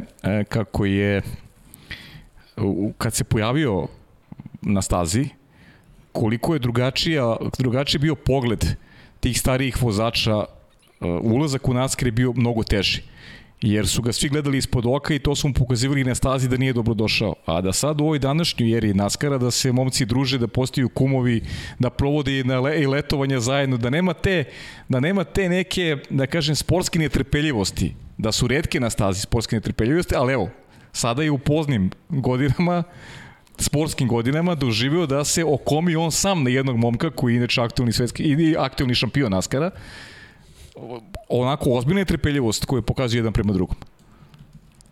I da je to neki, neki draž da je završi sezone. Sezone koja nije dobra za Kevina Harik, mislim da tu prolaze neke frustracije. Nisam siguran da je pobedio ove godine Kevin Harik. Ušao je u playoff, ali biće teško izboriti se za plas među osam najboljih. Ej, znaš koga bih još spomenuo, mislim da mora da se spomene i... Kyle Larson. Može, naravno. Pa Kyle Larson ima najbolju godinu u karijeri, to je i generalno ekipa koju za koju vozi je fantastično, ima najveći broj pobjeda, neverovatno kako izgledaju ove sezone. Mislim da su najveći favoriti za osvajanje titula, jedan od njihovih vozača. Da li je to Chase Elliott, da li je Kyle Larson, mislim da se tu krije budući šampion. Čak možda i Alex Bowman i to nije nemoguće. Alex Bowman, da. Nije nemoguće ni to. Ja sam hteo inače da odem na neku drugu stranu, ali mi se sviđa što sam spomenuo Kyle Larsona. Znaš gde sam ja hteo da odem? IndyCar. A, možemo malo. Završena sezona IndyCara i... Teo si ogrožano malo, a? Pa, hteo sam o Grožanu, ali ne samo o, o, o Grožanu, već i o tome da da smo videli neverovatnu završnicu Ed Jones koji je incident sa Peto Wardom. Peto Ward koji je vozač McLarena i onda nekako imaš te sentimentalne imaš neke emocije prema, nje, prema njemu i celoj ekipi kažeš ok, da vidimo šta će se tu dešavati nema navijenja, ali Alex Palou je, Palou je osvojio titulu. Španac koji je na kraju četvrtom pozicijom u Long Beachu došao do toga da, je, da ima prednost. Joseph Newgarden koji je to je završen posao na neki način, ali bila je zanimljiva ta bitka, znaš da li će se nešto tu desiti, da li će uspeti uh, Pato Ward nešto da učini. Prosto bi bilo zanimljivo da, da ispratimo tu poslednju trku i Indi nekako, nekako nikada ne razočara jo, Joseph Newgarden sa pol pozicije do druge pozicije, bio je drugi u šampionatu, Pato Ward, Meksikanac, bio na trećem mestu, ali šta mi je zanimljivo, Španac, Amerikanac, Meksikanac, čuveni Scott Dixon, naravno Novozelanđanin, pa Colton Herta, Amerikanac, pa Marcus Eriksson, Šveđanin, pa Graham Rehal kao Amerikanac, pa Simon Peženo kao Francus, pa Will Power, Da. Australijanac, tako je, Aleksandar Rossi, Takuma Sato, pa Rinus VK koji dolazi iz Holandije i ti pogledaš jedno međunarodno takmičenje i naravno Novajlija Roman Grožan koji eto, ove godine tri puta bio na pobjedičkom koji postoju. sjajno vozi u Indianapolisu. Jeste. Simon Peženo. Godinama unazad, da. E, Prosto, ono što bi bilo zanimljivo jeste koliko je međunarodno takmičenje. Lepo je Jeste. bilo gledati Indikar ove godine, pratiti prosto. Indikar Honda osvojila titulu u kon- konkurenciji konstruktora, Scott McLaughlin bio je Novajlija godine i Helio Castro Neves pobedio na 500 milija Indianapolisa, pa čisto Helio da ispoštujemo. Neves. Da, Helio Castro. Imam utisak da, da, da vozi čovjek od, od kad pratim automotosport. Jer imaš taj utisak, Helio, Neverovatno. večiti Helio Castro Neves, za oni koji ne znaju reći čuvenom Brazilcu, čoveku Baš, koji... baš čuveni Brazilac. 46 godina. Pogledaj, 46 godina čovjek ima. Sa 46 godina ti pobediš na 500 milija Indianapolisa. Ti ne bi to smeo da učiniš, to, je- to je ne ti, nego to, to, to dobro, se ne radi. napunio 46, vidit ću da li mogu tako nešto da... da vidim tebe sad. I kako ti, Ti si sad u tim se godinama. držim? Održiš se dobro. Pazi, Da možda pobediš, nisam siguran, okej. ali držiš se Neko je pitao da li ćemo voziti. Ne, ne, ne, ču, vozimo Tursku sledeći put kada se sastanemo Pa da, ovde. utorak, utorak Nema, moram, moram Dekija da sačekam. Deki ovog puta ne sme da se izvuče od vožnje. Ali, čisto za one koji ne znaju, Helio Castro Neves 2001. godine beleži prvu pobedu na 500 milija Indianapolisa. 2002. godine beleži drugu pobedu na 500 milija Indianapolisa. 2009. beleži treću pobedu na 500 milija Indianapolisa. 2021. Dakle, Ja mislim da će sledeći u 2039. ali... Takav utisak neki. E, vidi, to, to je ta ekipa beskonačnih ljudi, čak i od mene je stariji, 1975. godište. 10. maja 1975. je rođen, Svaka mu čast. svaka mu čast. Imao je sa, zaista nevjerovatna karijera je u pitanju. Ti sa, ti sa 26 Ne, godina... ali prvi on voziš. pazi, nema sezona gde kažeš ne znam, ono, u, u faulu je nekom, nije uradio ništa, nego on je svake godine konstantan i to je, ma neverovatan čovek, stvarno je strašan vozač i žao mi što ga nismo gledali u Formuli 1 nikad. Da, Helio Castro. Neves nekako nikad nije dobio tu vrstu prilike, ali eto, Sunčani, Castro Neves, pa eto da vidimo Sledeće godine, da li se 47 može da dođe do pete titule? Pa, što da ne? Na 500 milija Indija. Nije nemoguće. Čekaj, 46 godina imaš ti pobediš na 500 milija Indije. Neverovatno. I onda šta je uradio Alonso? Neko pita da opišem Alonsovu trku. Ma ništa nije uradio, ima tek 40 godina. Šalimo se, naravno, bio je fantastičan Fernando Alonso. Fernando Alonso, Alonso je klinac za Castro Neves. bukvalno je klinac. Pa pazi, on je, znaš kad ti kažu peto godište, peto koje decenije? Dobro zvuči to pet. Ti se dopada. Ali da, Helio Castro Neves 75. godište, Fernando Alonso je 81. To, Os, 80 tvoje. sa prvim ni ne razgovarate, to je, to, to, to, to, to je potpuno neka druga ekipa. Ali godine učine svoje pa si izjednači, ma gledam sad ovu omladinu ovde, njima je to da li si sedmo, četvrto, koje si ti godište? Drugo, to, dru, dru, 2002. 2002. 2002. Pavle. Čovjek nije rođen u istem milenijumu kao mi. A, osjećam se kao Betu Zalem, ali dobro. Na svakom slučaju, da, ovde sve mla, e, mlanja, ima neko mlađi od tebe. Opa, ima neko manje mlađe. Čak i od Vanje Vanje mlađi se pojavio.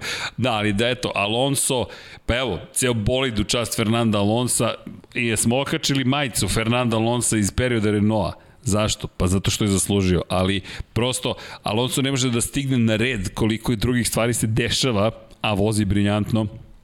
Ja mislim da si ti u pravu. Ako si ti rekao da će uskoro pobedničko postolje, si beše Pa da, ti to, ti, si, ti si pričao pre početka sezone, rekao da je bila Nema nagrada veze. prava za ono što vozi, ali Malo sreće će to biti potrebno. imam utisak da, da bi to moglo da bude dostižno za njega. Evo, proz... Ako nekog vidimo kao vozač koji mogu na postije, to je Alonso. pala prozivka Srđan Bumer.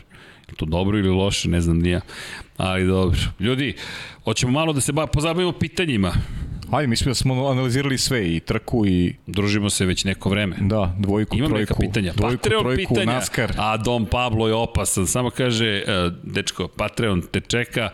Evo, krećemo od Patreona. Pozdrav pre svega četvrtke Luisu na 100 pobjeda, nezamisliv uspeh, slažem se Mario Vidović, ali nešto drugo mi je pamet, pošto sam mlađi, nisam imao priliku pratiti scenu u njegovo vreme, ali sam zato u skorije vreme pogledao neke dokumentarci, dosta sceninih trka pa me zanimaju i je li vas Max malo potiče na scenu, nekako po stilu vožnje karakteru odgovaraju, pa evo samo da čujem vaše mišljenje, veliki pozdrav svima i ostanite zdravi. Hvala Mario, ostani zdrav, veliki pozdrav od cijele ekipe i hvala svim našim pokroviteljima sa Patreona. Pa je ovo je nešto što si ti već Pa da, spominjao. mislim, da, da. Meni se čini da jeste tako. Jeste tako, ali nekom ih vidim kao malo drugačije karaktere ih vidim, ali kad pričamo o stilu vožnje, da. A drugačiji su karakteri. Pa drugačije su i okolnosti. I okolnosti su drugačije. Sena je došao... Meni je stvarno teško pričam ovaj, kao o svedočenju navijača Artuna Sene.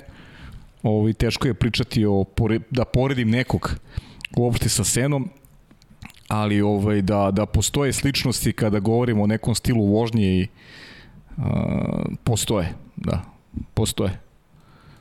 Pa postoji u stilu vožnje svakako, da. Ali postoji velika razlika, pre svega u sportu.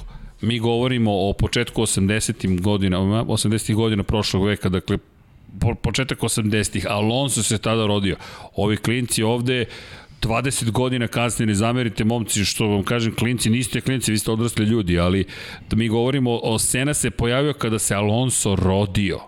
Razumete? Alonso koji je danas veteran, tada se Sena pojavio. I to u periodu kada je još uvek Niki Lauda vozio, kada Alan Prost tek gradio svoju karijeru, kada je Nigel Mansell tek postizao u Formulu 1, kakav crni Kimi Raikkonen, niko nije, Kimi se pojavio 20 godina kasnije, to fantastični Kimi Raikkonen, Ayrton Senna u tom periodu dolazi iz jedne bogate brazilske porodice, kao neko ko stiže u Evropu i bori se za svoje tlo pod nogama, i čovek koji gradi reputaciju jednu, probija se kroz manje ekipe do tih velikih uspeha McLarena i tri titule šampiona A sveta. da, Sena je zaista krčio put sam. Bukvalno ga je krčio. Krčio put sam, nije neko imao podršku i to je Politički svakako. bilo ne. jasno, tako da je krčio put sam i, i, bila mu, i bio mu je teže taj put.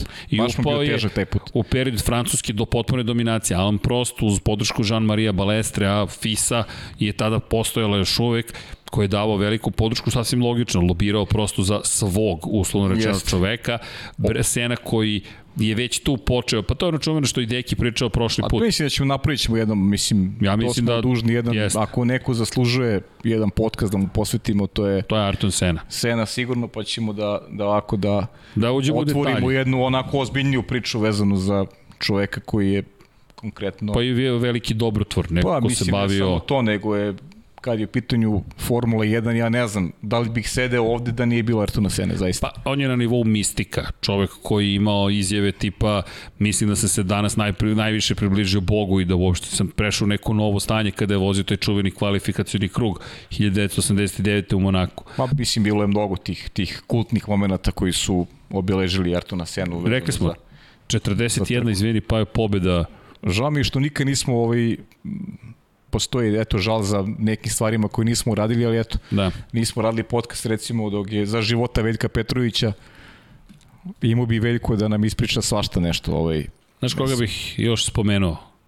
Kada reč o Seni, svakako Veljko, kada reč o nekim drugim Srđan Sulejmanović, da i Suki. Suki je da, Suki je, eto nismo prošli put Suki ovaj, 24. je bila godišnjica godinu dana, tako da nećemo ga zaboraviti nikad ja ovako i privatno, a, a nećemo ga zaboraviti ni kao čoveka koji je utkao sebe i ono što je Formula 1 u posljednjih Da, za 15 godina svojim fotografijama, čak i na zvaničnom sajtu Flomena ste mogli gleda, da, da ono, gledate njegove fotografije, da jeste jedan neverovatan tip i neko ko je kome je formula onako ušla pod kožu i baš se baš je bio predan ovaj u, u, u svom poslu kada je kada je kada je formula u pitanju. Da, za one koji eventualno ne znaju čuveni fotograf, čovjek Jeste. koji je Jeste. čuven bio i po drugim radovima, ali iz naše Ma svašta nešto radio, jeste i jedan pre svega sjajan čovek, sjajna ličnost, a, a nakon toga i veliki profesionalac i neko, kažem, koji je svojim fotografijama utkao i sebe u eto koliko ima posljednjih nekih 15 godina recimo, možda, možda koje godina manje. Da, i kao što I pamtit ćemo ga. pamtit ćemo ga. Da. I spominjati. Uvek, da. Dok i smo mi tu, ćemo još nešto ćemo da... Je živ. Nešto ćemo još da uradimo vezano za, Imamo za običanje još od delo, prošle imamo, godine. imamo Tako da neke ideje, ali eto, Pratite. pokušat ćemo to, pokušat ćemo da to sprovedemo. A, ove godine može. Delo, da. Prošle godine sam ja bio previše ambiciozan. Pa dobro, da. Pa mislim, i Mnogo toga nešto nam se smo i mi otvarali, kulisa, tek smo jeste. otvarali i nije bilo Tek realno da se... Tako je. E, bukvalno tako, tek smo učili, da. Tako je, ali ukoliko ste amater, fotograf, profesionalni, poluprofesionalni, pratite naš kanal, pratite šta ćemo raditi, prosto ćemo odati priznanje i Veljku Petroviću i Sukiju, Sukiju kroz fotografiju, Veljku kroz neku drugu priču, ali pričat ćemo o tome i učinit ćemo stvari lepšim. Dakle, to je ono što je naša negde misija, vizija, da i kada su teške priče, vidimo neko svetlo na kraju tunela, uslovno rečeno, nema ovde tunela, prosto to je život, ali prosto da ih pamtimo na lep način i da oni pomognu da se inspirišu neke nove generacije, neki ljudi, pa i ne mora nova generacija, mogu i naše generacije da se inspirišu Pa, da urade nešto novo. Tako da znate. E, Inače, Nemanja Miloradović pita, ćao ekipo, šta mislite o tome da je Mercedes namjerno menjao Bottasu motor da bi mogao ako uspeo da uspori Maxa, a nije uspeo, da li je to fair ili ne? I da li je ovo top 5 trka ove godine? Pozdrav. Pozdrav. Ovaj, što se mene tiče, to je sve legitimno i nema tu fair ne fair, to je, to je bitka dva, dva tima i popuno legitimno pravo Mercedesa da tako nešto napravi, to može da uradi Red Bull. Mi ne možemo da znamo da li je to je bila ideja, mi prepostavljamo isto kao i vi, to smo pomislili kada smo videli, ali u krajnjem slučaju, eto, na trku nije uticalo, Valtteri Bottas baš i nije uspio da se obrani od Maxi Verstappena, Maxi je bio zaista perfektan, deluje kao da ga je iznenadio, a za potez Mercedesa mislim da je apsolutno legitiman i da nema niko e, šta da zameri Mercedesu na, na toj reakciji. dozvoljeno je pravilnikom, s druge strane cilj jeste osvojiti evo, došli su do stote pobjede zajedno sa Lewisom Hamiltonom, osvojiti osmu titulu, da, da budete tim u koji neko osvaja osmu titulu i na taj način se udaljava od velikog Mihaela Šumahira i postaje jedinstven vozač po tom pitanju. Trenutno imaju jednak broj titula Šumahir i Hamilton i bez obzira što veći broj pobjeda ima Lewis Hamilton, vas stavlja u rang zaista antologije Formula 1. Tako da Mercedes će učiniti sve što pravila dozvoljavaju da dođe do titule i to smo i videli, to je, kao što je pa rekao, sve deo, deo sporta, rekao bih, a da li je ovo top 5 trka ove godine? Fu, čekaj, ovo je, ovo je sad teško pitanje. Ajmo da, da vidimo koje smo sve trke imali ove sezone. Ja mislim da mi ove godine imamo top 15 trka. Top 5. Pa vi, Odlično vi rečeno. poređajte kako god želite, kako vam je volja, kako vam odgovara, kako vam prija srcu. Pazi, Ja zaista ne bih mogu da odvojim jednu trku, svaka nova neko deluje kao da je, ali samo zato što je nova, ne, ne zbog toga što je nešto ponudila više od prethodne. Mislim da u stvari, A drugačije nude. u stvari top 14, izvinjavam se. Top 14, moja greška. Ono, Belgija, ona kiša, to nije bilo trka. to nije bila trka, tako je. Da, da, top 14. Ali pazi ovo, Bahrein, Max je na pol poziciji, Luis pobeđuje, imamo ono trkanje pred kraj kada Verstappen pretiče Hamiltona, ali ga pušta i tako se završava trka. Zatim imamo Emilio Romanju. Pol pozicija i najbrži krug pripadaju Hamiltonu, ali na početku agresivni Verstappen koji ga pretiče, pravi onu čuvenu grešku Hamilton, izlači se, ostaje nekako bolid u pokretu i na kraju kiša dolazi preki trke, Hamilton završa na poziciji 1-2. Na 1-2, 1-2 su ponovo, zatim Portugalija i Španija gde deluje kao da Mercedes dolazi do dominacije, dve pobjede Hamiltona, dve druge pozicije Verstappena, možda dve, možda i najmanje uzbudljive trke, i onda dolazi Monako. Hamilton koji greši, sedmi je, pobeđuje Verstappen. Onda Azerbejdžan otkazuje guma kod Maxa Verstappena, Hamilton koji ima pobedu u rukama pravi grešku, Magic Button aktivira i nastavlja pravo. Pazi, to se sve desilo ove godine. Jeste. Zatim idemo u Francusku. Max Verstappen ima pol poziciju, najbrži krug, pretiče u trci i Valterija Bottasa i Luisa Hamiltona. Inače u Španiji, da ne zaboravimo, to sam za malo zaboravio, najmanje uzbudljiva. Moment kada zapravo vodi Max Verstappen koji je pretekao je na stazi na taktiku, to je pretekao je Luisa Hamiltona, ali Hamilton na taktiku uspeva da ga nadigra i od, osvoji pobedu, to je zabeleži pobedu. Zatim, posle Francuske, velika nagrada Štajerske, Verstappen u svom elementu, Verstappen u svom elementu u Austriji čini se da počinje period dominacije Red Bulla. Dolazi Velika Britanija, kontakt između njih dvojice, ludilo, rasturen bolid Maxa Verstappena, povređen u bolnici, Hamilton slavi, 99. pobeda. Drama, ko je šta učinio, nije učinio, kako je to ponašanje, dolazi Mađarska, Valtteri Bottas koji greši, pazite, to je sve ova sezona, izbacuje sa staze Landa Norisa, izbacuje sa staze Serhija Pereza, oštećuje bolid Maxa Verstappena, pobeđuje Esteban Okon u celoj priči. Inače, da ne zaboravim, u Azerbejdžanu Perez zabeležio pobedu, onda u Mađarskoj, dakle, imamo drugu poziciju Luisa Hamiltona posle svih tih problema, čuveno branjenje pozicije Fernanda Alonsa, odlazimo u Belgiju, kao što si rekao, 4 sata padanja kiše, 3 kruga iza vozila bezbednosti, zvanična pobjeda Verstappena, Hamilton treći na poziciji broj 2, George tamo sam, Russell. Biću, biću skroman, tamo sam ja pobedio. Tamo si ti pobedio, tam, apsolutno, ne da si pobedio, nego od, i najbrži krug, da. i pol pozicija, i pobjeda. I najveći, i najveći biser. Da. I, i, sve, sve sam imao. Čekaj, to je, šta je to? To je peti element. To je da jedna velika ljubav, zato. Da, ajde idemo dalje. Idemo dalje, sad mu je neprijatno. Najzad sam uspio da čujem da je pa i neprijatno. A, Deki to redovno uradi. Deki uvek neprijatno. De, Deki je sad neprijatno. De, Deki, nadam se da slušaš i da ti je neprijatno. A onda idemo posle, Hola, posle toga idemo u Holandiju, gde imamo onu nevjerojatnu atmosferu, imamo trkanje, bilo je uzbudljivo ko će, da li će uspeti Hamilton da pobedi Verstappena, ne. Onda Italija, kontakt između njih dvojice i sada dolazimo do Rusije. Ok, birajte da li je ovo top 5 trka, ja ne znam, ja zaista ne znam, mislim da je Pavle rekao, lepo rekao top 14 trka. Pa da. Kakva sezona? Ne, mislim, ja ne, stvarno ne mogu da izdvojim nijednu. Ja, ali da li pamtiš ovakvu sezonu? Pa ne pamtim, ne, pa ne, ovo je, ovo je, ovo nam je najjača godina. Apsolutno, 2012 je imala puno godina. pobednika, ali Jeste. to je nije pa, nije ovakva konzistentnost. Daha je, kratko daha je bila sezona. Ali nije konzistentnost između dva takva vozača. Nije, Jeste bio duel između Alonsa i Fetela do kraja. Ne, ne, nije, ali cijele godine samo dva. Jeste, jeste. I, I opet uzbudljive trke, neizvesne trke. Ovo je najbolja godina. I još nam dolazi sedam trka do kraja. Mi smo na drugu, nismo završili pazi, drugu trećinu pričao sam, pričao sam, ne znam da li je to toku uh, treninga ili, ili trke. Ono što je meni, možda neki trening, nismo bili ovaj, konstantno zajedno, ali je, uh, šta je moj utisak? Mi govorimo o Luisu i Maxu, koji su u nekoj svojoj zoni bore za titul vozi sjajno. Ali mi smo ove godine dobili takav napredak ovih timova koji su iz te takozvane srednje kategorije, da smo dobili McLaren koji pobedio, dobili smo Okonovu pobedu za Alpinu, dobili smo Georgea Russella na drugom mestu u kvalifikacijama u Belgiji, sada treći u kvalifikacijama uh, u Rusiji. Uh, dobili smo, dakle, povratak Williamsa, nagoveštaj ozbiljnijih povratka Williamsa. Uh, Alfa Tauri koji je na neveć prepoznatljiv nivou, imamo Pjera Gasli ove godine opet na podijumu. Zaista neverovatna godina je i iz ove druge timove. Carlos Sainz godine dva puta na podijumu za Ferrari. Sećaš se šta je bilo pitanje prošle godine, kako se osjećao Carlos Sainz kao ideš iz McLarena u Ferrari, šta ćeš u Ferrari? Evo ga, ove godine dva puta na podijumu Carlos Sainz u Ferrari.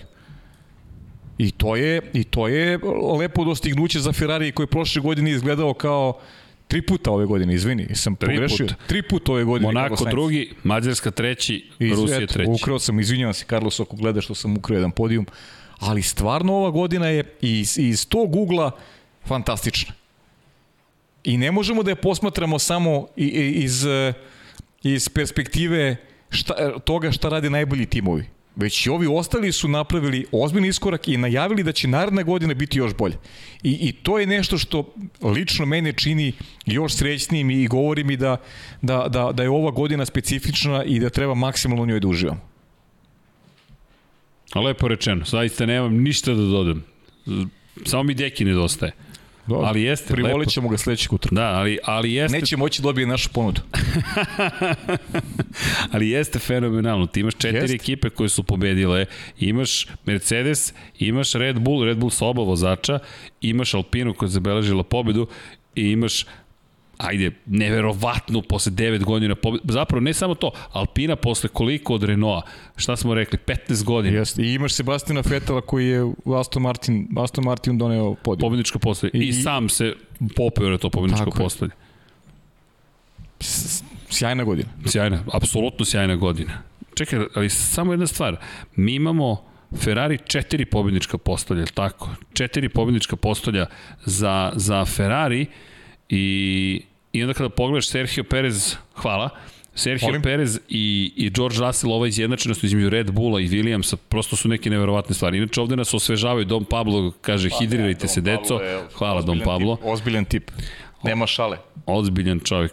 Ma, da. Ma da je popustio, prošle nedelje nije išao u teretanu, to sam primetio.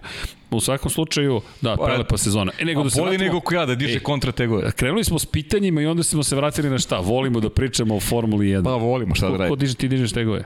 Kontra tegove. A kontra tegove, dobro. Da, ti dokazuješ uh, da. antigravitaciju. Uh, pozdrav ekipo, Nenad Đorđević. Pre svega nadam se da ste dobro. Imam jedno pitanje vezano za nedeljnu trku. Da li ste i vi stekli utisak da je loša vožnja Bottasa direktno prouzrokovana odlukom Mercedesa da ga žrtvuje?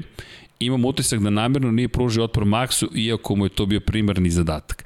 Pozdrav za cijelu ekipu i nastavite sa odličnim radom Nenad. Zanimljiv pogled.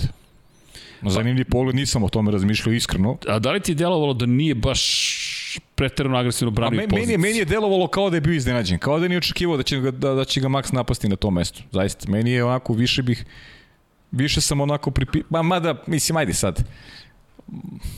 U, u, u, suštinski jeste, nije bio agresivan, da. Jeste. E, to je Gotovo kao, letargično kao, izgleda. kao, onaj, kao ona obrana pozicije, podsjeti me gde, pošto ti pamtiš sve kao slon, Ovaj, podsjeti me gde je onaj, gde je Max, gde je Lewis Hamilton onako La- Landa Norris obišao kao da ga nema na stazi. Britanija. Britanija. E, e isto tako je sada Valtteri Bottas i gleda protiv Maxa Da, Verstappena. Da, budemo, Britanija, da budemo iskreni, da. Britanija, to je bio moment kada Max se možda bori i za plasman na pobedničko postolje, to jest, ne znam baš da li za pobedu, ali činjenica je da je da je Max, da, da, da je Lando u tom trenutku u jednoj sjajnoj poziciji i da izgleda kao čovek prosto koji bi mogao na domaćem terenu u Britaniji da ostvari zaista odličan rezultat. Međutim, Bez opore, delo je bez opore. Ete, tako izgleda i ovaj manevar, jeste pa, Maxov. Ali, da. kaže, ja sam u trenutku kad uh, uživo, mi je delovalo kao da je, da je Valtteri iznenađen, ali, ali možda, mogu da se postaje stvari ovako kako je, kako je Nenad rekao. Mogu da se postaje tako stvari, zaista. vidi, meni je djelovalo kao da je gotovo letargičan. Pa, pazi, Pogotovo u Rusiji, to je pazi, ipak me- njegova menjaš, staza. Menjaš motor u dve nedelje, dva puta menjaš motor. Hoće da menjaju motor i, sle, i, i, u, i u Turskoj, šta? A znaš da je meni možda veći problem u celoj toj priči? Nemam ja problem što su oni menjali motor i što su rekli, ok, šaljemo čoveka pozadi. Više mi je stvar u tome što, recite slobodno, ok je. Da, menjamo motor zato što hoćemo da... To, da aj sad, možda ih niko nije ni pitao. Možda ih niko nije ni Znaš, pitao. možda bi i rekli da je okej. Mo, Okay, mo, jer meni je više to. Jer Valtteri delovao kao da je kao da mu je neprijatno. Ali da samo ljudi da ne shvate pretpočetku pogrešno. Ja, ja sam neko ko apsolutno to podržava. Jer to je, to je legitimno. Ti se boriš za titulu i imaš ovaj opciju, ti biraš kako tebi, šta tebi odgovara. I da, i, ali stvarno, evo, najiskrenije sam pomislio da je to da je tako nešto moguće. Jer je Mercedes nas i naučio kao da, da su ekipa koja vodi računa u detaljima. U osnovu zbog toga su i to godina šampioni. Oni, Pa čekaj, stvarno, oni izvini. vode računa u detaljima. Izvini, pazi ovo, Toto Wolff u momentu kada Hamilton deluje da gubi trku, se uključuje samo kratko. Luis, you can win this. Da, jeste, i to je tačno. Ej, to ti je, znaš kako, nisam čuo, ne kritikujem McLaren, samo konstatujem da na tome mogu da porade. Zamisli Zajdl da se uključio i rekao Lando, slušaj, menjamo gume. Menjamo gume. Idemo, na primjer, uh, ne kaže, to je lako iz ove perspektive, zato se to zove iskustvo, to je kilometraža za McLaren, ali Wolf i Hamilton imaju kilometražu. Wolf zna kada da se uključi. Ček, Luis, you can win this. Da. Ajmo. Evo ti Dobro, malo... ali, ali lepo si rekao, podaci Botasa su ih doveli do toga da sa sigurnošću znaju šta rade, a s druge strane, meni se dopada i pristup iskreno i McLarena, jer ti si, ti si vozač, ti si na stazi. Ti osjećaš Vidi. e, kako upravljaš tim bolidom. Ti si taj koji treba Ajde, da, ajde, ajde da donese emotivno. konačnu reč. Znaš. Kakav si ti utisak? Ja sam se oduševio, bez obzira što izgubio trku, ja sam bio u fazonu, ok, bravo Lando. Pa ne, Gradiš svoje ja, ne, šta god ono ne, bilo, kako ne, god bilo. nikakav problem s njegovom odlukom, ja lično. Ej vidi, oni će Ja, sada... Momak je fenomenalan, ja stvarno... Pa Hamilton je odbijao, izvini da uđe. Da Jest. nije, ali vraćam se opet na kilometražu, opet vraćam na radni stav. Pa evo, ajde malo da se... Ljudi, nama će uskoro dve godine od kada postoji Lab 76. Dve godine od kada smo, ne znam, Žarko i ja otišli na Adu Ciganliju i snimili nešto. Šta snimamo? Nemam pojma, Žarko. Ja, ti znaš da sam ti već tada pričao Jesi, jesi. koji E, su... Pa šta je, znaš kako sam reagovao na tvoj Znam. Zatvorio sam vrat i otišao. ali bukvalno, ne, ne, ne, ne, to je bio jedan fantastičan Pa iskreno šta, nema, nema, Pa, ne, ne ti si bio u lažemo se. kabini. U kabini, u ja ti nešto pričam, nešto... Ušlo na jedno, drugo izašli. Ja mu pišem, kao, pa E, evo, ovaj slušaj, nešto, ovaj nešto priča čovjek, šta vam priča? emisije. Pa iskreno, najiskrenije. Pa jeste, jeste, emisije, ne da snimamo, radimo.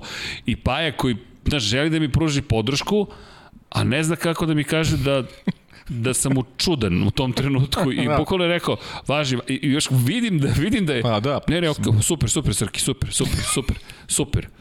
To, kao u kumu kad dođe, kao Al Da, da. Pacino kad mu do, kako se zove glubica, Diane Keaton, dođe, Keaton, jeste, Diane dođe, Keaton, da. stoji na vratinama i Al Pacino ništa ne neka, svako priđe i samo Da, zato. ono, da, ono, ono, kad, kad, kad je došao, kad je došao decu da vidi. Da je decu da vidi, da, da, da. Da, bez reči, samo bez zatvorio samo E, e, tako to. mene Paja ispratio sa sport kluba.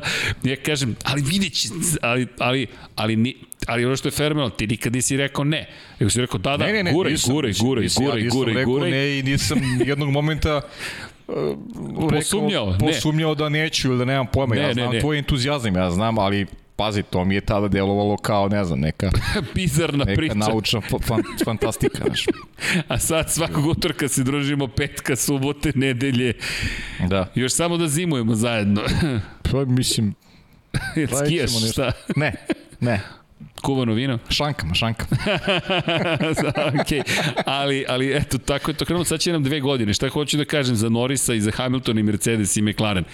Oni ovo još ne znaju. To je ono što si fenomenalno rekao. Oni ovo sada uče. To nije McLaren koji je postojao ranije. Nema tu, evo, Martin Whitmarsh, ko zna šta donosi od iskustva u Aston Martin. To je veliki moment ali McLaren će sada imati te informacije. Pa za tri godine, kada njegov inženjer, pošto je on svog inženjera učutkao i rekao, čuti, pusti me da vozim.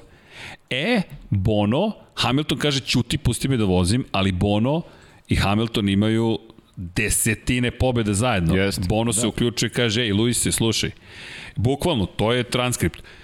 Maxi je uzeo intermediate gume. Znaju da ćemo mi da pratimo šta oni rade. Ajmo da ga pokrijemo i, i dobro su mu vremena. Znaš, nije mu rekao, slušaj, ti znaš ili ne znaš šta radiš. Imamo veću igru u ovom trenutku, jer da Hamilton nije prešao na te gume, Verstappen pobeđuje. To, to se zaboravlja. Max Verstappen pobeđuje Sigurno. da Lewis Hamilton nije promenio pneumatike. I možda stavlja tačku na sezonu. Tako je. I ti u tom momentu Hamiltonu Bono zna šta da kaže. Da li je to manipulacija? Apsolutno, su jedan na jedan, ali ono što je potrebno u tom trenutku, ti si vrela glava, bez obzira što imaš sedam titula, ti si u bolidu, juriš nekog klinca i znamo kako Hamilton reaguje, pa, hoće pobedu. I to ono što si malo preko, to ti je kao, nije naša prva trka isto kao 200 ta trka. Nije. Znaš, to ne može da bude i zato jeste Mercedes. Zato sam i rekao da je Mercedes u prednosti odnosno na Red Bull. Red Bull ima uh, istoriju pobeđivanja, ali je to davno bilo. Poslednji I put. sa drugim vozačem. Pre osam godina titula Ne osvojena. zaboravimo da je Max mlad čovek. Mlad čovek, kogoda je sazreo, on je, on je mlad čovek i sigurno se drugačije nosi sa ovakvom vrstom izazova od Luisa koji je to prešao, pa ima 100 pobeda u krajnjem slučaju. 100 Se, sedam šampionskih titula. Ti sedam šampionskih titula se bori protiv nijedne titule, tako? Pa to ne može da bude, ne može da bude isti pritisak u glavi, ne može da bude ista, isti pogled na, na, na šam. Kogoda se Max trudi da bude i miran i sigurno u njemu vri kao mladon čovek Ti nisi osvojio titulu još. Tako je, nisi osvoj, nisi osvoj ništa još. Evo, Lando nije zabeležio pobedu. Jednu. tako je. A ne 99 u tom trenutku. A ovaj čovek kao špricer može da bude. E, zato je meni ta, ta razlika i to što se de, do, dogodilo u Silverstonu i Mađarskoj meni je profilisalo Luisa kao glavnog favorita. Međutim, posle ove trke rekao sam, delim to na 50-50. Jer mislim da je Red Bull jako dobra ekipa, ekipa da imaju proizvoda, tačno da imaju bolid i da imaju Maxa kao odličan vozač. I da će nijanse odlučiti do kraja i bilo mi je 70-30 za Luisa, sada mi je 50-50, jer su potrošili agregat, ne da su smanjili štetu, nego profitirali u celoj priči i mogu da budu prezadovoljni vikendom. Pa vidio se onaj osmeh Maksa Koda je pobedio. Da? I tako i treba da se osjeća. Sa 20. mesta ti si bio staložen, miran, iskoristio pogodnosti, dobro reagovao u kritičnom momentu i na kraju si drugi. Ne, Mislim, pa nevjerovatno. vidi, svaka sledeća trka će biti top 1 trka. To sigurno. Pogledaj kako smo Ma, se da. vratili kao gravitaciono, kao gravitacioni bunar, samo nas je trka usisala nazad. Pa jest. Krenuli smo od komentara, kao da završamo jer to je Q&A sada ide čuveni. Ne, ne može da završite. Evo, ja, ja ne, Ne može. ne mogu da završim. Prosto ovo, ovo je ta sezona. Ne, mnogo, Pazi, mnogo je utisaka, mnogo je utisaka i ali A, a opet im se vratiš, pazi, mi smo krenuli od McLarena i to kakav ti utisak o Landu u Norrisu zapravo i šta je učinio, završili smo o tome da ponovo pričamo o Maxu i, i Luisu. To je ta sezona. Yes. Ja ne mogu, mogu da izvučem sezone u kojima je bilo po 5, 6, 7, 8, 9 trka, uh, različiti pobednici i svašta nešto. Ajde da budemo da budemo Čekaj, da budemo iskreni. Čekaj sad, koliko su dueli imali na stazi do sada i ti kontakta i šta se sve dešavalo. Na šta tebe bo Koliko duplih tebe, pobeda? Na šta tebe ovo podsjeća? Pa, na 88. A eto to. jedan na to jedan. sam teo ti kažem. Sena prost. Sena prosto. Sena prost. Pri čemu. Sena je tada jurio iskusnog Vuka, Jeste. iskusnog Prosta koji je vladao Formulom 1. Sada neko juri iskusnog Hamiltona koji vlada Formulom Pa, 1. mislim, i slične su priče u, u drugom aspektu. Jesu. Slične su Jesu, priče. slične su Zna se ko ima političku podršku, mislim da budemo iskreni do Mercedes je kraja. tu mnogo bolje pozicionira. Još se, Sena, do, još je Sena dobro prošao, Ron Dennis je bio na njegovoj strani. Nije federacija bila na njegovoj strani. Da. Ovde federacija gotovo da ni ne postoji. E, ali da pohvalimo Michaela Masija i direkciju trke. Nisu se pojavili. U, u, jedino tada i možemo da ih hvalimo kad se ne pojave. Bukvalno nisu se pojavili i mi smo se trkali. Čim ih nema, Mnogo dobro je. ljudi je bilo uplašeno da li će se zaustaviti Aj. trka kada je počela kiša. Znaš ono, i sam ti rekao. Smo pričali utorak. O, E, rekao sam ti utorak da neće biti ništa. Napravimo, jesam ti rekao. E, ali sada, sada sledeća trka je već drugačiji pogled. Turska? Turska je već drugačiji pogled na, na duel između Maxa i Luisa. Opet može da bude kritično. Ovde ne, ovde je ova kazna, znaš, ne, nemaju kontakt jedan s drugim, znaš, to je... Mada, u jednom trenutku je moglo da bude Pa kontakta. moglo je da bude, da, da. Na, na, na mislim, moglo je. 4,5 sekunde za ostatka. Max ga je već video u daljini. Durbinom Hamilton je bio u daljini, Pa a znaš ko je uticao da ne bude kontakta? Pa McLaren. McLaren, Ricardo. Mada su, evo, ljudi pitaju taj manevar Mercedesa koliko je uticao da McLaren... Pa ne znamo, znate šta, to je isto veliko pitanje, to, mi, to su neke naše pretpostavke, nikad nećemo saznati, samo McLaren zna istinu, ali... A nisu se oglašavali po tom pitanju. Niko ih nije, u stvari niko ih nije ni pitao. Pa, to je sad pitanje šta su oni želeli u toj cijeloj priči, šta im je bila strategija, mi negde pretpostavljamo, ali čak i da nisu reagovali na Mercedesov manevr, nego da su povukli svoj potez. Vraćamo se na temu vozača broj 2 ti nisi izabrao vozača broj 2, nego si rekao svako za sebe. Jer da su birali vozača, uslovno rečeno broj 2, i to je sad pitanje, da li bi Ricardo rekao važi, sad ću da vozim za Landa ili ne. Ali, da su rekli, čekaj, mi sada kontrolišemo Ricarda. Najveća opasnost u ovoj trci, ako McLarenu nije jasno da je Lewis Hamilton najveća opasnost, evo neka slušaju Lab 76. Ozbiljno, to, to, to, mi to znamo i to smo da. pričali. Najveća, pa nema šta. Kad meni neko zove i kaže ko je pobedio, kaže Hamilton i kaže ponovo. Pa šta mislite, da je teško prognozirati ko ti je najveća opasnost? Jeste. Pa kao on je sada sedmi, osmi, što ga hvalite? Ja ga ni ne hvalim. To je konstatacija. Pri čemu, jasno je kao dan, moraš da vodiš računa o tome gdje je Lewis Hamilton.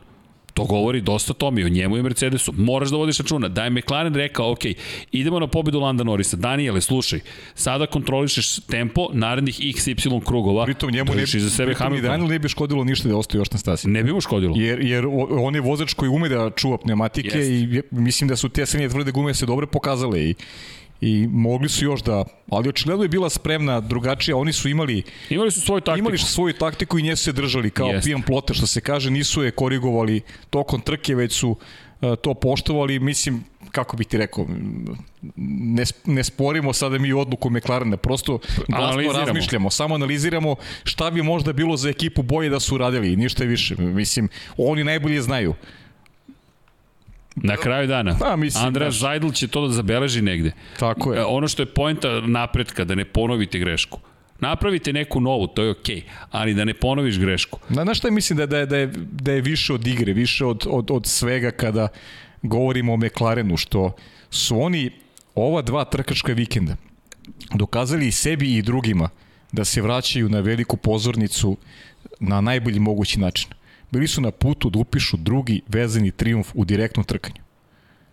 E, kvalifikacije, strategija, sve moguće okolnosti su im išle na ruku, samo su jedan loš potez povukli na čelu sa Landom Norrisom, ok, to se dešava. Loše poteze vuku i Mercedes i Red Bull. Bili smo se doći ove godine koliko su loših poteza povukli.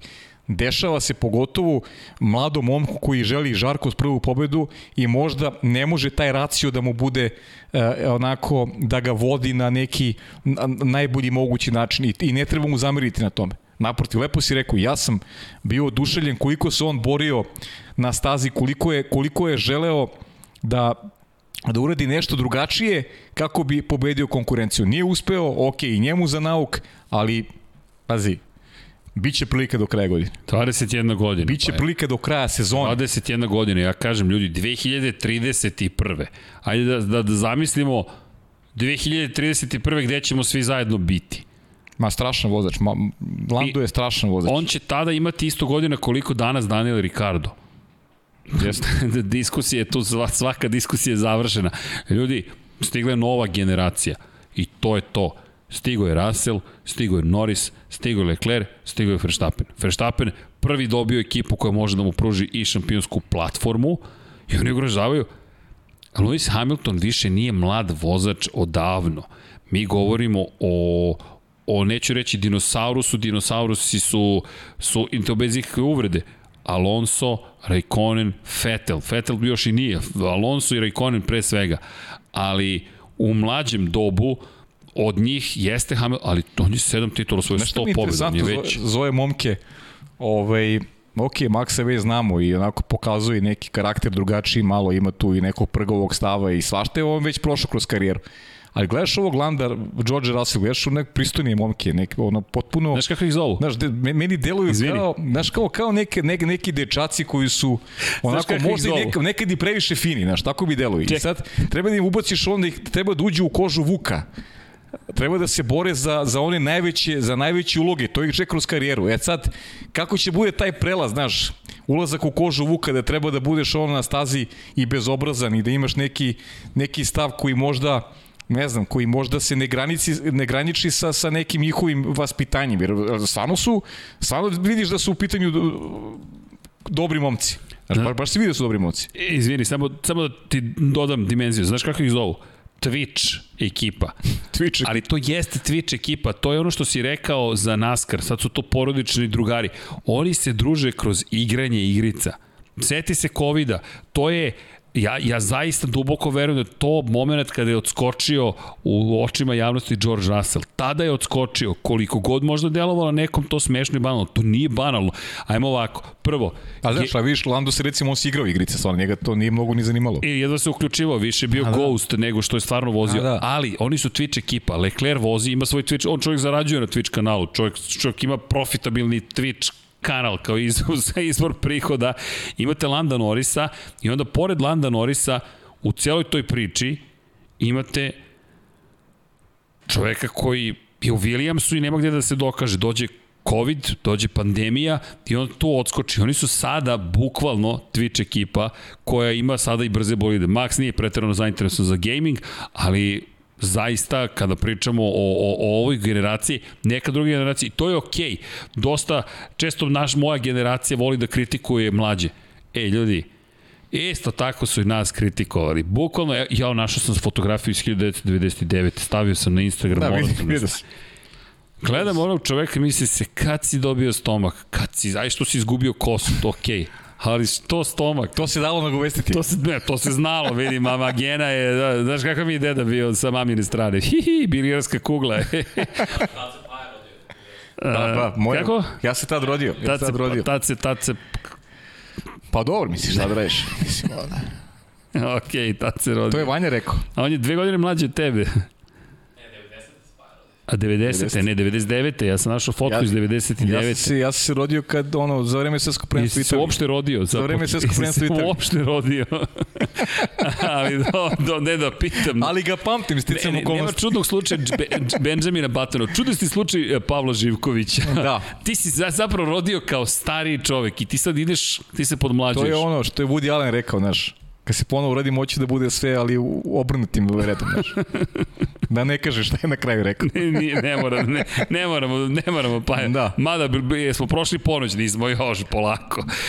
E, da, na svakom slučaju da nađu, kažem ti tu fotografiju i pitam se. I sad ti gledaš ove klince i kažeš, ok, to je neka nova generacija. I super generacija i Formula 1 ne, ima ma, svetlu budućnost. Plašio sam se, i znaš, sad ne. Znaš šta smo, ono, pričali smo to x puta Najviše sam mrzeo kad mi kažu moj EU u naše vreme kako. U naše vreme, šta to znači? Znači, dizela mi se kosa na glavi. E, isto tako, svako vreme ima nešto dobro, daj, molim ima nešto loše, treba uživati u tome što je dobro. Tako i je. Ovo vreme Formula 1 je super, ovi klinci su super i mislim Formula 1 će biti sjajna sa ovim dečacima, sa Landom, sa, sa Russellom, sa Leclerom, sa Verstappenom, sa Gaslijem i ima tu još mlaka koji dolaze na scenu, tako da sve kako treba. Ja mislim da samo treba da uživamo. Ma, ništa Bukvalno drugo. samo A, treba da. da uživamo, jer ovo jeste... Ono što je bilo treba držati ga u prošlosti i to je to. Ok. Podsjećati se, ljudi zaslužuju da se podsjetimo tih velikana i to ćemo uvek da radimo, ali ovo vreme koje živimo, to je najbolje vreme. Današnji dan. Pa, to je Ovo to. veče, ovaj trenutak. Tako je. E, lepo mi je, moram ti priznati. Pa. Malo sam se preznojio na početku, ali sad je, sad je sve u redu. Udrite like, udrite subscribe, udrite notifications, udrite šta god želite da, nemojte da udrite, kliknite, kliknite i zabavite se, igrajte igrice, to je isto zabavno. Izašao je Diablo 2 Resurrected, ne znam da li znaš. Pa, Toliko o tome. Kako bih ti rekao? Kako bih ti... E da, evo da stavimo anketu. Da li biste da igramo igrice koje možda ni nemaju veze sa Formulom 1? Da tvičemo. Don Pablo kaže ne, ne, ne, ne, ne. To je odgovor je dakle da. Okej. Don Pablo, još niste naučili da ću ja da kontriram svi, svemu što Vanja i vi odbijete da uradimo u studiju, ali dobro. Elem, da, da se vratimo mi nazad. Hoćemo najzad na pitanje i odgovore, pošto mislim da smo do pola sata pričali na temu jednu, ali čujte, ne zamerite, prosto, pa ja se dugo nismo videli od nedelje. Od nedelje, da. Da, od nedelje se nismo videli i onda prosto nadoknađujemo to što nismo stigli da se ispričamo kao ljudi o tome kakva je bila trka. Ja sam morao da se spremam za NFL, da. Da. ti si išao nekim drugim putem i nismo seli da saberemo utiske, pa eto, uživo pred vama ih sabiramo. Jeste, nismo, da, tačno nismo sedeli. Nismo, ovaj, nismo ništa, se- da, nismo seli da, da se ispričamo. To volimo da uradimo posle trke 7 da. Da. ok, šta smo sad gledali, šta se ovde događalo. Jeste, i, jeste. Ti si čak i ostao malo tamo i u kraju si ostao Jes, malo. morao da, sam da sabereš da, misli da malo. sabere misli se pripremim za NFL, pošto Jeste. sam imao pauzu nekih 5 sati, pa sam se vratio na sport. Da. Dobre, pa zato, znaš, ja sam sačuvao za ovo da ovde ovaj, Da izneseš... ispolemišemo, da ispolemišemo šta imamo. Ali dobro, mislim, nije bilo, nije bilo tih kritičnih detalja mnogo da, za, za polemiku ovog puta.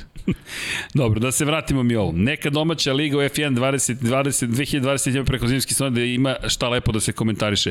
Vukašin Vućanović i donirao je 250 dinara. Hvala, hvala. Hvala. Pa, Hvala.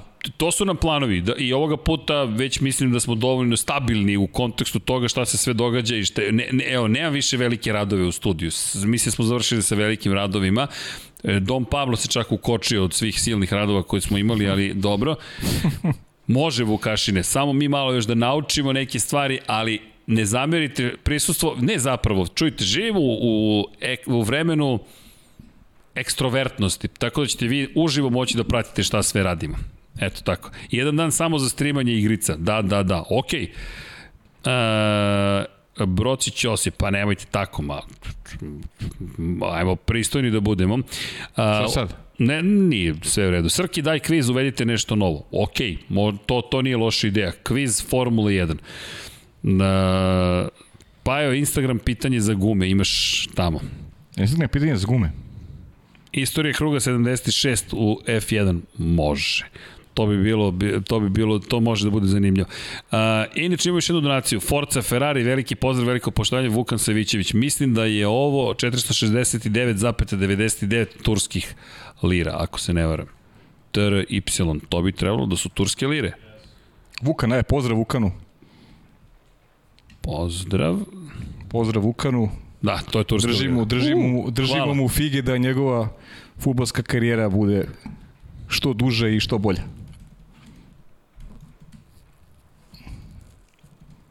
Znam da prati ovaj redovno ovo. Stvarno? Da, da, da. Okej. E,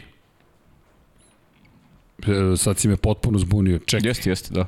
zaista, pa hvala. Jeste, da, jeste, jeste. Hvala. Ovo je baš lepo iznenađenje. Jeste, hvala puno. Da, prati on, prati on ovaj, pratimo što se kaže na Instagramu i ovaj, Pazi, kada nisam spo, spojio jeste, uopšte, Jeste, jeste. veliki pozdrav, zaista, od cele ekipe. Evo, Dom Pablo se učutao. Dom Pablo prati sve sportove i učutao se. Vukare, uspio si da učutiš Dom Pablo. To je nemoguća Jeste. misija. Hvala ti. Ali dobro. Dom Pablo sad ne može da odgovori. Šta ti zloupotreba položaja? Ok, uh, Paja, Ivan Ivanović, čekaj, Ivan, to ovo sigurno nije Ivan Ivanović. Jao Bože, zašto ima ljudi koji su toliko naporni ponekad? Ivane Ivanoviću koji niste Ivan Ivanović, uh, Paja mrzi Hamilton. Mi ovde ne mrzimo, tako da te reči sačuvajte za sebe. A što misliš? Ne, ima, ja znam još jednog Ivana Ivanovića. Evo, kaže, Srki Vukan vam redovno donira, nisi u toku. Filip Ljubić kaže, izvinjavam se, Vukane, slabo pamćenje. Mada Paja kaže da pamtim konslo. Ne, pamtiš da, ali ja mislim, ono, znam da, da, da Vukan redovno prati, tako da... Da, evo pitanje. Uh, po kojoj logici Fetel veći dinosaurus od Luisa kad je Fetel mlađi od njega? Pa ispravio sam se Sonja, rekao sam da nije, da, da nije i nije lepo reći dinosaurus. Deke ili stariji ljudi, samo, samo su Alonso i Raikkonen u toj kategoriji. Fetel i Hamilton nisu, oni su dosta mlađi. Tako da i, i moje izvinjenje ukoliko sam ukoliko nisam bio totalno jasan. Tako da hvala. Uh, Srki, šta misliš, da li je Landa, na Landa Norisa, koji inače prati MotoGP, uticala pobjeda Breda Bindera u Austriji, da je zbog toga odbio da menja gume, pita Nemanja. Haris Aksalić. Hvala. Hvala za pitanje. Uh, nadam se, nadam se da ćemo ove godine biti u prilici možda i da ih pitamo sami. Ako nam se ukaže ta prilika, držite nam palčeve, radimo na tome. Postavit ćemo pitanje Landu Norrisu. Evo, to mi nemamo odgovor, Da. ali ajmo da pokušamo ovo da zapamtimo da da li je možda Brad Binder uticao na, na, to, na to, to, to, to je vrlo smisleno pitanje. Brad Binder ko odneo pobedu u MotoGP-u zato što nije promenio gume, ostane gumama za sovo u Austriji. Super. Da, i ovo što, ne znam ko je rekao, to mrzim, ja mislim, ne mrzim nikog ljudi. Eto, sad Ma, ja ne znam ne, kako, mržnja, da, kako to, kako mislim da... mržnja. Ma ne, to je troll. Ali pazi, A trole e, ne Lazar, hraniš. Lazar Slović, e, da ne zaboravimo ovo, Lazar je prozvao, on je pitao, kaže, kako komentarište sve ređe korišćenje mekih guma u trkama, čak i u Rusiji niko nije pokušao na kraju trke, ali Leclerc, Perez i Alonso imali priliku. Polako idemo ka tome da su meke gume tu samo za kvalifikacije, što mi niko ne leži, najbrže gume za najbrže bolide, to je Formula 1, kaže Lazar Slović. Pa misli kako komentarišemo komentarišemo tako da svaka ekipa želi da napravi što je moguće bolji izbor kako bi došla do konačnog cilja, pa eto, to je često se kosi sa ovaj, sa tom idejom da se koriste meke gume i jedno stajanje, optimalno stajanje i mislim da je u većini trka upravo to jeste srednje tvrde, tvrde gume. Mislim da najmanje to pogoduje Ferrariju trenutno, jer oni na tvrdim gumama zaista teško, teško funkcionišu. Ne znam, ne znam šta ti kažem. Mislim, to je prosto, prosto taktika i, i ovde u Rusiji smo znali da će, da će to biti ta opcija. Pa dobro, Rusija je poznata po tome što uopšte se ne troše gume. Dakle, vi tu možete da radite manje više šta hoćete. Pa znam, ali meke, znaš, meke, šta bi donele meke? Ništa. Par krugova i opet, znaš, pitanje, ti nisi, ti nisi, kon, Ali- ali, ti nisi konstanta, ne, nemaš u finišu trke, nemaš priliku da Ali pariraš. zašto bi išao na meki? Pa nemaš ne razloga, zato ti kažem, tvrde nemaš- se ne nema trošiš. razloga. Zašto bi ti išao na bilo šta ti može, i ti tu možeš da kontrolišeš tempo, ti možeš da pojačaš ili smanjuješ tempo i ti kontrolišeš situaciju po tome. Ali to je sada pitanje mnogo šire za Pirelli. Pod jedan, Da. šta je od Pirelija traženo, šta Pirelli mora da isporuči. Pirelli se često kritikuje, ali Pirelli dobije vrlo jasne specifikacije šta od njega Formula 1 želi da se napravi. Pirelli može da napravi gumu koja traje celu sezonu na jednom setu guma, osim naravno kada kasnim kočenjima, blokiranjem točkova ih oštetite. Pirelli nema taj problem.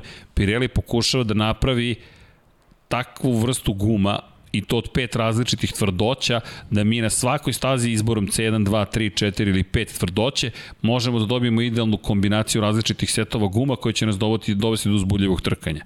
Tako da tu, postoje, tu postoji problem. E, Da li će ikada na SK biti konferencija za novinare u F1? Mislite po završetku? Pa to ne Pa znamo. ne, to, to, to, je mislim, veliko. Teško je, to, to je ljudi... Teško je uklopiti Pa sve. teško opiti to, pritom konferencija je 15-20 minuta, možda i kasnije, nakon ceremonije proglašenja. Zaista je teško uklopiti. Koliko god mi da bismo želeli, prosto Mislim da, mislim da nije, je. nije realno, baš, baš Teško nije je. Jednostavno, ba, baš, baš je teško uklopiti sve. Pa evo, i sad smo imali situaciju da smo morali da uklopamo različite sportove, ima im puno kanala, ali toliko i prenosa da ponekad zaista teško to izvesti želimo. Uh, Srki, zašto vas dvojica više ne komentarišete NASCAR? Uf, O, ljudi, jednostavno je mislim, pitanje. da. Ljudi, ja ne znam da li bismo mi Jednost- bili živi. jednostavan i odgovor. E, Da, da, čujte, koliko god da volimo NASCAR, samo, evo zamislite, evo ovako je izgledao, ovako izgleda, danas je Paja doleteo sa sport kluba i komentarisanja hokeja. Ja sam u nedelju, posle Formule 3, 2, 1, imao nekoliko sati pauze i vratio se da radim NFL. Kada sam završio NFL u 1.30 ujutro, a radni dan radni, to je ljubav, ali i dalje rad, je počeo u 8.30 prethodnog dana. Dakle, pa i ja smo se našli u pola 9 ujutro u nedelju i Paja je imao manje posla, pa je završio u pola 5 popodne, dakle 16.30 i ja sam imao malo više tog dana, pa sam završio u 1.30 narednog dana. I ovo nije žalba. Prosto zamislite sada da smo još ostali da radimo NASCAR. Mm, Ja, ja ne znam koliko god da se mi trudimo kako bismo da. to izdržali. Pa je danas umeđu vremenu snimio uh, nekoliko emisija, izdabingovao, uh, odradio hokej na ledu, došao sada u Infinity Lighthouse, mi sada radimo podcast u kojem takođe sutra, uživamo. sutra neka odbojka, pa priprema podcasta za četvrtak gde me čeka Vanja, Da, gde dolazi jedan fenomenalan gost ko voli vaterpolo obavezno prati. Tako da, eto, to je... volili i bismo, tako ali i tako fizički dalje, ne možemo da postignemo. E, Super Max, Matrix, ajde, zašto je monopol kod guma samo na Pireliju? Pa, znate kako, to je definisano pravilima u, u želji da se smanje troškovi, to je izbigne rat pneumatika koji smo imali, Michelin, Bridgestone i u Moto Grand Prix i u Formuli 1, doneta je odluka da se dodeljuje ugovor u kojem je jedinstveni snabdevač pneumatika i to važi već celu deceniju i u Formuli 1 i u Moto Grand Prix ne vidim da će se menjati to je sigurno neće Pirelli potpisao novi ugovor sa Formulom 1 i na tome se završilo David pita kada je Hamilton počeo da koristi treći motor uporno e, moram da proverim kada je tačno Uf, bilo siguran, kada je počeo da koristi treći Pa znaš motor kad je? Ne, znam kad je. Od, od, od Belgije. Trebalo bi ajde da, Da, od, od nastav, pa nastavak sezone. Mislim, eto, nije ga, nije ga mnogo ni koristio u Belgiji. Ja mislim sada došli i Hamilton i Bottas sa novim trećim agregatom u Belgiju. ajde da, da, da, da vam ne kažem Jeste, jeste. Početak drugog dela sezone. Ali, Belgija, tad su mnogi došli sa, sa novim agregatom. A, jeste, Belgija. Belgija sigurno. Da, eto, Belgija. Belgija, Belgija. Dakle, od Belgije. Da. Inače, po pravilu prosto imate tri motora za celu sezonu, oko sedam trka u proseku treba da Ma ljudi, bilo je motor. pitanje z- z- e, da li će Luis menjati kad, ne znam, neko, mi, neko je pisao Evo, da li ću- Meksiko ta trka. E, ponovit ću, mislim da, je, da, je, da Mercedes ne sme da dozvoli da se eventualno dogodi neki kvar do kraja godine. Jer to ne briše jednu trku, nego briše dve trke. Jer onda imaš jednu trku nezavršenu i imaš start u sledećoj trki sa, sa nižih pozicija. To ne sme Mercedes sebe dozvoli. I zato misle će sigurno menjati agregat. Pitanje je samo kada. E, eto, to je, to je neka moja procena. E, Ali Mercedesu najbolje znaju, naravno. Da, to, ali to je sada pitanje, ako to, ima, ima mnogo pitanja. A, šta sve menjaš? Šta ti je stradalo? Šta ti nije stradalo? Koliko naravno. se pomeraš Naravno. pozicijom nazad? I to ono što je Mercedes lepo rekao, sad nas čeka žongliranje. Da vidimo koji element kada ćemo da uvedemo i šta će da radi. Ono što, što su radili pametno u Red Bullu, promenite sve. Zašto? Imate sve novo i ukoliko morate jednu stvar kasnije da menjate, manja je kazna. Dakle, vi ste sada sve promenili. Ako ste sve promenili, dolazite u situaciju da svaka sledeća kazna, kao što smo čitali, pravilnik je mnogo u suštini jeftinija. Inače, 100% je e, menjan zapravo u Belgiji. 11 vozača u Belgiji Pa da, preuzelo Belgiji, u Belgiji. motor broj 3. Inače, Hamilton je trenutno treći motor sa unutrašnjim sagorevanjem, treći MGUH, treći MGUK, druga da. kontrolna jedinica, drugi, e, druga baterija, treći izduvni sistem i turbopunjač je broj 3. Dakle, sve je na granici, na Ajde gornjoj objasni, evo. Dijana, Dijana Dobričić pita da objasnimo čemu služe MGUH i MGUK. Ajde, kad si već počeo priču. MGUH, MGUK, čekaj samo da, e, imamo nove ruke, lepe su, ali su Jesu. manje fleksibilne. Hmm, MGUH, MGUK, čekaj imamo ovde bolid, ajde da, da, da iskoristimo bolid. Ovo je stariji bolid, ovo nije hibrid, ali, ili jeste, ovo je, da li je ovo iz 2000... Ja mislim da jeste. Ne, ovo je 2013. ja mislim. Nema je sajt. Možda je 14, ali okej. Okay. Um, ajmo ovako, MGUK, ajmo prvo ovako, motor generator. Dakle, mi govorimo obrtno magnetno polje, elektromagnetno polje. E, kada u zavisnosti od polariteta da li je motor ili je generator. Šta to konkretno znači? Ako je generator, sigurno ste svi vozili bicikl, nadam se da ste vozili bicikl, ne znam da li, ljudi, jel ima din, dina, dinamo sada na biciklima? Vaš zbunjeni pogled mi govori sve. Ok, mi kada smo bili mali, imali smo Dinamo. Dinamo. Šta je Dinamo? Dinamo se... Ti kad si bio mali. Kad sam ja bio mali, klikne i točkić jedan mali, ovako se nasloni na, točkić se nasloni na, na, na gumu, i kako ja vrtim pedale, okreće se točak i vrti taj mali točkić. Taj točkić je povezan zapravo sa generatorom struje. Imate rotor, imate stator i vi zapravo stvarate elektromagnetno polje koje generiše električnu struju. Šta ja dobijem time što vrtim pedale i vrtim taj mali točkić, to je dinamo, ja dobijem električnu struju koja je povezana sa mojim sijalicom i ja osvetljavam sebi put. Dakle, nema baterije, sav rad koji ja uložim, ne sav, to je rad koji uložim, između ostalog će se preneti na dinamo. Znate da ste aktivirali dinamo jer je mnogo veći otpor i teže vam je, mora negde prosto da se plati cena generisanja električne energije. Elem, ovde je slična situacija. Motor generator. Kada je motor, vi trošite električnu energiju smeštenu u bateriji. Trošite električnu energiju na dva, dva sistema. MGUH se nalazi otprilike negde ovde. Kod Ferrarija, to smo najzad videli, 2014. otprilike ovde. Šta je tu?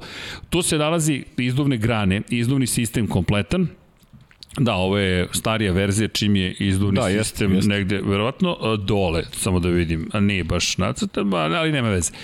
Ovde je, dakle, turbina. Šta je turbina? Turbina je bukvalno, zamislite samo jednu osovinu na kojoj se nalazi pa kog oblika bi sad bilo, to je jedan specifičan oblik, ali zamislite prosto lopatice koje vrti i vrte izduvni gasovi.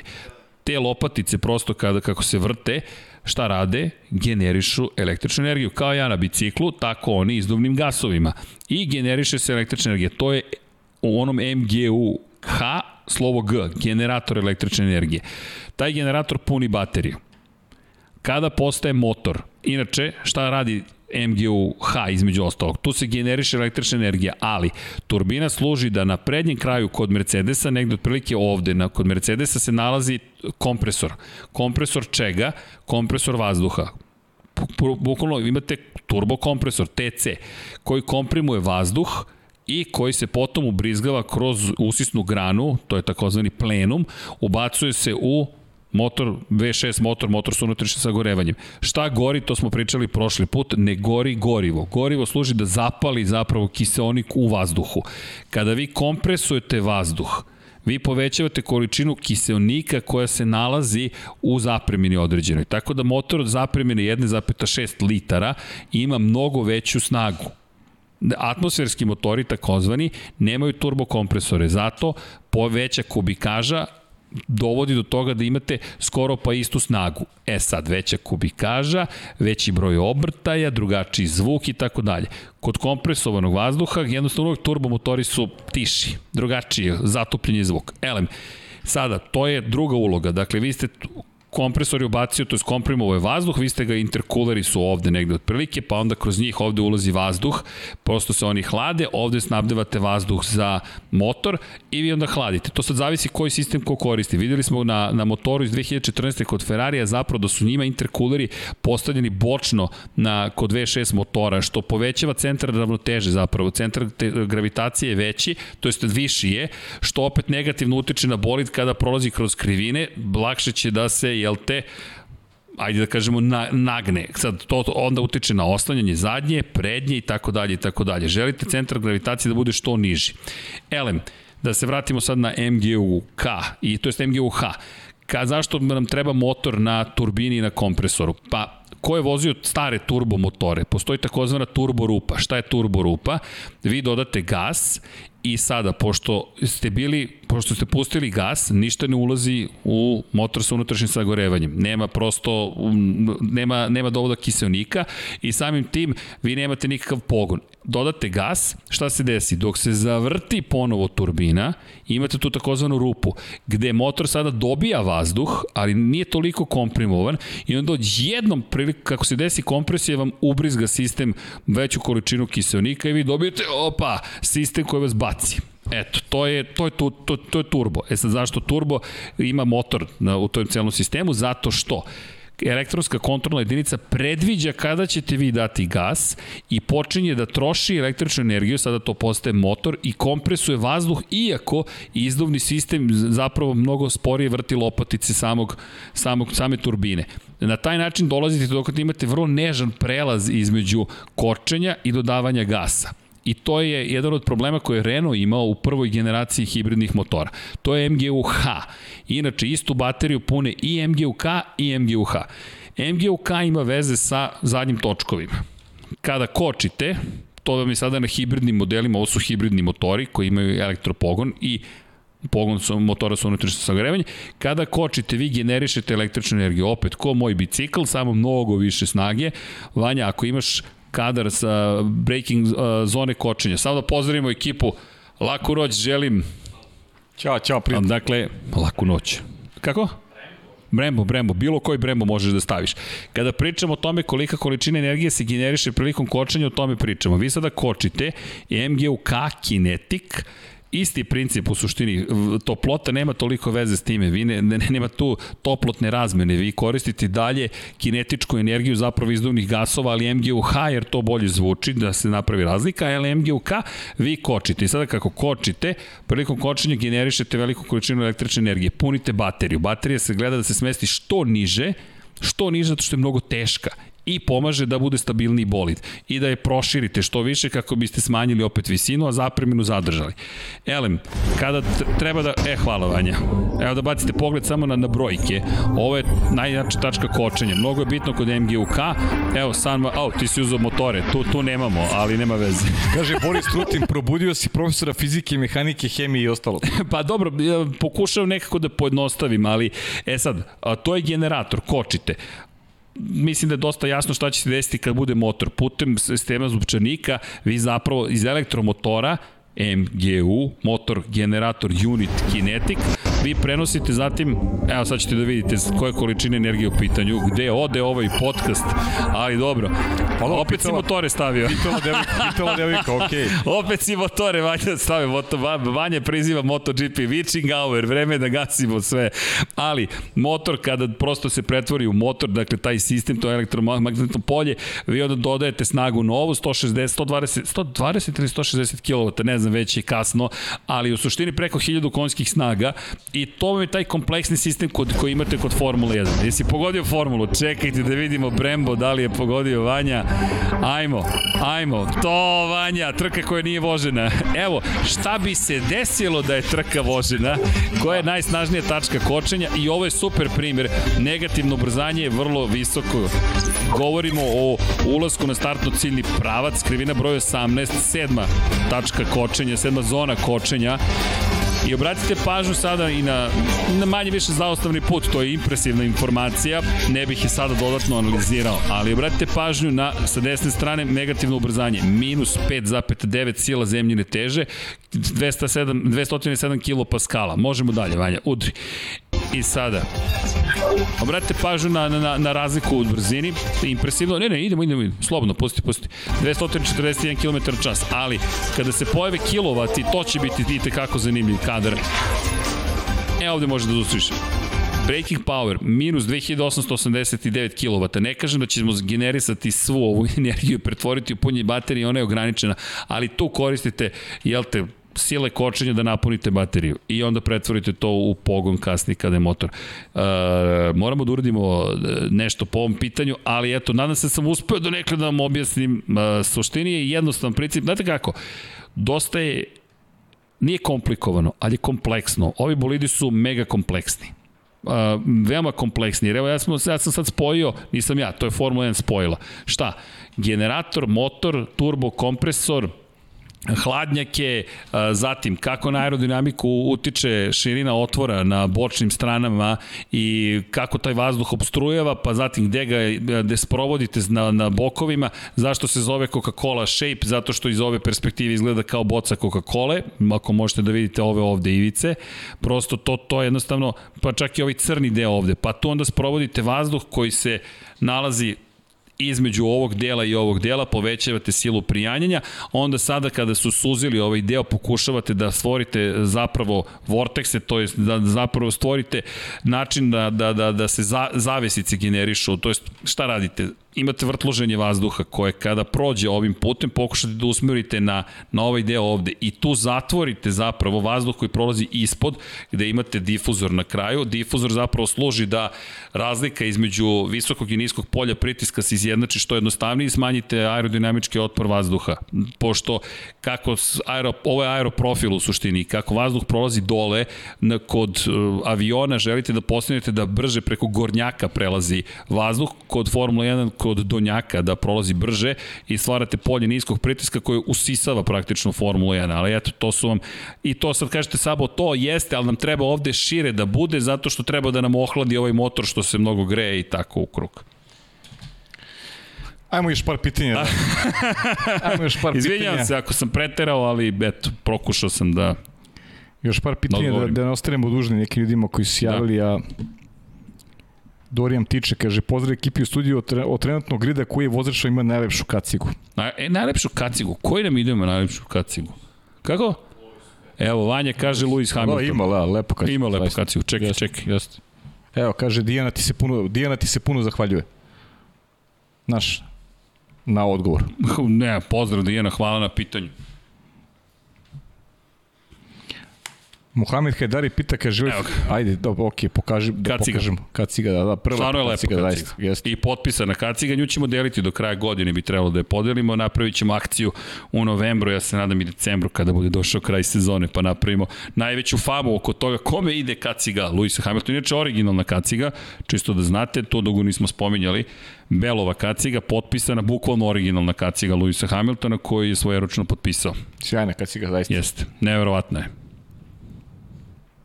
Hvala Vanja. Pita Mohamed Hajdari, kaže, da li je Ferrari u akademiji u problemu jer više nemaju dva dodatne mesta za svoje vozače, nego samo jedno koje trenutno ima Mick Schumacher, jer Alfa se okrenula svojim putem sa Bottasom i nekim vozačem za jednu sezonu, pa onda Teo Puršer, da, Teo Puršer koji se pominje da bi već naredne godine mogao da bude test vozača. Pa mislim to može da deluje kao kao neki problem, ali ne bi ga baš ovaj Ne bi ga baš tako nazvao. Izvini, znaš šta kažu, iza tebe je najlepša kaciga. Samo što nije iz Formula 1. Pa, iz MotoGP. Da, pa ne znam ko je... Tu, tu sam subjektivan, tako da... da ovaj... za Rosijeva kaciga, inače da. iza Paje. Hoćemo još neko pitanje? Evo, pa, mislim, ja sad sam pročitao pitanje Mohameda Hajdarija. Ajde, izvini, dakle, nisam čuo. Pa vezano za vezano za Ferrari u akademiju, da li su u problemu, Aha, da. da li su u problemu, ali pa znate mislim, šta? To je sad pitanje. Da li su u problemu? Više su, više su u problemu neki vozači koji su možda mogli da imaju prohodnost, a ne znam šta, ja prvo ne znamo šta je plan Ferrarija. Znamo da imaju plan da neka, nekako pa- Mika Schumachera integrišu, uh, imaju postavu sa dvojicom talentovnih vozača. E sad, šta je projekat za, za potencijalnu borbu za šampionsku titulu, to je meni vrlo diskutabilno, ali Mislim potom, da potom, ajde da. vidjet ćemo. To je, to je sad pitanje gde oni, kako oni gledaju na svoju budućnost, kad misle da integrišu Mika Šumahera, koji je to moment, ne znam. Bojim se da ovi neki drugi mladi momci iz akademije poput Roberta Švarcmana da neće dočekati šansu Ferrariju, sigurno. Prosto im tajming nije dobar jer Ferrari inače ima mladu postavu. Kalo Majlot? Kalo Majlot pogotovo, ja, ja ne znam, Kalo Majlot je već sada u, u gubitku. Ne znam kada će Kalo Majlot. Vidi, ali ja mislim da tu imamo mnogo dublji problem, mislim da si da se ti dokada kao, št, št, št, ajde, hajde ovako. Kada očekujemo da Ferrari osvoji titulu šampiona sveta? Pa ne, mi to ne znamo. Mislim, e, mi, mi mislim da se svi klade na 2022. da će biti ta sezona u kojoj će postaviti stvari koje će ih dovesti do titule šampiona sveta. Postaviti, je... postaviti stvari za neki budući period. Pazi, to, a već sada smo na godini broj 14 od kada je Kimi Raikkonen osvojio titulu za Ferrari. Mi sada se približavamo periodu koji je bio između Jodija Šektera 1979. i 2000. Mihajla Šumahira. Ajde ne zaboravimo još jednu stvar. Imali smo dvojicu velikih šampiona koji nisu uspeli u projektu Ferrari. Fernando, Fernando Alonso. Alonso, Sebastian Vettel.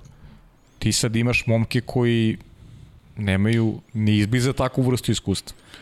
Tako da, zaista je nezahvalno pričati o tome šta će Ferrari raditi u dogledno vreme, pa čak čak eto, možda, možda čak Teo Puršer bude taj koji koji ovaj, dobije taj, taj zalogaj, taj krupan zalogaj očekivanja Ferrarija. Ne znam, mislim, moguće se to dogoditi. Jer to možda bude ulazna opcija preko Alfa Romeo do, do Ferrarija. Možda bude ulazna opcija. Da, ali ja zaista mislim, to je Deki spominjao, pa i ti si spominjao da što se tiče Mika Schumachera, preće se Mercedes, u Mercedesovim nekim timovima otvoriti stvari za dalji napredak, koliko god ta lepa romantična veza sa Ferrarijem postoje, ali problem je, je pre svega u Ferrariju. Pa dobro, ali mislim, Matija Binotto je rekao decidirano da, da oni prate taj razvoj u, u krajnjem slučaju Ferrari stoji iza njega kada je Haas u pitanju, tako da traže mu mesto. Traže mu mesto, ali Ali, ali, mi, ali mi, vidi, prvo, Pajo, mi prvo ne vidimo ali, šta je, šta je strategija Ferrarija za to, ali da li to bi ne ti, vidimo ok, našu ti si. Mick Schumacher i dokažeš da si brz i pokažeš da imaš talent koji može da dovede do ozbiljnih uspeha, da li ti ideš u Ferrari? I ti kažeš, važi, idem u Ferrari ili, ili ti dođe Mercedes koji ne zaboravimo je prvi imao veze sa Mihajlom Schumacherom, početak karijere u Mercedesu ozbiljnije za Schumachera i kraj karijere za Schumachera u Mercedesu, ili kažeš ne, ne, mora da bude Ferrari. E, mislim da Ferrari mora da reši neke druge probleme pre toga. Bukvalno pre nego što reši pitanje akademije, mora da reši pitanje svoje ekipe. I mora da se vrati, kako god zna i ume, na, na, na koliko god su nezadovoljni bili Sebastianom Vettelom na kraju svoje saradnje. Sebastian Vettel se borio za titulu šampiona sveta.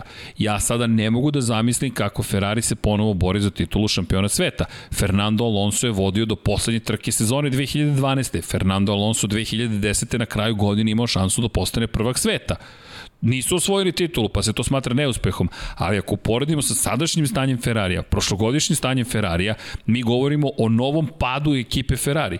I dok to ne reše, da se vrate na prethodno stanje, a ne da se vrate na stanje iz perioda Mihaela Schumachera, Mislim da jednostavno šta god pričali o akademiji, ok, da dođe neko od tih momaka u Ferrari. Pa da, mislim, šta će da postigne? činjenica da akademija trenutno nije važna uopšte. Šta će da akademija, postigne? Akademija je akademiju u drugom planu jer ne vidi se strategija. Tako je. Kad imaš strategiju, onda, onda akademija ti u Red Bullu vidiš strategiju, a ovde ne vidiš strategiju. Znaš, ko je od tih momaka iz akademije profitirao s izuzetkom Charles Leclerca? Mislim, to je jedini vozač iz akademije koji je dobio šansu u Ferrariju posle, ne znam, 20 godina. Znaš, ti nemaš vozača iz akademije. A pritom, šta ćemo da radimo sa Đovinacijem? Po, pošto je on neko ko polaže nade da li će biti test vozač naredne godine Ferrari. Italijanski još vozač. Pritom italijanski vozač prepostavljam da će biti test vozač naredne godine Ferrari. Ali vidi, vreme prolazi. Vreme prolazi i to je ono što je problem. Umeđu vremenu ti stasava jedan Russell, stasava ti jedan Norris, stasava ti jedan Verstappen, stasava, ti jedan, jedan A ne, ali, ali oni nemaju... tim ljudi Srđane, koji oni, je oni nemaju opciju, oni nemaju drugu opciju osim Leclerca. Ja mislim ja, ja da ne moraju da vidim- se ja klade ne na vidim njega. drugu opciju. Moraju da se klade na njega. Kada pričamo o nekoj budućnosti Ferrari, ne vidim drugu opciju osim Znaš šta je možda strategija? Kladimo se na Leclera, ali imamo Sainca koji može da bude neko ko ukoliko ne uspe, Lecler će pokupiti sve što nismo uspeli Pa, da, znaš da kako, osvojimo sa trenutno ja sam sumnjao, ali trenutno deluju kao, kao korektan tandem. Se kao drže. korektan tandem i ne vidim šta bi tu Ferrari, kad bi mogao da menja nešto. Ima jedno zanimljivo prosti pitanje, e, da li će se Cosworth vratiti u Formulu 1?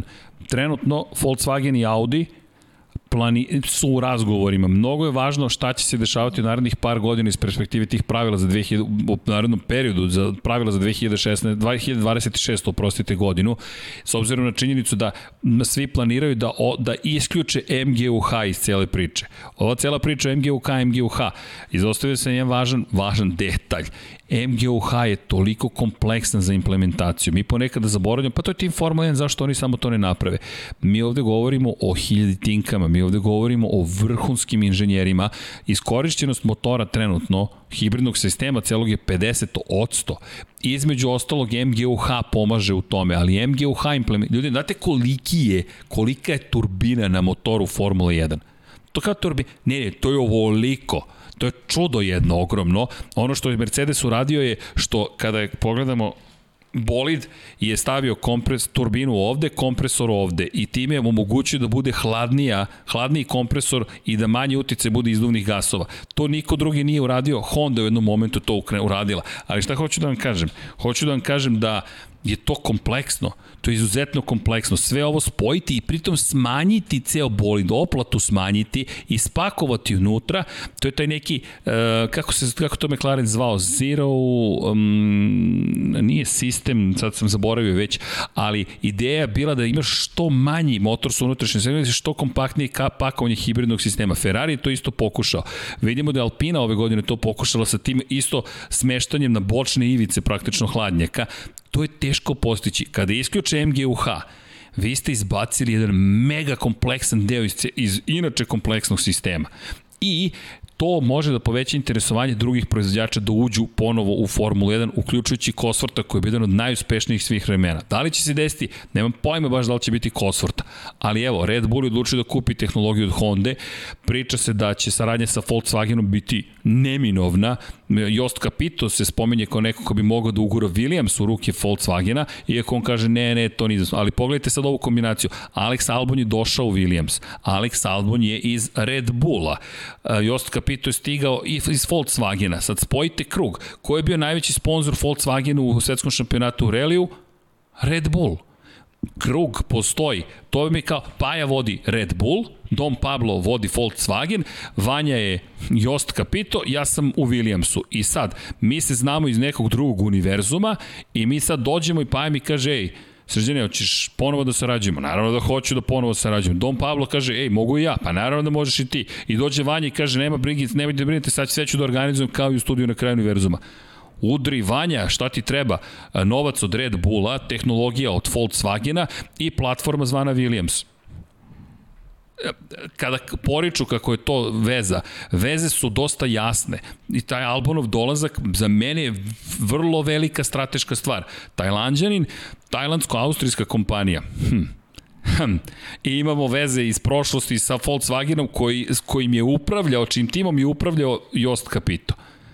Nacrtano je, nacrtano je ovako koje su konekcije, ali čekamo da vidimo. I Audi koji ima neku svoju sada priču, ja ne zaboravimo, Ko zna Porsche šta će da se desi? Ima jedan čovek, zove se Andreas Zajdl koji vodi McLaren koji je vodio Porsche do uspeha u svetskom šampionatu izdržljivosti. Čisto da ne zaboravimo taj moment. Čekaj, Emanuel Cetin da mi se naljuti ovaj, da. pošto mi je nekoliko puta insistirao da posebno za tebe pitanje, ali ajde da budemo, da budemo kratki. Ko bi bio favorit u Kataru kad bi se vozila Formula 1, a kada u, Ferrari, kada u Formula 1 nemamo Ducati?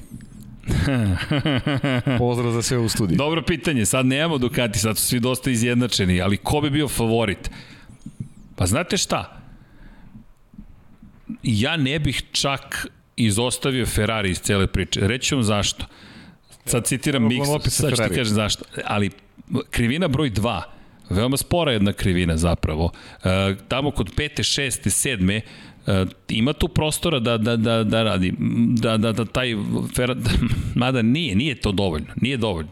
Nema šta, vraćamo se na Red Bull i, i pa, Mercedes. Red Bull, ljudi, Red Bull ima najveće šanse. Ja isto mislim. Na, Red Bull, ako da. spomenem ponovo Red Bull, da će Vanja da ostane buden.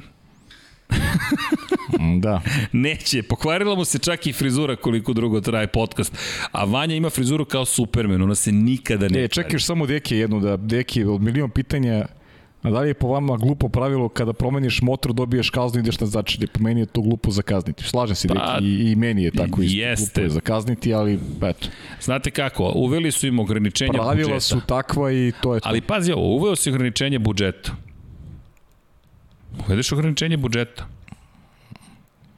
samim tim ko može da proizvede više za manje para, ali tu opet postoji način za zloupotrebe. Ljudi, to je to, mislim, ajde, ne, da se ne Ljudi, ljutite, da se ne ljutite. Da se ne ovaj, ljutite, malo smo se tako ispričali. Nedelju, da... I Dekija, mora Deki da nam se vrati. Deki će se vratiti, da. Vra, Hoće se vratiti. Lesi se vraća. će se vratiti, to će naći put sa planine. A nije, pro, još, još nešto sam ja provalio večeras. Igra da. Liverpool danas. A, rešio je najzad. rešio je najzad da rešio da isprati svoj omiljeni tim. kompjuter nego, naš, da, ono, da ovaj laptop u stvari nego da gleda kući kod čovjek. To Dobro, to. to je pošteno. Pa pošteno, da. Da, pa jo, hvala ti. Na čemu? Što si stigao? Pa stigao sam, naravno. da, e, udrite Nisam like. preko sveta. Ljudi, izmenite za ovo. E, udrite like. Već je prošlo ponoć. I ne propustite da ovaj, sledećeg utorka budete s nama. Malo ćemo da se onako družimo, da najavljujemo lepo malo opuštenoj varijanti. Veliku nagradu Turske. Veliku nagradu Turske. I Vozit ćemo malo je. da se igrate vas dvojice, ja ću da Jest. komentarišem da se pripremam za veliku nagradu Turske i to je to. Ima, ima o čemu da se razmišlja. Nadam ima, se da. da, da ste dobro. Inače, ovo je mesec prevencije samoubistva, Samoubistava, to je ozbiljna tema.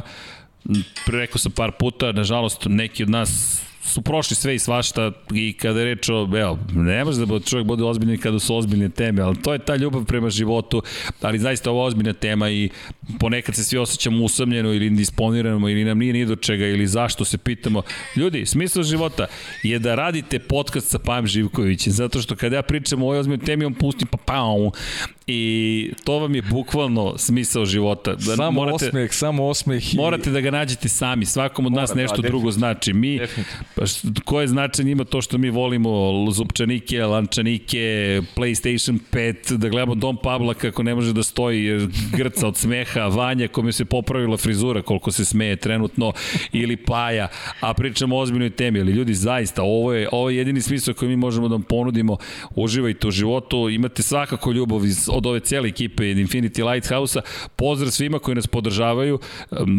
Ne da nam znači, evo neću se stiditi, ljudi, bez vas neće biti ni nas, u svakom smislu te reči, što kroz to što ste uz nas, dajete nam ideje, predlogi, kritikujete nas, hvalite, lajkujete, subscribe-ujete, podržavate kroz Patreon, to su sve stvari koje nama daju ono čuveno gorivo, nismo baš u zvezdanim stazama, ali nismo ni daleko od toga. I što kaže Toma, nikad dovoljno para u automotosportu, sve ćemo da ih potrošimo na studio, nemojte ništa da brinete, tako da svaka podrška je dobrodošla. Patreon.com kroz Infinity Lighthouse, kupite Dekijevu knjigu, nećete zažaliti. Naprotiv, obradovaćete se. 776 dinara, infinitylighthouse.com kroz shop, imate i super majice, Vanja, daj majicu, pa daj da se zabavimo. I kažem, spajamo neke teške teme, ali zaista kažem, sva, evo, majica.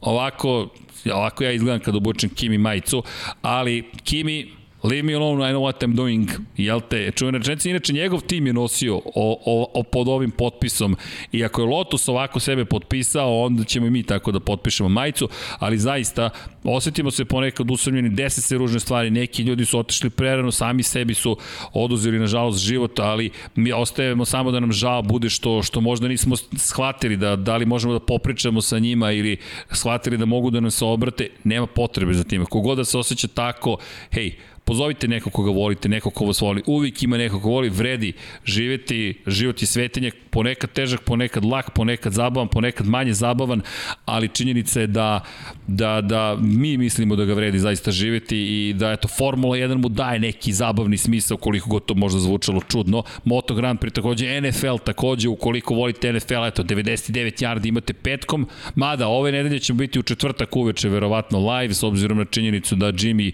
ode, čovek bio u Africi, sad je Jimmy Evropa, ali pored toga mazite se i pazite se, vozite računa jedno drugima, vodite računa jedno drugima, zaista je to lepo. Prosto ljubav je najlepša stvar na svetu. Evo, čak i Paja presto da pušta čudne poruke kada pričamo o ljubavi, pošto je on najromantičniji zapravo u studiju. Mislim da ste kaš. to već shvatili. Ja. Da. I kažem vam, uživajte, budite stari dobro. Stari emotivac. Ti jesi stari emotivac, ali ja sam taj ekstroverta koji će da priča ime svih nas i da, da da bude balans potpuni, pošto je 20 minuta traje uvod, 20 minuta treba da traje i Ne, greš. Ovaj moment. Šalim greš. se, naravno. Ljudi, nadam se da ste uživali. Mi svakako ja smo mi uvek uživamo u svemu što se događa u studiju na kraju univerzuma. Vodite računa jedne drugima, pošaljite 917 na 30 30, Human 917 na 455 ukoliko ste u Švajcarsku, ukoliko niste, uradite nešto lepo, šta god, ne znam. Platite onu čuveru kafu nekome u napred ko dođe, ko možda nema dovoljno sreće u životu da priušti kafu, bilo šta, neka sitnica, ali u svakom slučaju činite planetu lepšom. Nadam se da smo mi učinili i prethodni dan i ovaj današnji dan koji je uveliko počeo lepšim. Pa jo, Srki. Ćemo još jednom. Bum. Za Dekija Potkonjaka, veliki pozdrav. Deki, lepo spavaj. Lepo spavaj, lepo spavaj ti, lakav noći. Ćao svima. Ćao svima ljudi.